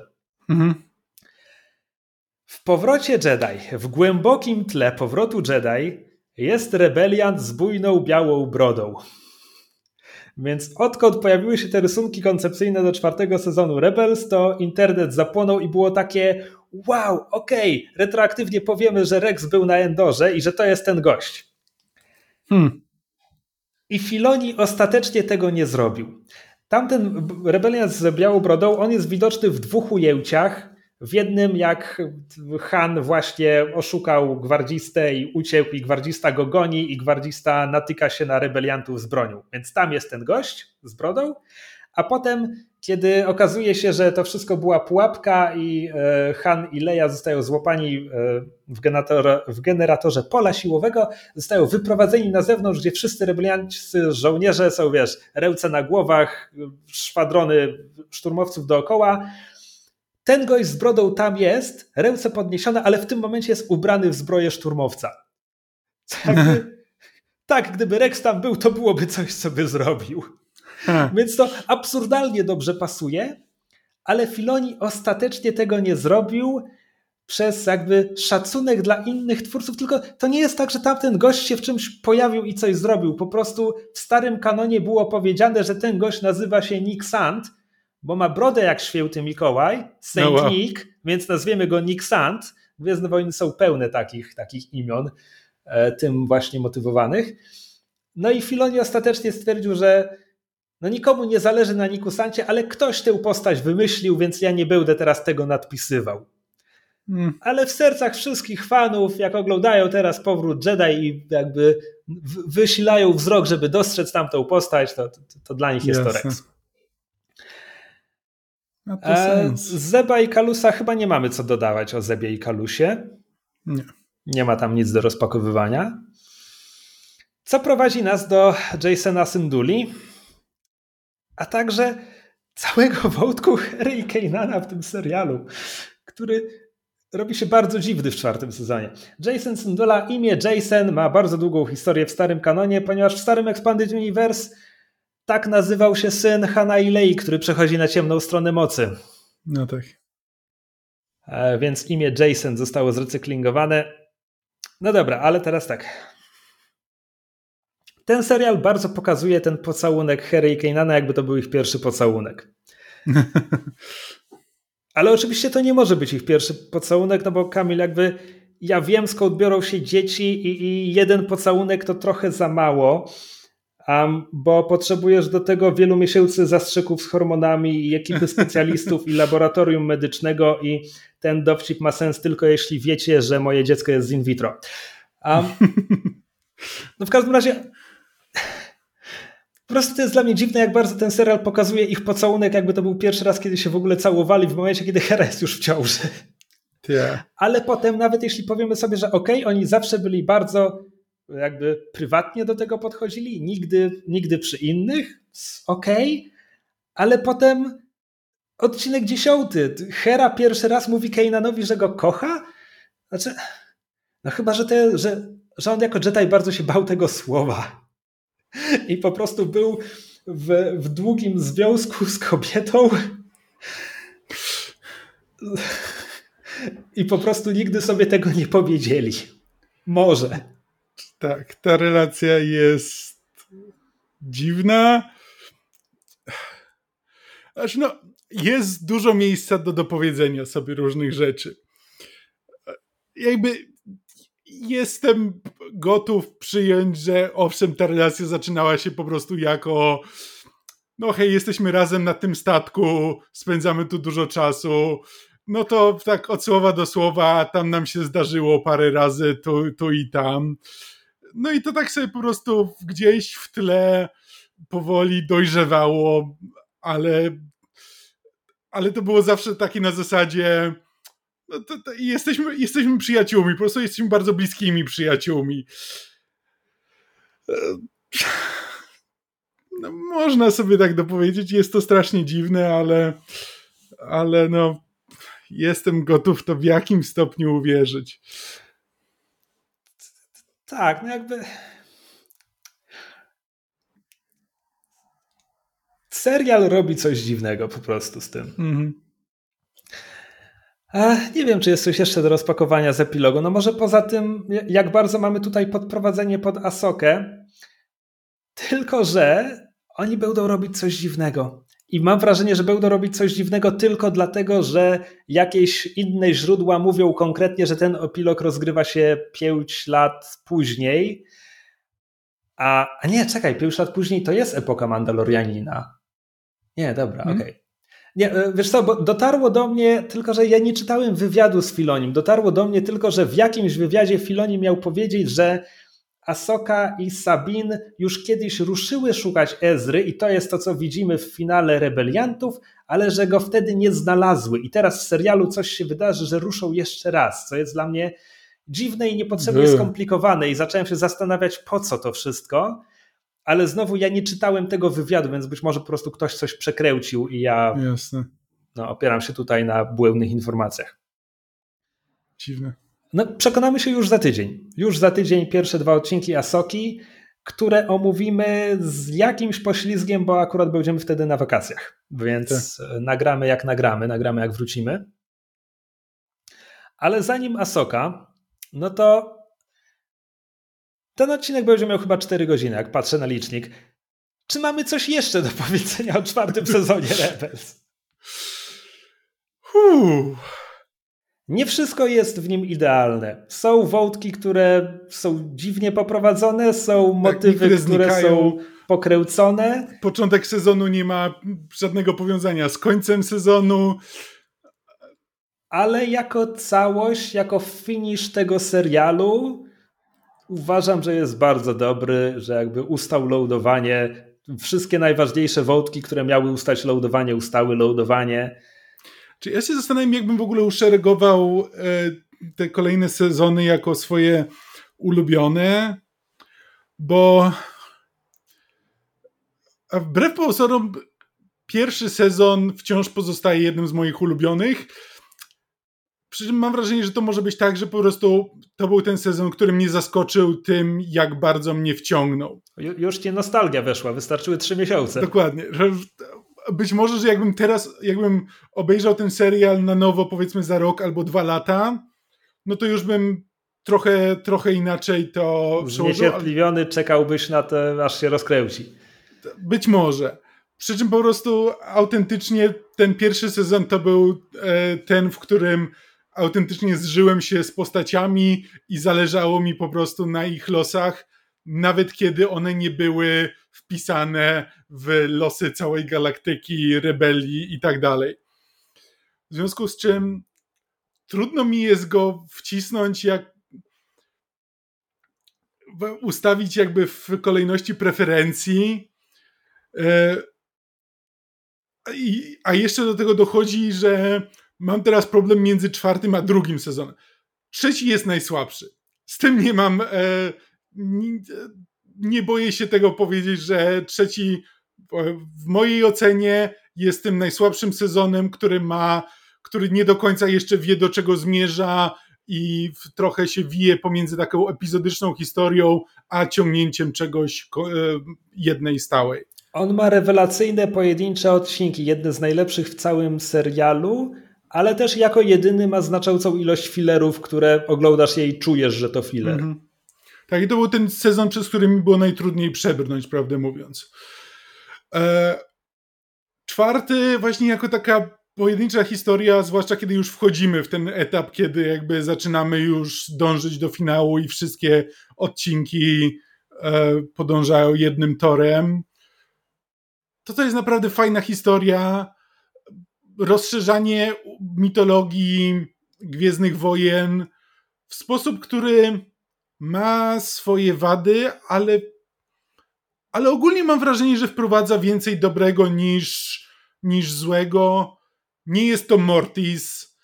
E, wydaje mi się, że to mogłoby być interesujące. Oj, przepraszam, zapomniałem dalej. wspomnieć, zapomniałem wspomnieć. Kosmosowa, która prowadzi Ezrę do portalu, którym uratuje Asokę, ta kosmosowa jest kojarzona z córką z Mortis. Jakby Mortis są tutaj aktywni A. w jakiś sposób. Właśnie miałem cię zapytać już wtedy, czy, czy ta sowa pojawia się w siódmym sezonie na koniec, czy... Czy nie tam był jakiś inny ptak? I tam był jakiś, jakiś ptak, którego widzimy, ale już... Wiesz co, możliwe, że się pojawia. No na pewno nie pojawiła się wcześniej w Clone Warsach. E... No nieważne. No natomiast drugi sezon te, też, jest, też jest świetny jakby właśnie w rozszerzaniu tego, co pierwszy zbudował, drugi poszerza, jakby wpisuje dalej te postaci w historię Gwiezdnych Wojen jako franczyzy e, i jakie one mają znaczenie dla historii tego świata i tego uniwersum. I mimo wszystko chyba to są naprawdę bardzo nikłe odległości między tym, ale wydaje mi się, że czwarty byłby mój ulubiony, potem pierwszy, potem drugi, potem trzeci. Ale jakby między czwartym, e, czwartym, drugim i pierwszym są naprawdę tak nikłe odległości, że jakbyś mnie zapytał za rok, to już by się to prawdopodobnie przetasowało. Tak, jakby tam, gdzie Clone Warsy są serialem, który ma jakby fantastyczne historie i kompletny, totalny szrot odrzucający od ekranu i jakby sprawiający, że kwestionujesz, czemu właściwie lubisz Gwiezdne Wojny. Rebelsi są bardzo równi i to są bardzo równi na bardzo wysokim poziomie. Mhm. Czy to jest myśl kończąca, czy jeszcze masz coś do dodania? To może być myśl kończąca. Jedyne, co mam do dodania, to, to jest już o Asoce. Na zasadzie ja się boję tego serialu, bo tak. ja od zakończenia rebeliantów ja strasznie chciałem, żeby ta historia została pociągnięta dalej, mm tylko chciałem, żeby została pociągnięta dalej jako kolejny serial animowany. Mm -hmm. Ale potem do mnie dotarło, właściwie całkiem niedawno, że to byłby serial, jeśli będę rozczarowany Asoką, bo to nie będą rebelianci. Ale tamtym innym serialem też byłbym rozczarowany, gdyby powstał, bo to nie mogliby być rebelianci, bo czym są dla mnie rebelianci? No są historią tej grupki, w tym Keinana. Jakby to nie tak. może być jakby bez niego, nawet gdyby Rebelianci byli kontynuowani po prostu z sezonem tak. piątym, to byłby zupełnie inny serial, ponieważ Absolutnie. nie ma tam Keinana. Być może wciąż byłby bardzo dobry, być może Asoka będzie bardzo dobra, po prostu muszę się mentalnie przestawić, że hej, mojej ulubionej postaci tam nie może być, więc jakby no nie nastawiaj jest... się na to, że to będzie dokładnie tak fajne. Nie, może będzie równie fajne, ale na pewno będzie inne, bo nie ma opcji, żeby nie było inne. To jest to samo poczucie, które miałem po obejrzeniu Serenity i prze, przepraszam za spoilery, ale przez, jak nie przesłuchaliście pierwszego sezonu Kosmicznych Kowbojów, to, to to już jest wasza wina. E, ale dokładnie po obejrzeniu Serenity miałem takie, no nawet gdyby ktoś chciał kontynuować Firefly'a, nawet gdyby Serenity było wielkim hitem e, i pozwolili dalej kontynuować Firefly jako serial, to ja tego serialu bez Łosza, prawdę mówiąc, mało mnie interesuje bo, bo po prostu zaburza jakby taką podstawową e, podstawową równowagę tego, jak jest, jak jest zbudowany, jakby jakie role mają poszczególne postaci e, w tej obsadzie. E, I bez tego mało mnie interesuje. To już jest zupełnie inny serial. E, bezużyteczna ciekawostka, ale Firefly było kontynuowane w komiksach i tak jak Hera ma Jasona na pocieszenie, tak e, Zoe ma córeczkę bodajże Emmę na pocieszenie. Mhm. Fajnie. E, mniej więcej mnie to tak samo interesuje. E, no, gdyby, gdybyśmy przeszli na zasadzie, zakończyli Rebelsów i gdybym ja to oglądał, e, kiedy Rebelsi lecieli oryginalnie i potem mieli ok, teraz będzie Asoka jako serial live action kontynuujący Rebelsów. Byłbym autentycznie zainteresowany, ciekawy. Ale w międzyczasie mieliśmy parę lat seriali aktorskich, które lecą na łeb na szyję, gdzie jeszcze, gdzie pierwszy sezon Mandalorianina był naprawdę interesujący, nawet jeśli miał swoje słabsze strony, to z każdym kolejnym jest coraz gorzej. Każdy kolejny serial coraz gorzej się wpisuje w jakieś szersze uniwersum i właściwie yy, się dziwisz. Z wyjątkiem oczywiście chlubny Mandora, ale, ale on z kolei też zajmuje zupełnie inne miejsce w jakby ma inną pozycję w świecie Gwiezdnych Wojen, opowiada dużo inną historię, mniej związaną z ogólną mitologią. I ja teraz nie wiem, po prostu ta Asoka, bardzo się jej boję, bo to może być po prostu boję się, że to będzie aktorski cowboy bebop i że po prostu coś stracimy. Ja tego serialu nie oglądałem, więc to jest bardzo nie fair z mojej strony używanie tego jako porównania. Ale boję się, że to po prostu bardzo dużo straci, kiedy de facto wprowadzamy inną obsadę i niby to są te same postaci, ale już w zupełnie innej sytuacji, w związku z czym równie dobrze mogłyby być innymi postaciami, granymi przez innych aktorów i w, no, w historii, która nie bardzo się łączy z tym, co widzieliśmy, która będzie zupełnie nową historią, nawet jeśli Ezra powróci, to, to właściwie nie wiem o czym to będzie opowiadać, ale to nie będzie opowiadać o rebeliantach, więc to jest po prostu zupełnie nowy serial, tylko biorący nawet, nawet nie elementy rebelsów, tylko trochę estetyki postaci. rebelsów. Tak. Ale właśnie biorący te postaci tylko estetycznie, bo one już będą kimś zupełnie innym na tym etapie.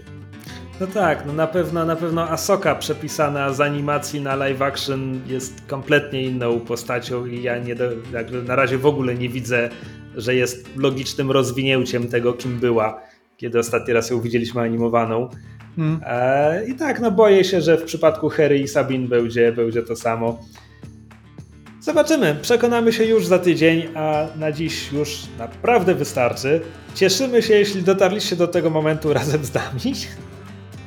I gratulujemy. Wam, wam bardzo wdzięczni za coś takiego. Um, wytrwałość taka, taką.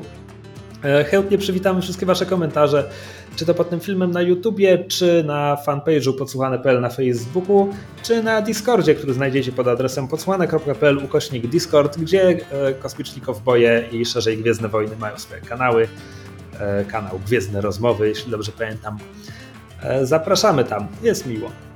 A na dzisiaj już naprawdę, naprawdę wystarczy. Dziękujemy. Niech moc będzie z wami, czy coś tam. Już zawsze będzie z wami. Czy tego chcecie, czy nie. Za dobrze się sprzedaje, żeby było inaczej.